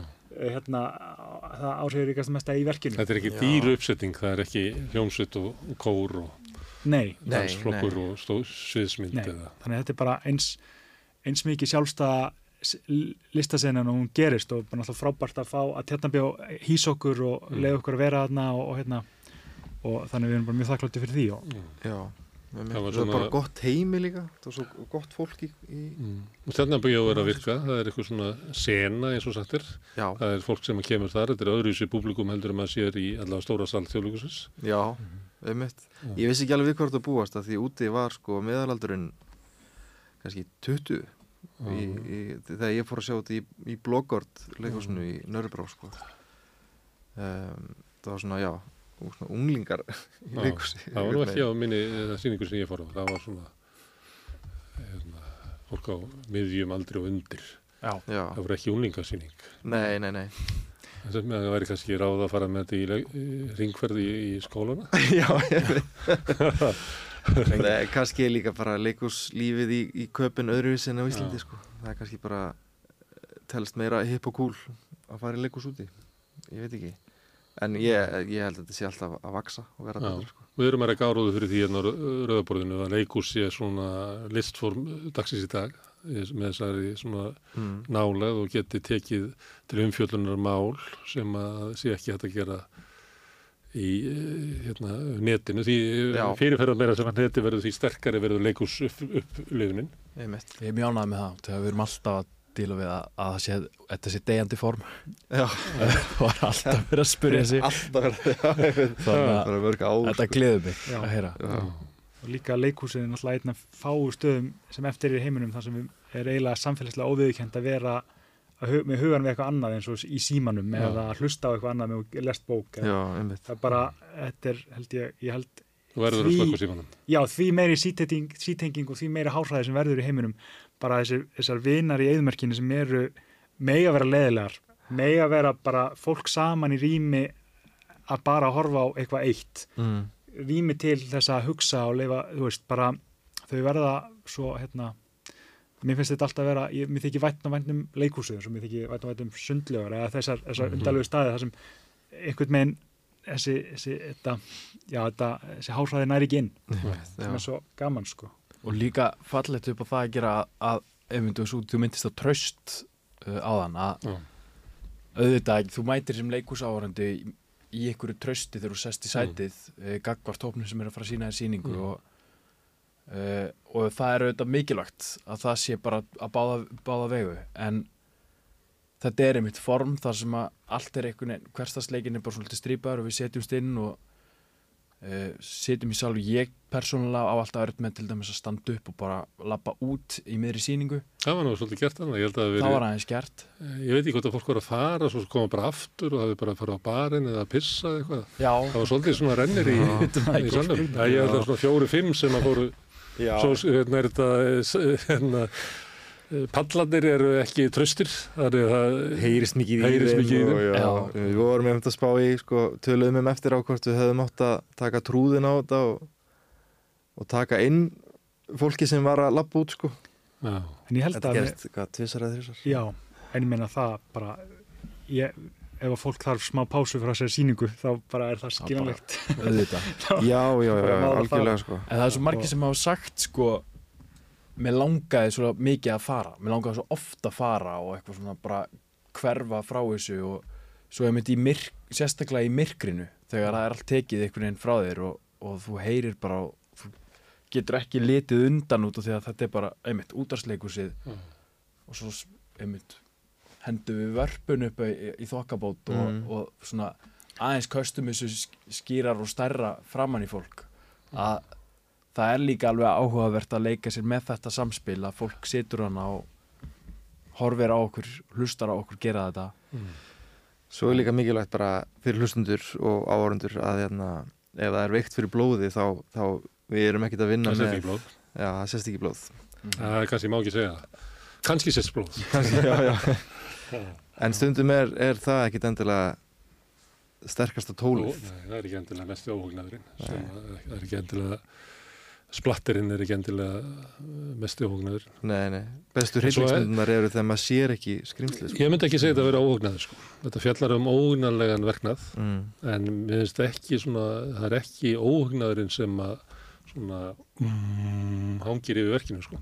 Nei, mér, Það er ekki þannig sko. mér finnst eiginlega sumir hafa sagt, þú veist, að þeir finni líka fyrir fegurð bara við tengingu þessar manna og bara hérna, þegar þeir eru saman, þetta er eitthvað svona ótrúlega undarleg vinátta sem myndast á milliður, minna Jóhannes leikskáldi í Danmörku kallar þetta ástarsögu Mm. ég ætla ekki að við hefum ekki gengið alveg svo langt en Mm. það er fegurð í samskiptum með þessar manna og það er eiginlega kannski mögulega það óþægilegst við verkið er, er bara eimdin og missirinn og sorgin sem þeir afhjúpa á sviðinu Mm. sem hægt og bítandi þegar við strípum aðeim lögin að vera sá sem vill vera jétin, sá sem vill borða mannesku, að, það eru þessi nýstandi sár og það er og þetta er ekki það fjarræn sár eins og þú segir, þetta er þetta er, þetta er sár einmannleikans, þetta er sár aftengingarnar, þetta er sár sko hérna brotnu æsku. Og, og, og þetta er eitthvað sem allir geta tengt við og, og ef að sko þeir á endanum kjósa að fara þessa leið, skil, hversu langt er ég að við hinn gengum ekki kannski nákvæmlega sem leið en þú veist, þetta er bara áminning um það að þegar við fá, manneskjan fær ekki tíma til þess að gróa það sem hún byrgir niðri, þá getur eitthvað slæmt gerst. Mm. Sárið þeirra er ekki sérstök. Það er, er ákvörðu þeirra hvað þetta er díla við þau sem er sérstætt. Já, það er einmitt málið, þú veist, þetta eru, þetta eru ótrúlega samanlega sár. Ég held að. Og eitthvað tókst að sína það, þetta er bara áskökutur hamingjum með þessa síningu Æ, takk fyrir það og, og hvert fólk til þess að, og takk fyrir að koma við tjarnabíu og upplifa þetta stutta síningu, þetta er rúmum klukkutími 75 myndur, Já. fyrir þá sem að Þetta er góð kvöldstund, það er hægt að fara út að borða og koma til leikus og, og ég sagði jafnvel- þetta því að þú ert að benda á að maður mætti ekki verið í farsímun og svona. Þetta er eiginlega bara 75 mínúna pása frá farsímunum. já, Já, já, já, það er bara hótt. Herðu Fjölnir, Jökull og Adolf Smárar, hér að þakka fyrir að koma. Þetta eru lokin á, á rauðaborðin í kvöld. Ég þakka öllu gestum mínum kjærlega fyrir og minni á að uh, samstöðin er samstagsverkefni okkar sem eru að búa til þætti hérna, hérna megin myndafélun og hinum megin. Og gestan sem hinga að koma og ykkar sem eru að hlusta og benda ykkur á að þið getur hjálpa okkur að byggja upp samstöðuna með því að segja vinum og vandamennum frá efninu, benda á að við erum á Facebook, á YouTube, við erum í öllum hlaðvarsvitum, við erum í útvarpinu á 89,1 á höfbrukarsvæðinu og, og því sem eru auðvitað þess svæðis geta, geti hlusta á útvarpið á spilaranum, hann er bara netinu spilari.is og svo er spilarin líka app sem maður hlaða niður á farsimann og hlusta á samstöðun og allar íslenskar útastöður hvað sem er í heiminum. Við erum komin í sjónvarp til þeirra sem að fá sjónvarpsitt frá símanum, þar er við nummið 5 á fjárstyrningunni og vonandi munu önnur fjarskiptafyrirtæki bjóða sínum viðskiptafinnum upp á samstöðuna í framtíðinni.